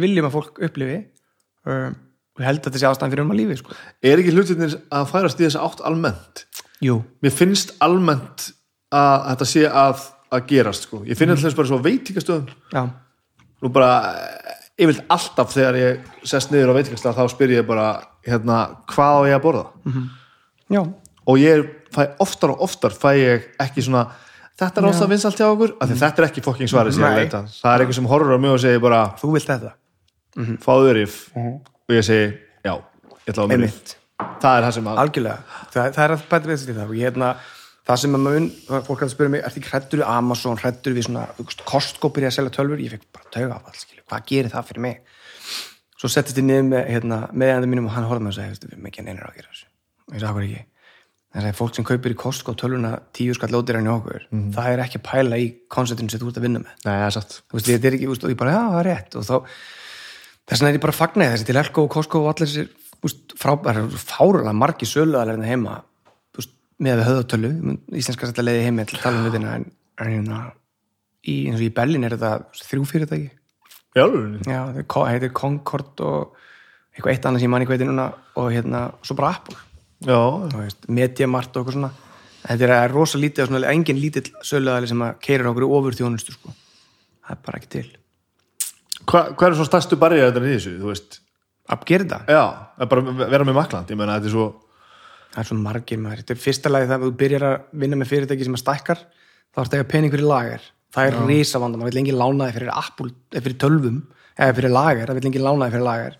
Nei. þannig að þetta byggja upp einhvern veginn organic líkinum árin. Svo er þetta semst, hvernig aðgengi af vörunum er, það er búið að gjör breytast sko, síðustu 2-3 árin sko. það? við erum bara ekki lengur að kaupa um, vörunum heima sko. já, við erum bara með aðra partnera sko, sem er bara við uppgötum þá að það er bara til það eru til fyrirtæki sem eru að selja þessar vörur í heilsölu sem að veist, hafa passion eins og við fyrir því að gangi vel og þessi gaman sko. já, bara koma sér hennilega bara í réttu kontaktana já, við erum bara heppin þar bara duttum inn á eitt fyrirtæki og, og hérna höfum ekki litið tilbaka síðan sko. já, bara, já, þetta er búið að vera barjærnir er náttúrulega líka svo náttúrulega bara stafsmanna, stafsmannamál og veist, svona ímyndamál, hvernig ætlar að hvernig get ég fengið til að kaupa með tölvu? Hversu lengi getur þú ketið með tölvu því að stemming í makland, skilur, gaman á Instagraman okkar, það er, veist, það er alls konar svona dót líka sem að bara einhvern veginn hefur leist einhvern veginn sko bara með fólkinu sjálfu og menningunni sem ég bjóð til að, veist, þegar ég var að byrja, það er svolítið svona fólk, fólk er fara að treyst okkur. Þó við séum pínu bjánar á okkur sportbíl átjánar að bóla upp á granda skilur, líka í aldrei þessi fyrirtæki sko. erum múnt fyrirtæki. En fólk er búið að fatta einhvern veginn og var rúslega gaman að sjá það. Fólk treystir okkur sko. það er náttúrulega bara því bjóst ég ekki við sko. sjálfur, eða, ég, meina, ég hefði ekki tegnað upp svona fyrir 10 árum, skilur, 11 árum ekki sens ekki að sitja hérna og ég segi þessi ykkur nástaðdæmi sko. glemdu því sko. ertu mikið hands-on ennþá? Hva, hva, Nei, hvað, miklu- miklu hvað er vinnaðin? um, vinna mér núna eh, náttúrulega í sumar, þá, eðast í vor þá saminuðist, eða keiftu mér umverulega út sko, hérna það heit Viss verstaði og þá áþræðist Apple Service Provider og við reyndum að verða það 2016 uh, en þá var annað fyrirtæki þegar tilbúið með allan pakkan þegar svona Apple er með mjög, þú veist, treystu mér veist, guidelines, þú, ekki, þú skilur ekki orðið þýðir fyrir þú kemur í samstarfi Apple, það er bara, þau, þau eru með sko, þau eru með guideline um allt. Veist, það eru 40 manns að vinni því að búa til bara iPhone flokkin á heimasíðin þetta er, þetta er svo rosalega miklu stærri en maður gerir sig grein fyrir. Uh, þannig að við fengum það ekki 2016 og ég fór í mjög miklu fíli við því. Mér finnst það mjög leðilegt, mér langaði að vera svona official eitthvað svo komið tæki fyrir upp núna fyrir áramót þegar ég bjóði þátt í Berlín og hérna þá gátum við ekki stopp við gátum ekki sann nei. Það var bara, þetta var momentið núna til að gera þetta. Við höfðum að taka svona þroskastökk uh, yfir á næsta plan bara raunverulega hjá okkur. Það þýðir umvel það að við erum komni núna í bein sambandi Apple með allar hérna skjárin brotnar á símaninum móðuborðið bilaði tölunin við getum þjónust okkar eigin vörur sjálf. Já, já, það hefum aldrei geta. Þannig að það er fólk, ha, voru alltaf að senda hlutin annað það er, það er sko að gerist þá þá þarfst að eiga góðan vinn sko. þá þarfst að tengjast gaurunum á vestæðinu sorry, ég er mjög kynjað hjá mér en gaurunum á vestæðinu er bara þannig þarna. og ég sem betur við þeim persónuleika törum getur ég á mjög auðvöld með að fá fólk með mér í lið.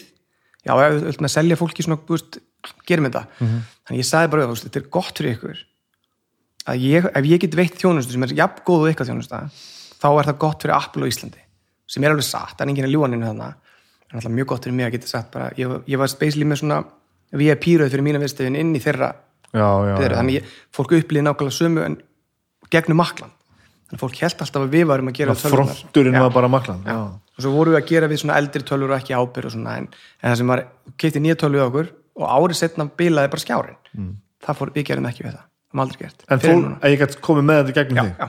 Við vildum alltaf tj- stjórna sko upplifuninni fyrir þig sem viðstafinn og þú myndir ekki, já farðu þangað. Einfaldar þetta ekki ógæðslega margt. Þetta er bara, þetta er algjör game changer. Veist, við erum bara að fá hérna sendingar með einsta degi frá Apple og varalitum og brotin skjáir er náttúrulega algengasta og þú veist, dóttir mín vatnið í tölvuna og allt þetta dótt mm -hmm. hundurinn pissaði á tölvuna mína, no joke það er bóka minn einu sinni. Og hérna uh, breytir öllu breytir öllu fyrir okkur. Bara við getum farið að þjónusta fyrirtæki núna sem við gátum ekki gert aður ég myndi aldrei reyka fyrirtæki sem að þó að þessi geggjur stemming á Instagram í Makland skilur þá get ég ekki treyst því að ef ég hef ekki beint samband við Apple að þetta gangi vel ef eitthvað bilar. Akkurát, það er bara ekki hægt að það er, var hægt í ákveðin tíma og svo bara núna er þetta orðið það stort að þú veist þetta, já, þetta, þetta árverður lengi minningu haft sko. já, þetta er alveg þannig. Þetta er alveg, þetta já, búið að vera mjög, mjög sérstætt þar ég veit neina að gera þetta allt í COVID og ég bjóð ennþá úti þegar þetta gerðist sko. Og fók kom heim með stelpunar í mars og Svala var ennþá úti í náminu. Að klára það var ríkalega rétt sko. nokkarnlega sko. Ég hef alltaf verið með konuna mína sem sko, mína, minn bakkjarl sko, og líka sem, þú veist 90% af lótunni fór á hana en 95% á tí- tímabili. En þarna var ég komið 100% bara bönnin já. það var mjög áhugavert. Ég lærði mikið um sjálf mig á þessum mánuðum. Hvernig fóruð út?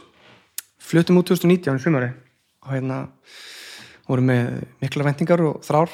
Svala var búin að lengja blunda í einu svona draumur að fara í nám mastersnámælendis í grafskri hönnun. Og hún er úst, bara þessi klassíska íslenska kona og bara með, alveg vera reyðum mig sem er að hlusta á þetta hún er bara miklu talent, meira talent heldur en hún upplýður sjálf sko. og hérna ef hún hefði haft mitt sjálfströst og mitt svona blinda sjálfströst þegar hún var yngri þá væri hún bara, þú veist bara, þú veist, milliramæringu sko, skilur við uh, fluttum út líka til þess að flýja Ísland pínu liti og komið smá nú. Flýja hvað þá? bara stemmingunni hérna. Já. það var svona árið svona pínu okkur fannst þetta pínu þrúandi og svona dálítið nálægt allt. Svo fórum við út og það svona þá saknar maður líka þess að geta ekki droppað til mömmu pappa og allt það auðvitað, þetta, þetta basics sko, sem er held að allir upplifi. En við fengum í staðin sko að þroskast sem fjölskylda sko, saman, við gátum við gátum verið bara, við vorum alltaf í orðin svona fjagra manna svona pack Já, já, já. skilur, í- við vorum bara, við gátum, það gátt engin hjálpa okkur nema við fjögur ég þurfti að vera í standi skilur já, var nákvæmlega, já, í það nám. ekkert fólkbak Nei, þú veist, ég, ég gæti ekkert sagt við konuna og ég líður svo ítla núna þessa vikuna, getur þú síðum börnina því ég er svo lítið líf mér. Ég fór bara til sálfræðingsmið í marga tíma og sagði bara ég verð, þetta verður að vera þannig ég ætla ekki að vera ástæðan fyrir því að kona mín resentar tíman út í Berlin. Mm -hmm. Svo náttúrulega kom COVID og þá fengum við sammeilegt hérna, resentment. En, já, já, en hvað var það mig sko, þá var ég bara mjög ánægð með það. Þú veist, það var rosalega góð tími að mjög mörguleiti. gastu skilji bara allt eftir Nei, ég var náttúrulega bara var að vinna í fjárvinnu ég, gast- ég var ára undan öllum hinum í COVID-panikinu með, með Zoom og allt þetta. En ég var komið með það svolítið komið reynslu þegar Já, það var rosalega þægilegt sko. ég held starfsmannafundur Zoom og svona fullt á gluggum og skjánum og ég var bara, krakkar, hvað erum við að gera? Þetta er mjög skrítið og þau voru allir bara hlæjandi að þessu það var bara í mars 2020 sko. og svo hérna en svo þetta skellur á þá bara var erfiðar fyrir mig að komast heim líka, ég gæti ekki komast heim já, og varstu ar- mjög reglulega að koma heim þá? Já, ég kom heim alveg 7-8 sinnum sko með henni bjóði, nei 10 sinnum örgulega og, dvaldi þá í smá tíma og fór í búðirnar og hitti krakkana og, og sansast með minna og svona. Og, en þú veist, ég held að ég hafi þetta hafi verið að besta sem ég gæti gert sem framkvæmdastur í Magland sko. að fara hans Já. já, bæði það að þau ég átti að, svo sagði Hafþór vinur minn sem vinnur með mér, hann sagði við mig þetta er það besta sem gæti komið fyrir mig sko. já, beisli, hann var bara í beisli. Þú veist, og með einhvern micromanager með svona brúð, svona puppet show alltaf, ég var alltaf fyrir aftan hann og allir einhvern veginn jafnsekir að maður treystir á þá sem maður er á bakvið sig og, og maður tekur ekki eftir þegar maður sé að stjórna þeim sem eru fram á sig og allt þetta. Þannig að ég bara detta einhvern veginn og blind og láta grípa mig og Var þetta bara- strempið það? Eða Já, gerðist þetta bara? þetta var, þetta var alveg pínu strempið því ég var líka ég fattaði ekki fyrir svona ára hann ég kom heim að hvað ég var leiðilegur við það svo í alvörinni, ég er ekki tjóka ég var bara, ég var svo, var svo, smámennusamur og gætt tekið svona hluti sko ég, ég, ég kann ekki íslenskuna fyrir þetta en að ég, ég get gert úlald og mýflögu ég var rosa mikið í því sko. Í staðan fyrir að ég náði ekki utan um heildina var svo stressaði sjálfur og svona. Svo bara einhvern veginn eftir ár úti bara kom eitthvað svona bara þögn, það var ógislega næs. Þannig ég bara vissi bara, þau haft og sagði bara mig, hörður, slakaði bara við erum með þetta. Þetta er bara rólegur. Okay. þetta er náttúrulega barnið mitt skilur, og ég vildi ekki sleppa tökunum á því. Og hérna, svo er ég búin að gera það núna meira og meira og það er svolítið bara starfið mitt síðast árið bara meira svona eins og frangandastjórar er að vera að gera. Bara pæli næstu skrefum og hvernig við erum að standa okkur í heilsin en ekki, þú veist, eitthvað svona micro dæmi það er ógislega góð tilfinning sko. Og, þetta, og það klórar alveg á réttum stöðum að veist, færa þig yfir í það. Já, það er það sem ég vildi alltaf gera. Ég var alltaf að leita þessum exit punkti sem er ekki exit punktur þetta er svona þessari tímasetningu, ég myndi einhvern veginn tímapunkti geta sko bara treyst 100% -hmm. og hann er komin núna. Svo er ég með, það var breyting á stjórnin í okkur eftir að við hérna saminuðust, ég held að sé örugglega engi sem talar um þetta í einhverju hlaðvarpi en ég bara, ég held ég, ég bara einn af mínum svona æsku vinum er í stjórn og stjórnaformarinn ég eigum bara svona samstæðan sem ég og hemmi. Já, skilur við, það er bara ekki tringt í hann og dömpað á hann, bara hálftíma gremmi yfir ykkur máli. Hann bara ok, ok, ok. Og þannig ég komið með svona það setup sem við hefum dreymdum en vissi ekki að ég þyrti sko. já, skilur, ég, ég hafði ekki einu svona capacity til þess að þú veist áttum á þetta var það sem ég vildi sko. nei, nei. Þetta er alveg frábært staðsynning sko, núna. Akkur, við, þú komst heim með krakkana? Í mars. Núna í mars? Já. og var það út af þessari sammenningu? Nei.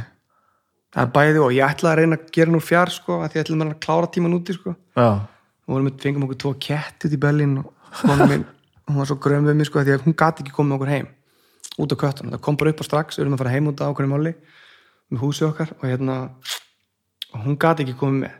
Þannig ég segi, annarkvað fer þú heim með stelpunar og ert í fjarnámi í Berlín og býð á Íslandi og ég er þá í fjárvinn í Berlín frá vinnunum mín á Íslandi þannig að það var lógist að skrifa að ég færi bara heim og hún var þá eini í Berlín í þrjá mánu sko, það var algjörst hell sko gátum ekki, það var vesti tíminn í COVID það gæti enginn farið á millin ef maður væri sótkví og, já, og erfitt, þannig að ég fór ekki fyrir lók mæja að sækja hana sko. þannig að það var svolítið erfið tími sko. og hérna, en góðu tími líka veist, þetta var erfiðar fyrir hana sko. En þið voru ekkert að leina heim. Það var ekkert, við, ég ætla bara að segja hreint út núna ég vona að vera ekki reikin og vinnunum minni, ég ætlaði ekki þeim sko. Ég var bara, ég hef aldrei, aldrei liðið eins vel í lífinu eins og dýbali en var, varst að koma? Er ég að fiska eftir einhverju sem ætlar ekki að segja mér? Já, kom bara upp aðtökum húsi okkar sem við, við eruðum að díla við sko. Það bara Já. voru með leyendur sem að það bara fór allt í steik sko. Og þú kemst ekkert frá því aftur út bara? Kannski það var þannig, það var beyond repair sko. það var bara þurfti að koma heim og standsetta húsið aftur Já, þannig að styrsta útgáðan hans ég vilji baka mér eitthvað skafabótt rétt en hérna, það er ennþá í vinslu máli og hérna, búið takk sex mánuði að fá bankaábyrðinu greiða frá bankanum. Þannig að við vorum með plan að fara í Europatúr fjölskyldunar við ætlum að senda dótið heim í gám taka með okkur svona smá fött í eina ferðartösku og taka lestaferð með Európu sem var ekki. En við gerum bara já. En hvernig þá var að koma heim? Er það bara, það er alltaf, þú veist, að mörguleiti er þetta náttúrulega bara besti staður í heiminu til að búa. Það ég ætla ekki að koma heim eitthvað með eitthvað, þú veist, Berlín er betur en Reykjavík, ég ætla ekki að segja það en, en hún er það samt, sko. Já, það er allt önnur, þetta er allt annað. Þetta er svo, Henrik, ég elska Henrik hann hérna, hann lísti sér fyrir mig og við erum að pæla í þessu, sko, Svala sagði bara um mig ég er búin að sækja skóla. Og við ætlum að fara til Berlín ég bara, ok, finnum út úr þessu. Fengi Henrik, Henrik býr hann ég bara, hvað ég segi Henrik, maður, erum við erum að koma? Hann bara, gekk, gekk, gekk, gekk, hann ætlar rosa íslendinga stemming alltaf bíla ælendis ógislega þéttur hópur alltaf af fólki og þó að það svona eins og í kaupendlum, það er mikið meiri samgangu þar með íslendinga þá sagði við mig hann var líka ekki að finna sig hérna heima hann var bara, hann fílaði ekki væpi hérna. það er eitthvað svona, það er eitthvað svona, það er svo ákveðin svona tíðni þú veist, sem þú veist á, ég fundi þessi tíni í New York og Los Angeles og í Berlin mm -hmm. stórborgum, þar sem er bara, þú veist, þetta er svo stórt að þú átt engan sjens í að stand out á einhvern hátt Mæni. þú ert bara eitthvað maur og ég fer í göngutúr og það segir engin blessaður, blessaður, hvað er gaman að sjá þig? Þú þú- það bara er öllum sama. Þau eru bara í sínu lífi og ég er bara í mínu lífi. Mér fannst það gegja og Henrik sagði við mig á Íslandi, sko, tökum þetta bara í líkingu við íþrótti sagði hann, Íslandi spila ísokki sumum finnst geggja að spila ísokki það er svona harka og það er svona þú ert að vera grimmur og berjast og svona, þetta er svona, þetta er svona baráttu íþrótt sko. en í Berlín er bara að spila bortins í garðinum skilur ég, bara, ég skildi þetta ekki alveg fyrst sko. svo komum við út það fór átt að mig hvað hann er að meina hann vildi bara, hann vildi þess að mýkt hann vildi hennan tíma og hann vildi hennan svona, friður sem hann hefur fundið út sem er bara, bara við nýkur í fucking ísúð. Og ég hef sagt það við hann. Veist, mér fannst hann bara failure. Fannst þér? já, mér fannst hann bara failure hann var að flýja Ísland, vildi ekki díla við raumuruleikan þetta er 2014-15 Já. svo svona hrókaföllu sko hann var bara, draumur hans var bara að koma sér fyrir ykkur borga sem hann gæti bara haft að næs Hann er svo skemmtilegur sko. hann er algjör gæi sko, það er bara, þú ætti að fá hann einna næstur hann kemur til landsins. Já, djúvill er það góð hugmynd Djúvill er það góð það var hugmynd reyndar svona 16 klukkutíma þáttur en alltaf leið en hérna, hann er hérna þetta satt í mig svolítið og ég er svolítið meira bortennis megin í lífinu sko. ég áttaði mig bara ekkert á því að ég er búin að spila ísokki gegn vilja mínum allan annan tíma fattar við, svo er ég bara kla- allur svona með, ég er með illt í og ég er með höfuð áverka og ég er með broti fót og ég held samt alltaf áfram að spila ísokki og þá bara, hann spurði sig bara, akkur er ekki bara geggjað að vinna í ykkur í fokkin ísbúð í belli sem er geggjuð ísbúð reyndar, mjög góður ísætna uh, þrjá fjóra dagi í viku. Og borða bara besta mat sem ég borða á æfuminu og lega íbúð sem er bara geggjuð en ekki á íslenska mæli hverða mm -hmm. er þú getur ekki lagt þetta saman og meika sensinni heima. Hann er, hann er feilir á Íslandi hann er að vinna í huppu og býr ykkur í skýta íbúð Já. skilur, Já. hann er, hann er að lifa draumið sin ég öfund hann alveg rosa mikið Já, hann sér alveg um sig sko. Já, þetta er bara geðveitt, þetta er svo fallegt sko. svo konar sem vinna í ykkur búð þau vinna lítið, vinna eins mikið við þurfa þetta veist, hvað þýðir þetta koncept að vinna eins og þarft veist þú hvað það er mikið? Við, Ég á ekki breyk í að reyna að svara Nei, þessa þetta er bara svona koncept sem ég skil ekki og við, ég held að við Íslandingar ættum að ef ég verið eitthvað svona úst, hérna, einræðis herra yfir Íslandi myndi ég segja, það- farðu heim tíðin og hugsaðu hvað þetta þýðir fyrir þig þessi setting hvað þarf ég að vinna mikið? Hvað þarf ég að vinna mikið, hvað er nóg fyrir mig? Hann er með nóg fyrir íbúðinu sinni, sparnaði og hann er að næra sig, skilur að gæða mat, hann er að borða ítalskan mat fluttan inn frá Ítalíu til Berlínar veist, þetta er bara shit sko. Við erum að panikki klukkan 6 að panta Dominos skilur Við erum það, Já. en á móti kemur, þú veist, við megum ekki að horfa bara á aðra hliðina Mhm. að þú veist, þú stopnar ekki makland með því að er gera þetta sko. það er samt ekki, al- það er ekki sama makland, nei en það er, ég fór að keitt lampa eða svona ljó, loftljós Mhm. 2016, það fór í bellina með sölu og stelpunum, og vorum að í mánu og við bara wow, það er eitthvað hérna það er bara tíðinin okkar er hér sko þá kemur gæinn og það er lokað í búðina bara þriðudag klukkan tvö eða eitthvað ég bara, hrókavöllur, bara hvað er það sem fá þetta Á vill hann ekki peningana mína? Svo fyrir við á miðvikudaginu, þá er opið sko. og ég spjalla við hann, spyr hann svona hvað hérna, hvernig er opið hér, hvernig er opið á miðvikudagum en ekki þriðudagum hann bara, ég er með opið sko, að þriðudagum er svona, þá fer ég og gerir þetta. Veist, þá er ég með þetta plana, þá fer ég fyrir sund og eitthvað svona, ég bara horfði á hann bara á hvað hann er klikkað þessi gæi? Veit hann ekki að hann er opið all dagana? Þá er meira pening, með skilur. Og Það eru fleiri klukkutímar þar sem einhver getur látið hafa pening. Já, við mættist þetta bara augnur á hann okkar mætast þetta og við skiljum hvort annan engan veginn. Skilur, það er ekkert sem er sammeilið ég bara, vá, hvað hann skrýtir hann er geggjað svona búð eins og kannski stofan er hérna. Fulla af svona weird ljósum og svona flottum vörum allstaðar á heiminum. Geggja koncept sem væri geggjað að hafa hérna heima. En þá er ég strax svona að hugsa, ég ætla að ráða tvo starfsmenn. Svo ég geti verið í stressinu með peningamálina þau eru að vinna í búðinu og svo er hvernig ger ég Instagram? Hann er ekki með Instagram. Nei. hann er bara með búð á okkur stað og fer svo bara lokar í þrjá mánuði og það fer hann til Ítalíu þar sem hann á heima. Já. skilur mm. og hann er ekkit uh, successful, fattar en þetta er success fyrir hann. Heldur þú heldur þetta myndir döða þér? já, Heldur það? já, já með draumum að opna út í svona svona speti, svona spetkáf bara vera með svona litla spetisjópu sem væri líka að gera af appildólur bara mér langar bara, ég langar rosa mikið í eitthvað svona lí, veist, ég er ekki að fara að hætti í makland alveg, stjórnin að hlusta á þetta, þetta er ekki gott sko. en hérna, nei, en draumurum minn er svona eitthvað svona, eitthvað svona quiet einfalt, skilur, ég bara ég þrái það svo mikið, sko. Þannig að ég er ekkit búinn með að búa útlönd, í útlöndum sko. Nei, ok. það er alveg klárt sko. ég finnir það öll, öll fjölskyldan okkar er bara stelpunnar að fóru svo lítið úr COVID-19 þetta var það er áskorun að fara í þýskan skóla og læra þýsku. En það er önnur áskorun og allt öðru level að læra það í COVID heima hjá þér í kennslu, í tölvu. Þannig að eftir þrjá mánuða því í röð þá sögðu bara við getum ekki búið með upp á það að það er líka stóra hrif á þess Já. að mass heimkomu sko. Koma heim. E, framhaldsspurninga þess að við vorum að tala um áðan, með hvernig gekkir að, að fara svo inn í að búa til, veist, einhvern feril og eitthvað svona og eiga allt innu bara konu og allt leit vel út, sko. Mhm. Hvernig, fó, hvernig gekk það að búa til, veist, samingi og fjölskyldu og heimili og allt svo þess? það gekk ekki droslega vel því að mér, mér gekk ekki vel Svölu gekk rosa vel skilur við Hva, hvað, hvað, þú veist, hvað stóði veginn fyrir þig? þau, Var,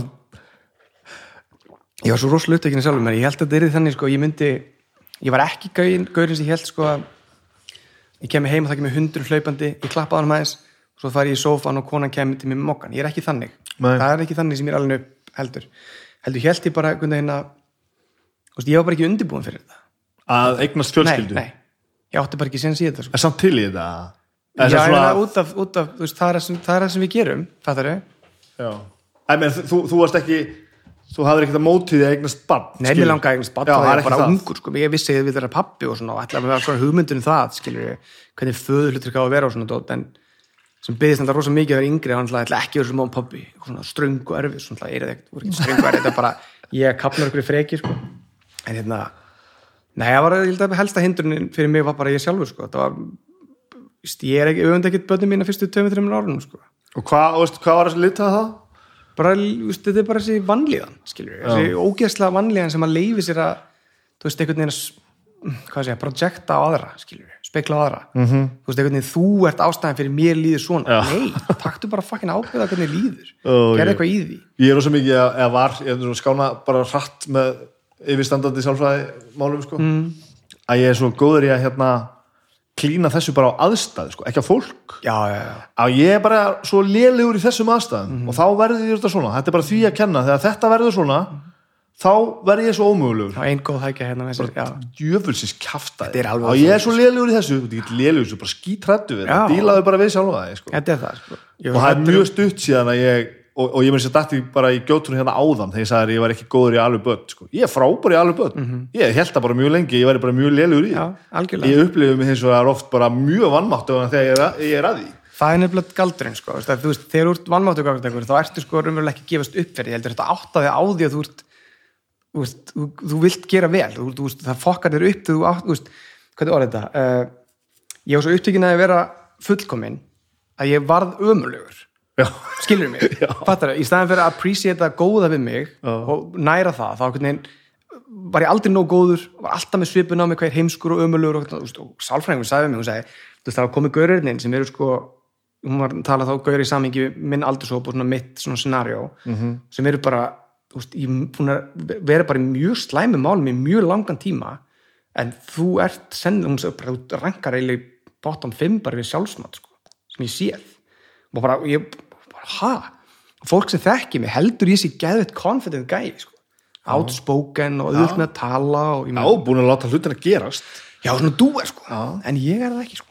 Ég er bara lítill strákur, rosa lítill í mér og hrættur við álit annara og þú veist, eða það var það, skilur Já. bara litaði mig alveg. Bara, það er sem ég er inn í kjartanum, sko. Bara, hvað mun honum finnast? Ég er að hugsa þetta leiðinbílum, hvað mun honum finnast um mig? Munum við ná að gera þátt? Skilur, stoppar hann þetta korter tala um þetta hér? Já, já, já. svona hugsanir koma alveg.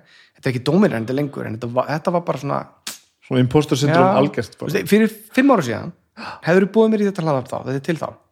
Og ég komið, þá hefði ég ekki sofið nóttina aður. Ég hefði verið með svona svita í lófunum alla nóttina, ekki sofið. Svo ég mætt hinga og sett upp ég er geðvett hress og þetta samtalið hefði verið allt, allt, allt, allt öðruvísi. Bara allt, allt öðruvísi. Ég hef selt þér eitthvað konsept um mig. Já, en ég er að reyna, svona, ég vona að skýningarinn ég er bara pínu ég, já, ég er ekki mennin að byrjunjur á mig lengur sko. ég er bara svona set, setja bara borðið og hérna mér finnst það rosalega frelsandi sko. já Rosalega þetta, er ekki, frelsandi. þetta er ekki eðlilegu léttir sko. Bara, hvað, hvað vorum við að djöflast með? og svo líka eins og hann, það er ekki uník við þetta þú veist, maður er að hlusta okkur hlaðverk og við tala við Helga það sem hann er búin að díla við allt þetta dót þú veist, og óta proppi og allt þetta svo fyndi sko við höld, við, við eigðilegjum fyrir okkur sjálfum við, hún er að tala um bara strákana að því við erum svo uppteknir af því að vera einhvern veginn fyrir aðra. Ég veit ekki hvort það sé dýpr en það. Þetta er bara að, að, að, að það takmarkar okkur svo mikið. Mm -hmm. svo, eins og að vera fertur og með eitthvað svona rosa innsægi þegar ég er, tví, ég er 20 árum á eftir Já. með innsægi mitt það eru fólk að hlusta á það sem bara eitthvað, wow, þú er þetta skrítið. Ég fatt að þetta er á 22 já, það er flott, það er bara geggjað. Ég vildi óska þess að það, ég vona að börni mín verði svo flott, skilur það hefur verið 22 ára og bara fatti. Þessi gaur sem ég er með er bara fucking douchebag. Ég ætla bara ekki að vera með honum, þetta er Nei, ekki að færa með gleði, skilur. En er ekki einmitt samfélagi að færast aðeins í þessa átt sko líka? Jú, mörguleiti, en svo líka bara sem, sem er þetta líka kringum börnin sín, þú veist, það er ennþá sama einheltis ógeðið og það er bara komist, er að, veist, ég, ég er ekki þar, ég, sé, ég er ekki svart ég er ekki pessimistic, alls ekki. En ég er heldur ekki eitthvað svona þú veist mér finnst, svo, mér finnst bara svo leiðilegt hvað við látum hluti viðgangast sem eru bara veist, staring us in the face bara hva, hvað það er mikið, veist mér finnst ótrúlegt að fólk sé ennþá á Íslandi að ég er sjálfur búin að hafa svo, ég er svo mikill forréttindi pissi og ég meina forréttindi á þann hátt sem að þau eru forréttindi eru það sem að þú þarft ekki leggja neitt á þess að ná í eitthvað eins og ég skil það. Ég, ég fæ bara frelsi og pening til þess að kaupa með mat og ég get til útlanda og ég get gert það sem ég vil. Þannig þannig hefur líf mitt alltaf verið mér finnst absúrt að fólk sé á Íslandi ennþá viku fyrir mánamót sko grátandi og að reyna að redda þessi pulsupakka alltaf dögu dögun mér finnst það, það ógislegt Já, það er eitthvað mjög skilt það það. ógeðslega, ég veit að það er úrslega flott fyrir okkur að vera úst, ykkur svona, fólk tólk, fólk finnst stundum svona yfirleitist að tala með það akkur gerir þú þá ekki eitthvað í því og svona? Ég er bara algjörlega vannmáttu ég skil ekki hvernig þetta getur verið ennþá. Úst, á þessu ágæða landa okkar sko. Það sem að sá út í Berlín var að Gauðins og Hinrik sem er bara hann hefur metnað, hann hefur ekki metnað þarna -hmm. hann gaf bara átt geggjað líf en bara ekki á þessu stressleveli skilur mig já, er hérna er það ógeðslega rosa erfitt ást, sko. hérna er það mjög erfitt sko. Já, og er líka skiptið sko að svo auðvelt að horfa alltaf kringu sig og, og, dæma allt út frá einhverjum öðrum sko uh, fólk til þess að horfa um, og bara þú veist ekki sjálfa mig sem dæmi sko. Og, veist, og ég meina ég bý hérna, ég er auðvitað á mjög góðum stað. Bara best útsýnilega á landinu já, já, og, veist, og þetta, er, þetta er geðveikt. Og, og, veist, og ég er alveg í hljómsveitum sem er að gera alls konar og, og vinna mín er frábær og, og allt þetta sko. Ef að fólk sæði bankareikningana mína. Það er sama um mér sko. þetta er bara, þú, þú veist, bara ha? Ég veist að óbúslega margir ha- haldi að, að ég hafi það alveg ógeðslega gott Mhm. sko. og það, auðvitað hef ég það ógeðslega gott en ég, að ég sé með eitthvað svona umfram sko. nei, nei, nei Við erum alltaf- þetta ríkidæmi sem ég erum að horfa hérna bara þetta verandlega það sem er, ég er það með er hérna bara sko. þetta daglega privilege sem við megum alveg vera þakklandi fyrir og, Og það er þannig, já, sko. já, algjörlega, en, En- þrjú þreim mánuði frá gjaldrati það eru bara langt flestir þar og, og fyrst að ég með minn prófæl, mína getu mitt konfidensi konfidensi því sem ég er að gera tækifærin til þess að bæta á mig þegar ég þarf að bæta á mig mm vinnu eða tímum til þess að Mhm. Þá geti það sko Já. fyrst að ég þarf að hafa svona mikið fyrir lutunum Mhm. með konur sem er í frábæri vinnu og allir eru heilbriðir og ekkert vesen fyrst að þetta er svona nálægt því að vera eitthvað sem við getum kallað strögg hvernig er hitt Hva, hvernig er þetta þegar, þegar er ekki bara allt í himna lægi Mhm. og all, við erum bara öll með heilsuna og ekkert vesen sko. Er- djöfull er stutt í þetta fari bara allt til helvíti sko. ég dáist að fólki sem ég á ekki úr ykkur svona ykkur fíla, þetta er svo erfitt að tala með þetta sko, þegar maður hljómar alltaf sé Já, auðvitað er erfitt að segja þetta. en ég sko, ég dáist að fólki sem bara heldur þú veist, geðhelsunni, ég ég skilða ekki með hvernig ég er búin til, hvernig ég er framleitur úr ykkurum ráfnum, þá á ég ekki sjens í neitt, ég held alltaf að ég þú veist, ég byrjaði þessu aðdæmi þá var ég alltaf að horfa á þess að gauðra, svona þess að lúsera ég dæmdi, ég var svo rosa dómar, dómarður. Ömulugur gauð, sko. Og hérna, þá fattaði ég fyrir lungu setna að þeir þoldu bara miklu meir en ég. Já, ég þól ekki já, neitt. já, ég þól ekki neitt. Og snýrist alveg við hjá mér. Ég bara, hvað ég er viðkvæmur. Ég er rosa viðkvæmur. En þú veist, fólk sem getur bara vaknað á mótnana og barist, skilur við en mér finnst það líka bara svolítið pointið mitt með þessu, það það á ekki þurfa að vera svona. Veist, þetta er bara, þetta er ógíslegt og hérna þú veist, þetta er saman eins og, vinum, við tölum mikið um þetta, ég og Steini hérna. Bara þessu umræðleik sem er í gangi núna með þetta. Þú veist, þetta með, þú veist óbeldi og kynfyrsóbeldi alltaf dót, sko, veist, þetta er alltaf búið að vera þarna og er að ræðast núna svolítið í fyrsta skipti hérna heima. Og ég er svolítið hrættur um það sko að þú veist, þó sem að ná frábærum árangur á ákveðnum stöðum og þetta er orðið meira visubúl og þetta er, veist, þetta er komið inn í, þetta er komið í umræðin í vikunum með gíslamartinni það er risa skref, en þetta er þetta ennþá og þetta verður þetta ennþá. Og maður bara því miður sér það í kringum stelpunum sína þetta er bara hluti sem maður sér þarna í kringum þú veist, hópan sem þær eru í eru bara ekki í lægi, sko, samt er þetta woke ass fóreldrar og, að skilur veist, eins og ég og þú, sko. Mhm. og samt er þetta annað, sko. Já. Ég held að stóra, stóri sigurinn í bíli sko, ég er ekki við um að hætta því við erum að halda áfram endalust sé að með allt þetta sem við erum að tala um sko, ofbeldið og aðstæðunum og allt saman er að loka ekki augunum sko. Það er ekki gott þetta að sé til staðar sko. en eins og þetta var orðið það var engin að ræða þetta eins og Nei. það er eitthvað mjög skyttið sko. líka, bara líka bara einhverjir- sko, maður ætti kannski skilabúð til svona lítilega stráka sem er að hlusta á það eins og ég var þegar ég var 22-23 ára er að í bestur ás ég fengi var hérna prófaði bara að prófaði bara að trú þessu skilur, prófaði bara í alvörinni að ekki pæli því hvort að þetta hérna smáadriði sé rétt sem ógildi þá allan hins sannleikan -hmm. og ég, það breytti rosa miklu fyrir mig sko, bara vinkon okkar svölu lendi í hræðilegri árásina heima fyrir nokkrum árum. Og bara mjög hræ, bara, veist, reyndar ekki kynferðslegt en það var bara viðbjörsleitt ofbeldi. Uh, aðstæði sem hún náttúrulega hafði enga stjórn á, hún bara er að lappa í miðbænum. Uh, út úr því spannst, þá opnaði þetta er 2013-14 2014 þá spannst svona upp svona, einhver umræð og vinkonandi að koma allir heim til okkar og spjalla saman, ég er svona bara á hliðinni að hlusta og fylgist með. Og þá heyri ég í fyrst skipti að allar konundar hafa labbað með likla í höndunum. Og ég er svona bara, ég er að og ég bara býti, býti, býti, ha? Já, ég legg ekki bílum í bílastafus og ég bara býti, býti, hvað er það að tala um? Þetta er bara ekki raunveruleiki minn. Ég, sko ég er út á götu í New York að labba klukkan eitt og nótt og ég er bara eins og ykkur, eins og ykkur hérna, hani skilur samt svona þú veist, samt með allir þessi issues ég veit að það er enginn að fara að berja mig eða ráðast á mig, það er bara mín tilfinning Mhm. en svo bara, kona mín þú er ekki að leggja bílnum í bílastafus kvölda því að, fattur what is this?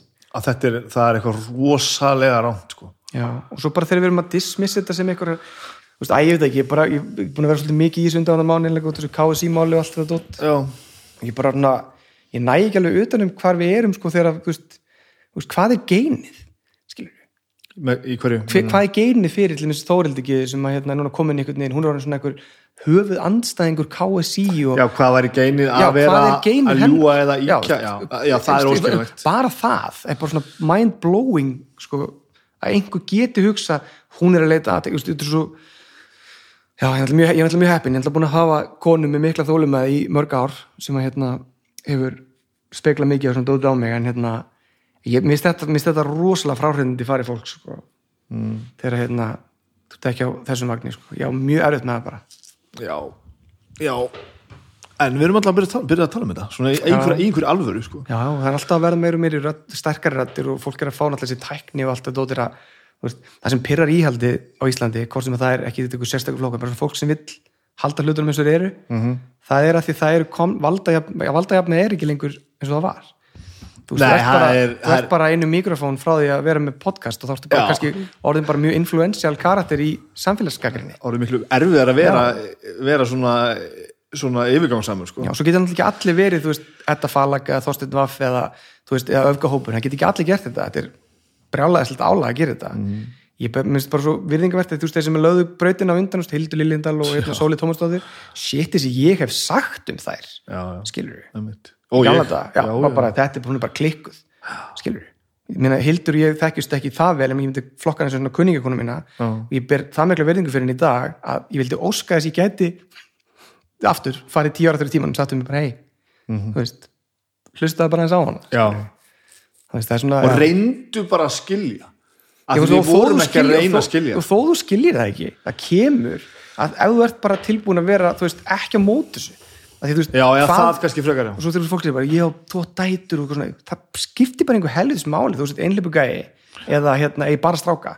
Þú veist, það skiptir ekki máli, það snýst ekki um það að þú er að vera góður að þjótt börn sem eru dætur eða eitthvað, er, þetta er svo að ég veit það ekki, hvert er að fara með þetta? Þetta er bara svona, setur í mér einhvern veginn þetta finnst mér rosalega vond við uh, umræðina heima núna. Finnst þetta vond, vondu staður en þetta er, þetta er svona óþægilegu staður en ég heldur leiðina betri átt klálega Hva, hvaða staður þá? en það er bara þessi staður sem að veist að bara þessi heift sko gagvart þessu veist þessu, veist það kemur ykkur stífur ykkur fram með eitthvað það er bara, Já, já. það er bara fólk, málsmeðni fólk í það samfélaginu Já.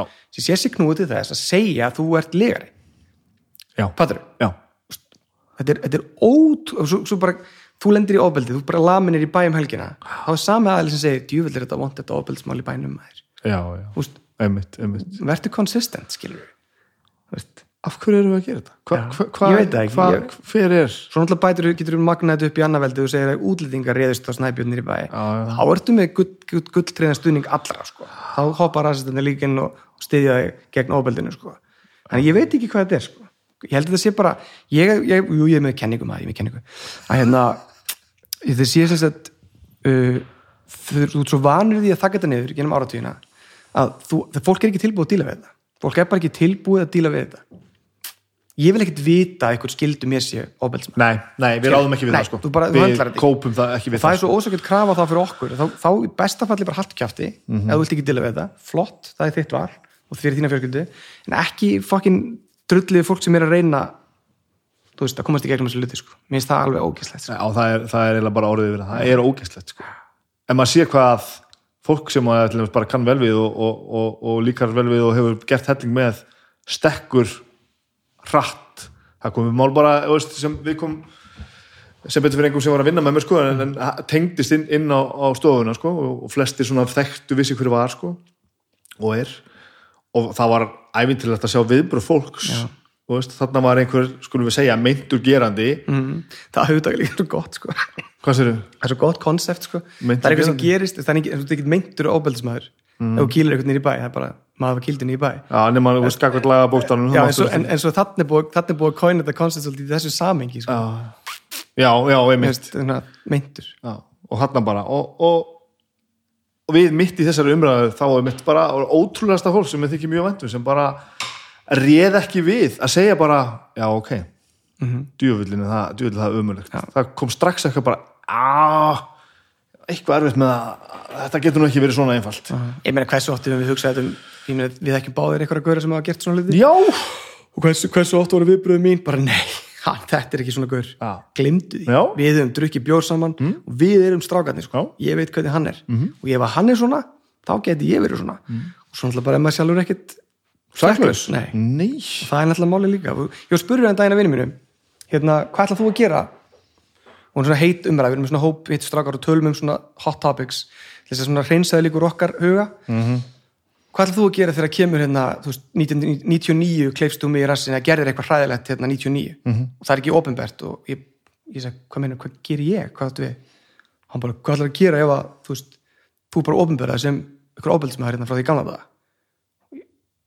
ég tek á því. Að ég, ég, ef viðkomandi vill tala mig og bara tala í viðkomandi. Þannig tek ég bara ábyrða því, það er ekkert flókið að gera það. Nei.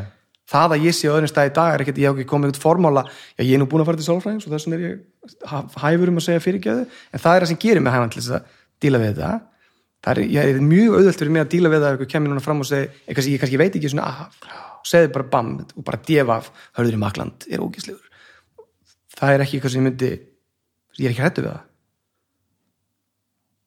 Nei. en þú veist, það er bara eitthvað sem að það er svo, þetta er alveg eins og hvað annað. Þú, brýt, þú gerir eitthvað á hlut annara mm. -hmm. það er svo, svo skrítin pæling að þetta sé einhvern veginn þarna átt að taka slægin. Já, já, já, Skilurðu frá að verja þig eða já, eitthvað svoleiðis. já, akkur er já. akkur er ekki all- allstaðar, eða skilur eða hvergi, ótrúlega skrítið hvernig er búið að þróast hérna heima. Já, já, en ég meina það góða sem þetta er að gera er það að við erum að hugsa um það sem við höfum sagt og gert gem tíðina stórt og smátt og, og sko mi- mikilvægt og minna mikilvægt.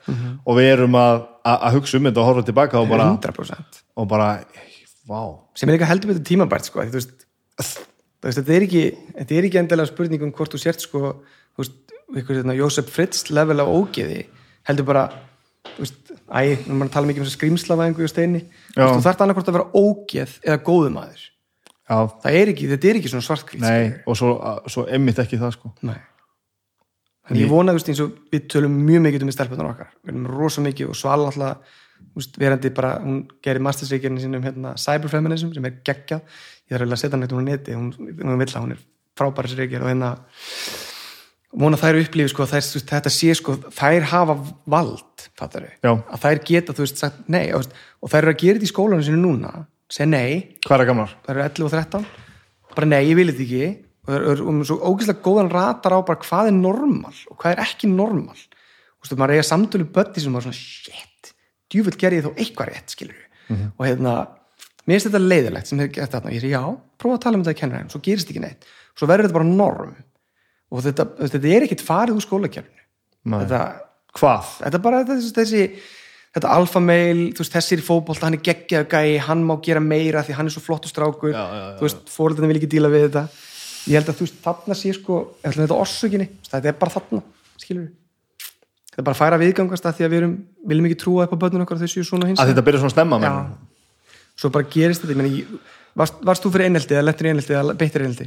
Ég var, var varð fyrir eh, eitthvað sem að er í dag öruglega skilgjönd sem einelti sko. Það var ekki það var ekki á uh, mjög alvarlegu leveli en nót til þess að ég fór mjög svona vakur í skólan sko. Og það var mjög og mitt er búin að takla þetta með, með sálfræðingnum. Þetta eru hluti sem ég er búin að gera upp alveg sko. þetta voru vini mínu sem betur með, eineltinu sko, sem er ennþá bestu vini mínu í dag sko. og ég er búin að gera það allt saman upp. Gerði það mjög fljótlega eftir þetta og ekkert mál sko. en ef því ég fór í sálfræðivinnuna og fór svona að rekja það sem á daga mína hefur drifið þá kom bara, þú veist að þetta er ástæðan fyrir hvað þú ert eins og ert. Einmitt, og svo verðum, ég var bara gerandi því ég er með motormouth, skilur við og bara Já. notaði hann mér til hagspóta svo var ég örugglega gerandi líka veist, ber, berjast á móti því sem ég var að að en enginn rætti þetta við mann, skilur við enginn sem setur þetta í Nei, saming það var, var, þetta var aldrei adressat, ekki bara til. skammir sita eftir refsingar eitthvað bla og engin skilur neitt sko. Veist, fyrir mér er þetta svona einfalt. Mér langar bara veist, að tala við þessar fóreldra sem eru fóreldra barnana sem eru til þess að fokki krökkunum mínum er bara, og öðrum krökkum er bara, þú veist, þetta er ekki barnið þetta er ekki skrimsli, Nei, ná, skilur, það er eitthvað sem er að valda þessu figure it out, fattur sestu niður með krakkan bara, hei Mhm. akkur er þetta fokkin gera þetta í skólanum og hvað þetta þig Þannig erum við að díla um eitt sem að hérna, að hérna ásmundur ráður að sagði um daginn það kemur svolítið inn á það mm. hann var að tala um að hann var að, að búa til hérna svona nýja barnavenduna stefnu sko.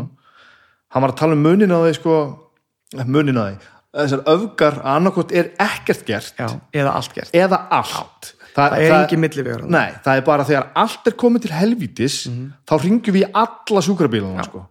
Þetta er, þetta, þetta í öllu svona geðheilbriði stæmi í Íslandi, allt svona Já. og meiri sér þegar þú ringir á sjúkrabílinu og endar upp á geðdeild þá bara sagt við farið heim og Já, einmitt. þannig að þetta er, ég, ég, ég er verðið ekki það, það er fáið stjórnmálmenn sem hafa komið meira óvægt heldur en ásmundur einar að var, ég bara hafði ekki væntingar til hans eftir hérna jakkafattadæmið og flugvelina og allt þetta en núna er hann bara, hann virðist hafa fundið eitthvað svona bara core passion bara, mjög auðvelt. mjög flottur hvernig hann talar og, líka sem hann er að gera sko. Já, mjög auðvelt að trúa um þegar hann kom hérna og bara var, bara, tókst bara út á lofti og var að tala um þetta, sko. En það er einmitt þetta.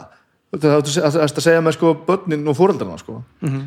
Auðvitað ám, ef að einhver ringir í mig og segir mér að barni mitt hafi verið að beita annað barn ofbeldi á mér ekki að þurfa að líða eins og að sé verið að, að ráðast á mig, sko. Það er ekki, það er verið að segja þér staðrindir Við bara, herru, við erum með vandamál hérna sem það þarf að leysa. Við erum náttúrulega með gerendur og þólendur að veit svo til að barnið þitt er gerandinn. Mhm. þú veist, hvernig ætlum við að leysa þetta sko. og meðan þetta verður alltaf þannig bara að uppgefið fóreldri kemur á fjórða ári og þarf að tala við allan bekkina því að barnið er að þorir ekki í skólan aldrei, Mhm.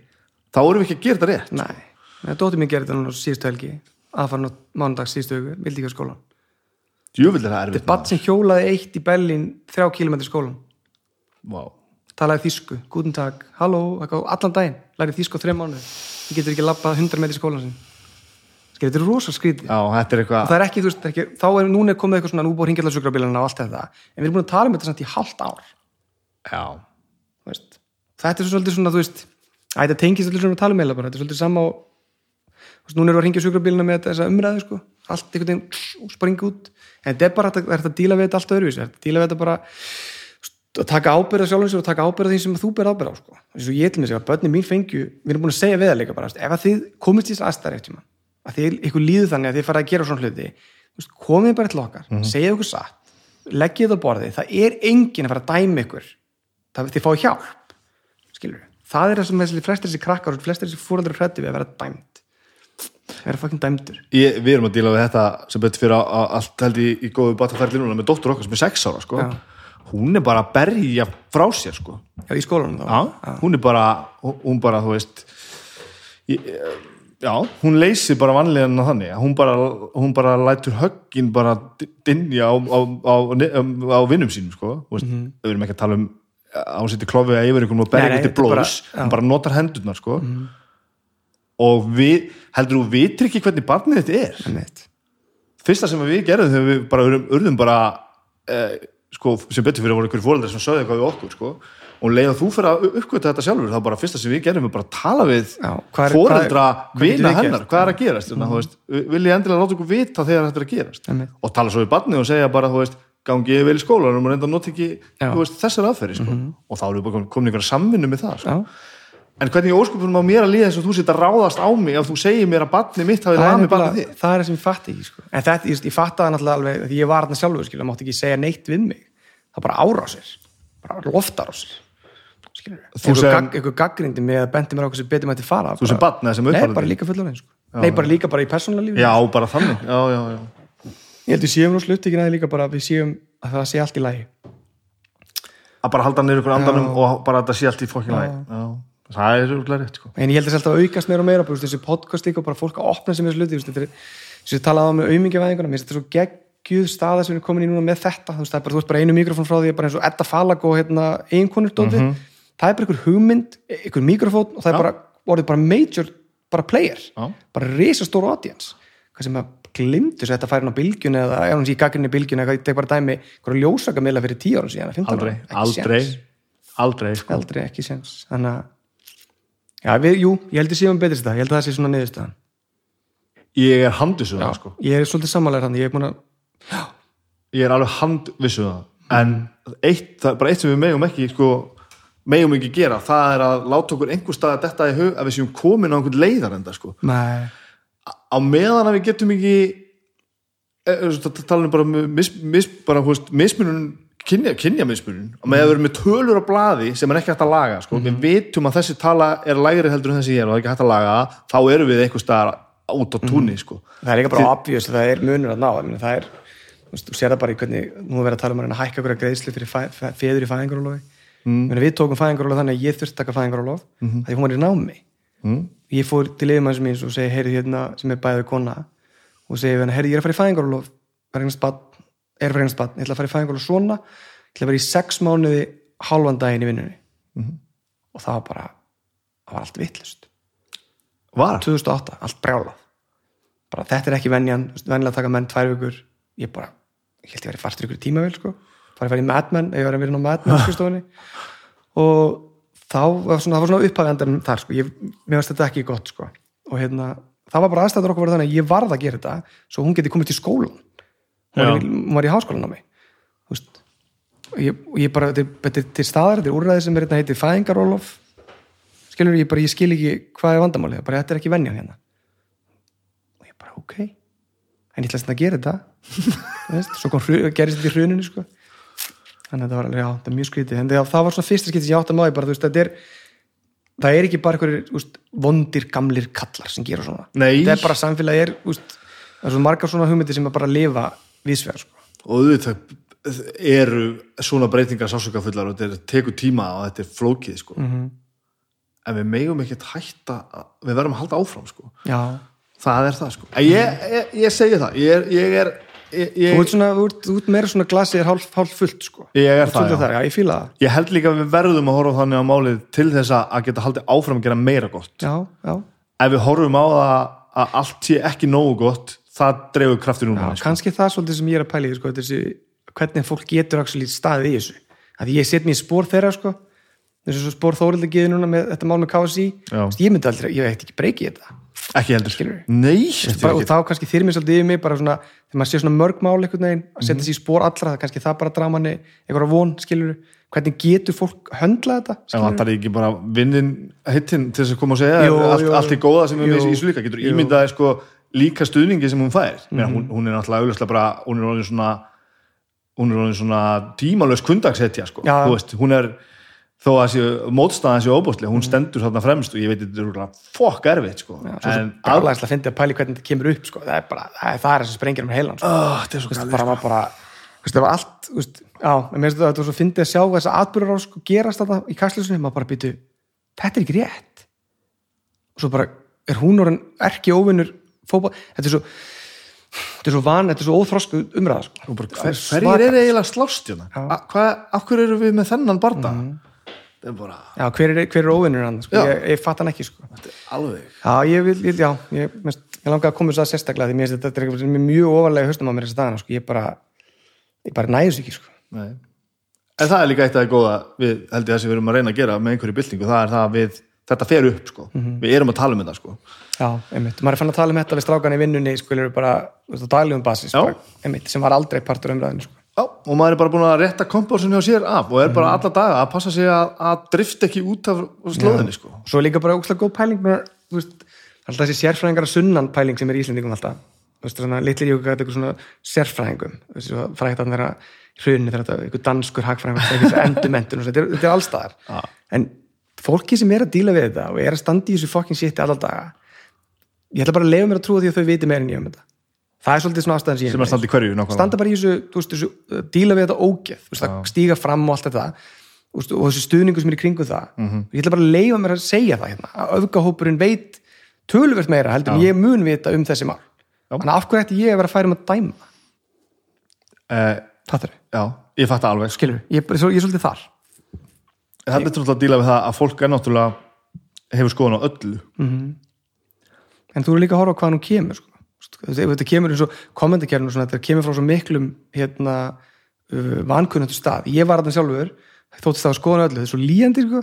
Varst þú í þessu? ég, nei ekki að kommentarkerfinu, ég var bara ég, veist, ef ykkur sagði eitthvað ég átti til dæmis fyrsta debat á okkur sölu snýrist um sko engavæðingu í skólakerfinu og ég, punkturinn mér var svona ég vildi fá engavæðingu af því þá er til háskólinn Reykjavík af því ég fór í háskólinn Reykjavík með þetta hesta glirnir á mér að þetta var mitt skilur Já. Og hún kom með svona miljón rök um hvernig það getur verið vond hún var ekki alltaf á móti því. Nei. og fattar hvað ég meina með þessu? Það er þú, er tilbúin að stökkva fram fyrir ykkur byssukúlu ríðina til að verja ykkur, afstöðu sem þú hefur ekki eins og sjálfur. Nei, þú hefur ekki eins og trú á því sjálfur. Þú veist ekki eins og hvað það tala. En þetta er ég held að ég sé svolítið mikið alveg á hinum endanum á sem þú ert að lýsa núna sko. ég er rosa góður að sjá alltaf alla hliðar á málunum sko. ég hef líka rosalega erfitt með að taka á afstöðu með einhverju sko. ég enda bara alltaf með að ég skila bara auða því að ég bara, Já, já, já. bara en, en ég skilja myndi ekki þetta fólk kemur bara, að verður að fara með er svo gott bítalinn getur ekki verið hér og bara, er það að segja mér sé ekkert gott við að hafa mitt er, er, er, er allt slæmt við þetta Mhm. getur þú sagt með það að, að það sé ekkert gott við þetta. En það er nefnilega máli, kannski það líka bara sem maður er búin að öðlast einhvern veginn með aldrinum að maður svona, ég fann að fatta hvernig ég á þegja já. og fatta hvernig ég á að kynna með málin og, Já, já. og fatta hvernig ég á að tjá mig um þau. Og svo er líka bara rosa gott að segja bara ég bara veit það ekki. Ég veit það ekki, það er úkslega sterk setning. Á flugvöldurinn að vera, veistu ekki, ég hef bara ekki ég hef Það væri ekki geðvett næst að fá ykkur íbúðabjöðna á háskóla samfélag og svona en Já. ég hef ekki fórsendur til þess að nei, og þetta er bara borgarlínan bara. I don't know, ég auðvitað langar í borgarlínu en hvað ég, þýðir, held veit þetta sé bara mjög næ sko. en, en ég veit þetta ekkert Nei, ég veit ekki og það sem meira er ég ætla ekki að setja tíman minn og orkuna í að kynna mér það Nei. ég held að þetta mál sé bara á góðum stað svipað mm. þú ert að segja með sko þú ert bara með hópa þarna Já, sem sem, eru bara búin að segja mér hvernig þetta er mm -hmm. þau eru bara á kafi þessu þá segi ég bara já sko. Ég ætla ekki að fara annarkvæmst að koma einhverja sleggjudóma sem ég byggja á engu eða fara að eyða einhverju tíma orku í það að rannsaka það sem þau eru búin að gera sko. Hva, hvað rókir þetta í þér? Þau eru að segja þér þetta segðu bara fucking já. Já, einmitt. Það er svolítið góð bara, nú, nú er hún brjálað sko. Og keiri púlsin í þeim Hérna, hvað hérna ertu þegar þú ert ekki, þú veist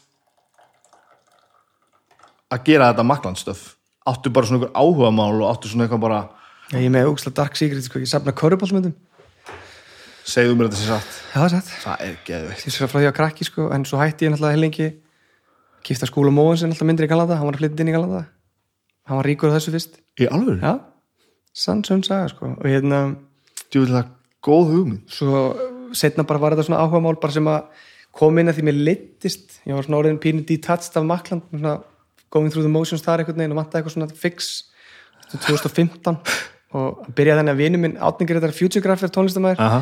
kemur til mín og hann segi, hei, ég er með tvo kassa körbólmyndum, ertu heima? Og ég bara, ha?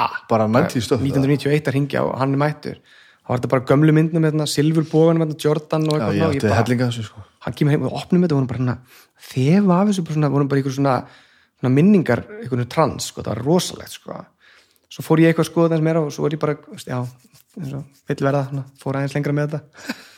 Ég á okkar 300 eigendrar þannig að Kyrie Irving, einhverjum leikmanni hjá Brooklyn Nets, skilur sem var í Boston og svo Cleveland, en hérna, já en er svona, það er svona, svona secret, það er, er búið fjár út síðustu 3-4 árin 2-3 árin. Er það safna nýju myndum líka? Já, ég gerði það alveg frá í fjö- þrjú, fjóra ár svo hætti ég fyrir svona tveimur árum, já, alveg. Og hérna á alveg svona stash heima bara yfir mig, já, veist, þetta er bara ridiculous, allt í einhverjum plast, tölustrum og eitthvað svona. Mjög, þetta er alveg peningur í þessu, sko. Ég ætla að segja, er, Já. áttu það eitthvað sem er Já, sem er eitthvað svona alveg peningur í ég átti Jordan myndin hann að rauðu sem er svona fræg rúkki myndin hans. Já, og ég seldi hann á 300 skall á henni fórum til Berlinar því að ég þurfti að láta borga einhverjum pípur um einhvern reikningur í húsið okkar. Og hún er metin á held ég, 12 miljónir í dag þetta er líka svona eitthvað gambling dæmi sko, sem ég bara, ég er aldrei, aldrei gambler sko, en ég fíl ekki það element, mér finnst gaman að mér finnst þetta svona meira svona og rakki hann sem er Lego. Já, já. Þú veist, ég þetta er svona, þetta er svona sorteringar dæmi. Ég gæti sest niður og vera svona að dúlla mér eitthvað. Þetta er bara eins og ég og minnur, það er ekki eins og ég hlusti alltaf á þar alltaf daga sko. bara ræða með til lit og svo starf og svo Já, og bara vita hvað er þarna og bara svona veginn.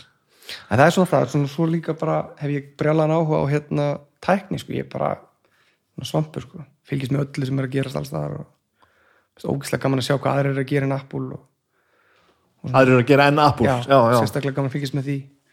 Og hérna, svo ég vil okkur bara ég hef rosalega áhuga á hérna þessari þjóðfélagsumræðum í gangi núna sko.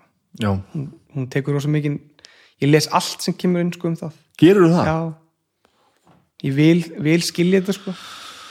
Þetta kemur svona fyrir börnum mín eitthvað. Mér langar svo að það er eigi pappa sem að þú veist, fattar þetta. Þú ég er ekki að fara að segja við þér eitthvað fucking kjaftaði sem að taka með sér út í framtíðina sko, heldur bara að það séu meðvitaður um að staðan er bara svona, skilur við Ó, hvað þetta er gott. Og svona, og hérna, mér langar að vita um þetta. Kona mér fræði mér mjög mikið um þetta því hún er bara líka, þú veist, ég les texta og ég les fjögur aðalatriði en hún er með fimm í viðbót sem ég sá ekki sko.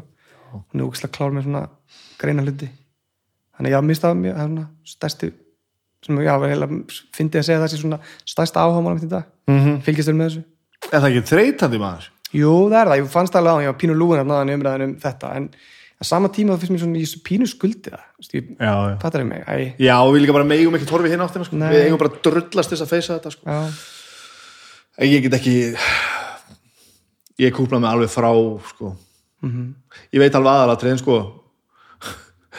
Það skauti mér strax í fótinn sko. Já, ég vil, ég vil vita þetta sko, mér langar svo að skilja líka bara því þetta er svo nánalt mann er núna svo fótboltóði, Já, skilur við maður álega, maður þekkir alveg svona sögu líka sjálfur.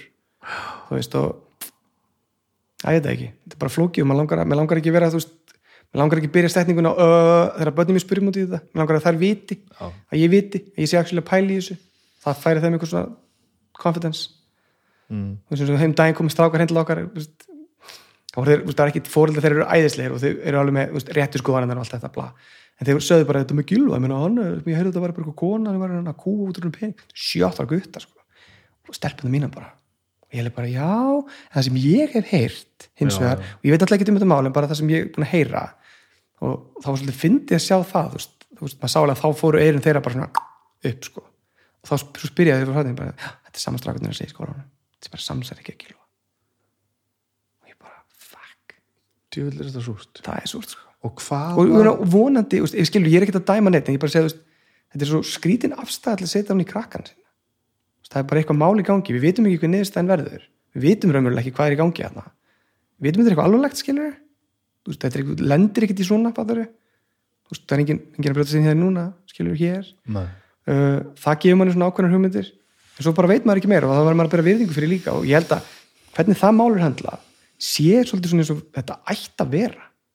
fattar mig. Hún er með kift út úr því sem hann er að gera. Já. Þú veist það er eitthvað svona eitthvað rannsók mm veist, eh, ég veit það ekki. Engin, mjög- augljóslega engin sko fullkomlega góð leið að svona. Nei. Þetta verður alltaf, alltaf sásöka fullt sko. svo bara vera aðstæðandur þetta er bara, þetta er umulegt skilur en að þetta sé teikið skilur sem að speglast hún í krakkana en eða hún í hóp, einhvern svona 7-8 hóp að þau komi með og, og, og, segi þetta. þau, þau hafa þetta einhverstað frá sko. Já, það er ekki flóknar sko. vinu minn skólan sagði pappi sem sagði þetta. Ég bara, já, ok. Pældi í því, já, það er alveg fókt upp sko. það er spes. Ég einhvern veginn, já. Mér líður alltaf eins og þetta sé svona eitthvað við á móti þeim sko. já, þetta er það sko. Það er alltaf svona bara, þú veist já, þetta er það sko en þú veist hann, eða hún vilt hann, Mhm. skulum við segja hetjan okkar sko, í liðun okkar þú veist, einhvern veginn, Já, og ekki bara en bara svona með allt, og það er bara að vera að ráðast á okkur sem hóp já, en líka þú veist, þó sé ekki einhver celebrity skilur, þetta er líka bara einhver venjulegur aðli bara einhver vinumanns, já, ég, ég mitt, fattar við, þá er maður bara einhvern veginn tilbúin að taka það einhvern veginn trúanlegt frekar sem er, sem er úrslega sker í pæling sko. sem er svolítið eins og þegar ég er að tala um með vinnunum mína Já. Og ég er að meina það, þetta er svona þetta eru við, einhvern veginn, það er verið að ráðast á Já, okkur já. sem einhvern hóp sko. þetta er einhvern veginn, já, við erum ekki tilbúin að feysa þetta sjálfur eða eitthvað, ég veit það ekki. Shit maður. Já, það er alltaf gott að við séum að hugsa um þetta. Mhm. Af því ég held að séu allir að hugsa um þetta. Já, maður finnir bara hvað þetta, þetta er stórt sko. já, og hvað þetta er allstar. Já. og hvað allir eru hrættir til og frá. Það er líka kannski pínu comforting að maður veit að stelpunum að að að þær eru að byrja að pæla í þessu núna. Og að vita þegar fórhaldi sem að að þú veist, setjast nefnum að tala með það ég held að það sé líka bara eitthvað sem að veist, er mikilvægt sko. að þau skilji hvað er í gangi sko. Þessum örfá árum undan mér þetta er hlumins bara ágæft að heyra sko.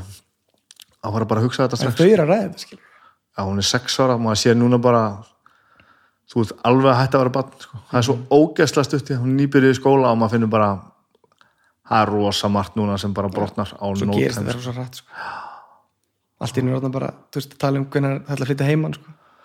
mín þeir ætla að það sko. Já, Aha. já, hlaka til að fá mig mín í- einu íbúð og ég bara, ó, þú veist, 13 ára eftir er að gerast? Hvernig eru hérna, veist, dagarni þér? Hvað gerur þú á dag? Þú bara, uh, ég myndi segja að dagur minni þannig að ég vakna mótnana börnum fyrir skólan uh, sjálf sem er eitthvað sem myndast þetta í Berlín og geggjað, það er bara að vakna mótnana taka næstið saman og fara í skólan. Geggjaðar báðar, alveg því líki tvöfarar og svo skriðum ég að svala fram úr og förum í vinnuna. Svo skrýðið því fram úr? Já, Ok, þetta er nú bara þetta er rosalega þetta er nú bara eitthvað að stefna það í lífinu bara. Já, það er rosalega fyndið sko, þetta bara gerðist einhvern veginn. Vá, og svo bara normal dagur er bara búslega boring. Það er bara við komum heim á kvöldin og það er matur heima og svo er bara sjónast til svepp sko. og nær að vera heima höfður í friði? Þegar þú komin heim? já. Já, við erum óslega heppin stelpunar eru óslega flottar sko. það er hérna, það er náttúrulega díla við alls konar shit líka skilur við, það, bara, það er alltaf eitthvað en hérna eitthvað sem það er að díla við, en það eru líka bara svo svo heilstiftar Mm. það eru, mér finnst það óslega gaman að tala um það hvað eru hérna bara flottar Já maður verður náttúrulega stereotypan af öllu svona þegar mm. börnum að fara að geta eitthvað og gera eitthvað sko. Ég nefndi þetta síðast í morgun ég skil- skilaði börnunum mínum í leikskólan og skólan og ég kom heim og ég var bara heiminn lifandi að því þau voru bara tinnrétt í baki að fara í skólan á mánundi, leið bara ógeðslega vel. Þá og líður þeim vel og, og veist, váka mér heitt allt í einu maður. Að við erum að taka hans á því þetta Hva, hvað áttu eftir að gera? Þú veist, hvað, er svona þú veist að því nú ertu komið með alveg success sögu á bakvið og búin að þú veist, ná ykkur um árangri og búin að koma ykkur á legg og þetta er komið á næsta stig og þú ert búin að svona fjarlæðist þetta eins og eitthvað svona. Verður þú bara góðu með þetta bara svona? Já ég er samt ég er að, mér langar eitthvað svona lítið eftir veit ekki hvað það mikið sens mér langar eitthvað svona pet project og ég er búin að gera það sko, ég stofnaði hérna þetta er Bundesland EHF það er semst, sambandsríkin í Ísland þetta Bundeslands og hérna Svala er stjórnahólmaður og ég er uh, frangatastöður þar. Ok. hún er kalluð kanslarinn og ég er kallaður búrgermæster það er mjög fyndi þeim ég fyrirtækiskanni fannst þetta ekki að fyndi en hérna um, við erum að flytja inn góðastrík myndi Club Mate og hérna og erum svona að skoða það og langar að prófa eitthvað svoleiðist út að vera bara svona ég hef alltaf haft rosa gaman að færa fólki eitthvað. Veit ekki hvað það mikið sem sumir halda tónleika sumir eru með hérna um, sumir eru með eitthvað svona eins og svona, hlaðvörp eða eitthvað. Ég finnst ég bara ekki nú áhugaverð til að vera með einn hlaðvarp. Uh, en hérna svo eru aðri sem er svona mér finnst gaman að að redda hlutum fyrir fólk Ég? og þá, mm. svona, þá, þá kýtlar að sama dæmi sko, að ég hérna að ég sé að færa fólki þetta hérna heim og ef ég næ eftir 30 ára, ef mitt stelpunum mín er að keira til eilstaða með einhverjum útlíkum vinnu sínum í framtíðinni og það stoppa ykkur í sjoppu og segja, pappi flutti inn klubb með aðeins til Íslands mér lang, mér er svona eitthvað skipta máli, ég veit ekki akkur það er sko. ég, ég bara, þetta er saman og ég var að segja ráðan með mér sko. það er eitthvað svona, langar að skilja eitthvað eftir mig en hérna, mér finnst þetta svo gaman mér finnst gaman að svona samskiptum og byrja eitthvað þú veist sjá eitthvað svona blómstra, mér finnst það geðveitt spennandi sko. og oftast er það sko ég er að hjálpa einhverjum og það gerir einhver annar það, já, já, það já, fattar við já. svo ókslega gaman þegar vinið mínu komið til mér bara, "Hey, ég er með hugmynda fyrir þig, ég bara, ok, já, gera þetta svona, svona, svona, svona. Svo fyrir það bara eitthvað, úf, og það er bara geðveikt. Þú veist, mér finnst það ógeðslega skemmtilegt. Og sér þá bara fyrir að þú verið svona endarast í svona tíu ára fasa sem þú svona kemur ykkur á svona á lappirnar og það næri ykkur svona árangur og þá er þetta að fara að finna eitthvað nýtt. Svo draumurinn minn núna, ég mætti segja teiknu bara drauma næstu þrjú, fjóru ár fyrir mig mm. þá væri það að ég myndi eignast þannig penning að ég geti valið hver í bí já, og það hefði ekki áhrif á fjárhæði minn. Ég myndi, ég vildi óska þess að ég kemist í það stöð að ég þyrfti ekki að vera í, ég elska vinnunum mína en ég væri til að prófa að búa uh, eins og Henrik í raun og veru, Já. heldur að þið langi það? Já. Hann er með meira frelsi en ég. Já, hann ferðast meira en ég. Já, hann kaupir sér betri mat en ég. Skilur við, hann hefur rosa margt en ég á flottari bíl, skilur við. Stærra hús, þetta er svo gott sko. Ég er svolítið þar sko. ég er, mér langar í eitthvað svona simpul, ég er ekki að fara að flytja eitthvað kofa á okkur eigu, sko, ég er ekki þar. En mér langar aftur að finna þetta að vera svolítið maurin í hafinu eitthvað neginn, svona sandkotnið á ströndinni eitthvað tilfinning, hún var rosalega góð sko, hún var æðisleg sko. En hún var alls ekki, ég held ég var svo hættur um henni yfirþyrmandi. Hún var það ekki sko að vera bara einn í frið hún var bara svo ábúrslega frelsandi geta tekið klukkutíma göngu og ég hitti engan. Það var svona alltaf auðvitað að gera þessi stundum maður hitti auðvitað einhvern Íslending það, það er eitthvað skrítið með þetta sko. Þú hittir alltaf út stattur í Kína. Já, það er alveg sama hvar við túrum, þú hittir alltaf Íslending. Býtu, varst þú ekki með mér í grunn sko? Þetta er fáránlegt sko. En það var miklu minna náttúrulega þannig að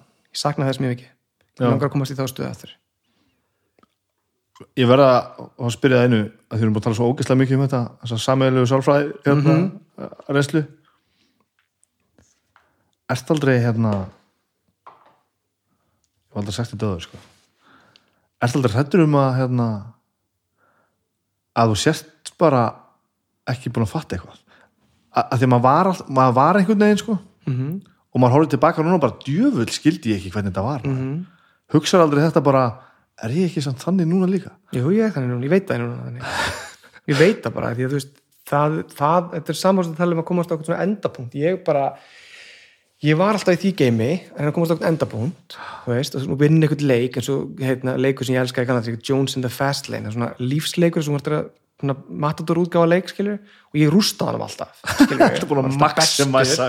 uh, en þetta er ekki það, veist, ég minnst það, svo, minnst það líka svo frelsandi, ég nota þetta orðið svo mikið eins og sjálfstæðslokkurinn hérna uh, að frelsi mitt er því að ég veit ekki raskat skilur, og ég er ógeðslega glaður yfir því að vita ég móttækilegur Já, já, já. þú veist, ég bara svo veist, það að ég sé núna að tala svona flottur og voða upplýstur og og þýðir ekki það að kona mín get ekki komið hérna í fimm tíma podcast og sagt hvað ég líka glataður, skilur ég Já, þú Ég er- meina að þetta getur bara fara saman. Já, Já, já, ok, fattar þetta er ég, ég, er, ég er ekkit komin á einhvern staða sem ég er betri en einhver eitthvað þannig, Nei. en ég er betri ég.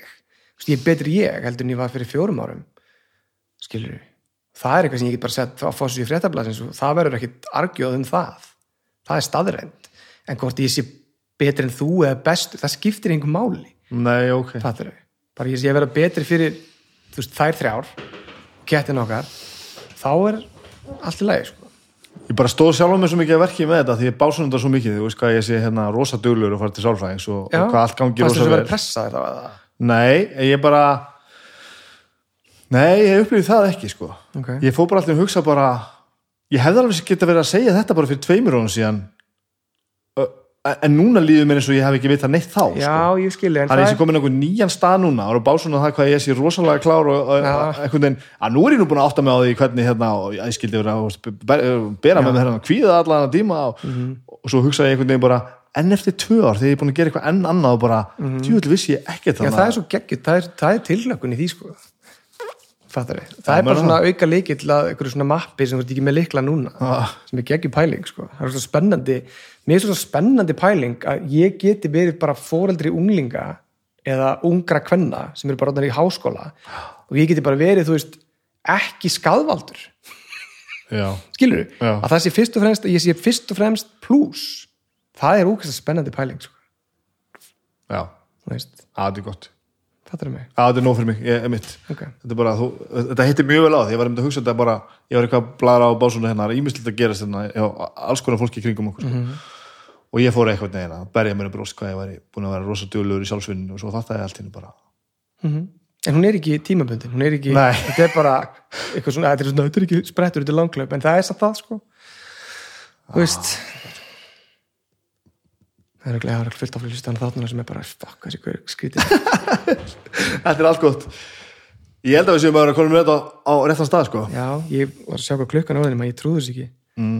Þetta var líka ógeðslega gaman. Já, þetta er mjög gaman, ég er mjög gladur að ég kom í morgun. Já, glæslegt Þetta var ógeðslega gott. Já, takk maður, sem er leiðis Takk fyrir að tala um mig. Takk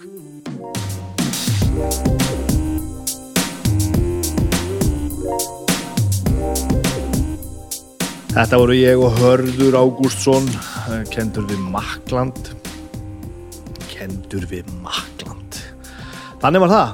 Eh, Annað margt að segja eins og þið heyrðuð og, og, og hefur margt að segja og, ég held að við séum öll að góru leið. Það er nú bara þannig.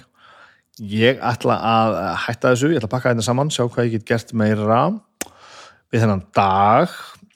Eh, munið að, að, að fara vel um, um samstafsæðalina mína, það er Simin Pay, Sjófa og Omnum síni þeim ást uh, og þá fá við ástina tilbaka og þið getur hlusta frýtt og allir geta gert sitt og allir græða. Það er nú það sem er svo helviti gaman. Uh, ég minn ykkur á það að Agnes er orðin fastamanniska í, í domstegi þannig að þið viljið heyra meira uh, bein, beint frá þeirri mannesku sem ég tala svona óskaplega vel um hérna sem ég kalla, kalla eiginkonu mína vegna svona er uh, þá skulið þið fara að hlusta á domstag það er óskaplega skemmtilegt uh, hlaðarpsefni og alveg hillilega auðvelt á að hlusta. Og Agnes er það til mikill að bóta eins og allstaðar annarstaðar sem hún kemur. Uh, hvað var þetta meira? Um, ég er búinn að hlusta á, á hérna, eh, bestu plötu þáttinn sem kemur á veitjöldun á morgun. Við tókum forhlustun í halvvitarútunum leiðinu frá, frá Akureyri og þátturinn eh, þessa vikuna er, er besta platan með XTC English Settlement. Það er geðvig plata. Og geðvigur þáttur, ógæslega skemmtilegur og að því ég var nú svona nóg djöfið illa fyrir kallar að ég náttúrulega ekki muna neitt eða vita neitt eða sagt neitt rétt. Þá gæti ég ekki eins og nefndi ég ekki eins og bestu plötu síðustu viku og það var besta plata með Blondi og sáþáttur er stórkostlegur. Hann er algjörlega stórkostlegur. Það er, margt, það er marga sleggjur sem falla þar stórar og þungar sleggjur sem falla þar. Listamenn þeir voru með tölvuleiki í, í síðustu viku og nei, það síðustu viku. Og já, nei, þátturum fyrir þessa viku var topp 10 íslensk orð. Það var skemmtilegt líka. Það var skemmtilegt líka, þetta er allt saman skemmtilegt. Heyri hvað er skemmtilegt? Ég er alveg komið tilbaka, ég er í ægilegu stuði. Þetta er alveg gott af mér takk fyrir að hlusta á mig þegar alla þennan tíma. Þið sem eru búin að vera að senda mig post endilega haldið ég bara áfram og þið líka hinn sem hafið ekki sendt mig post ég lofa að svara þessu mjög fljóðlega og að komast grípa aftur í skottaða mér það sem það á að vera því að ég er bara ég skulda aðeins í lífinu. Það er ímislegt í gangi. En þetta er allt gott og allt er gaman. Hafið það ógeðslega gott. Við heyrums næst. Bæ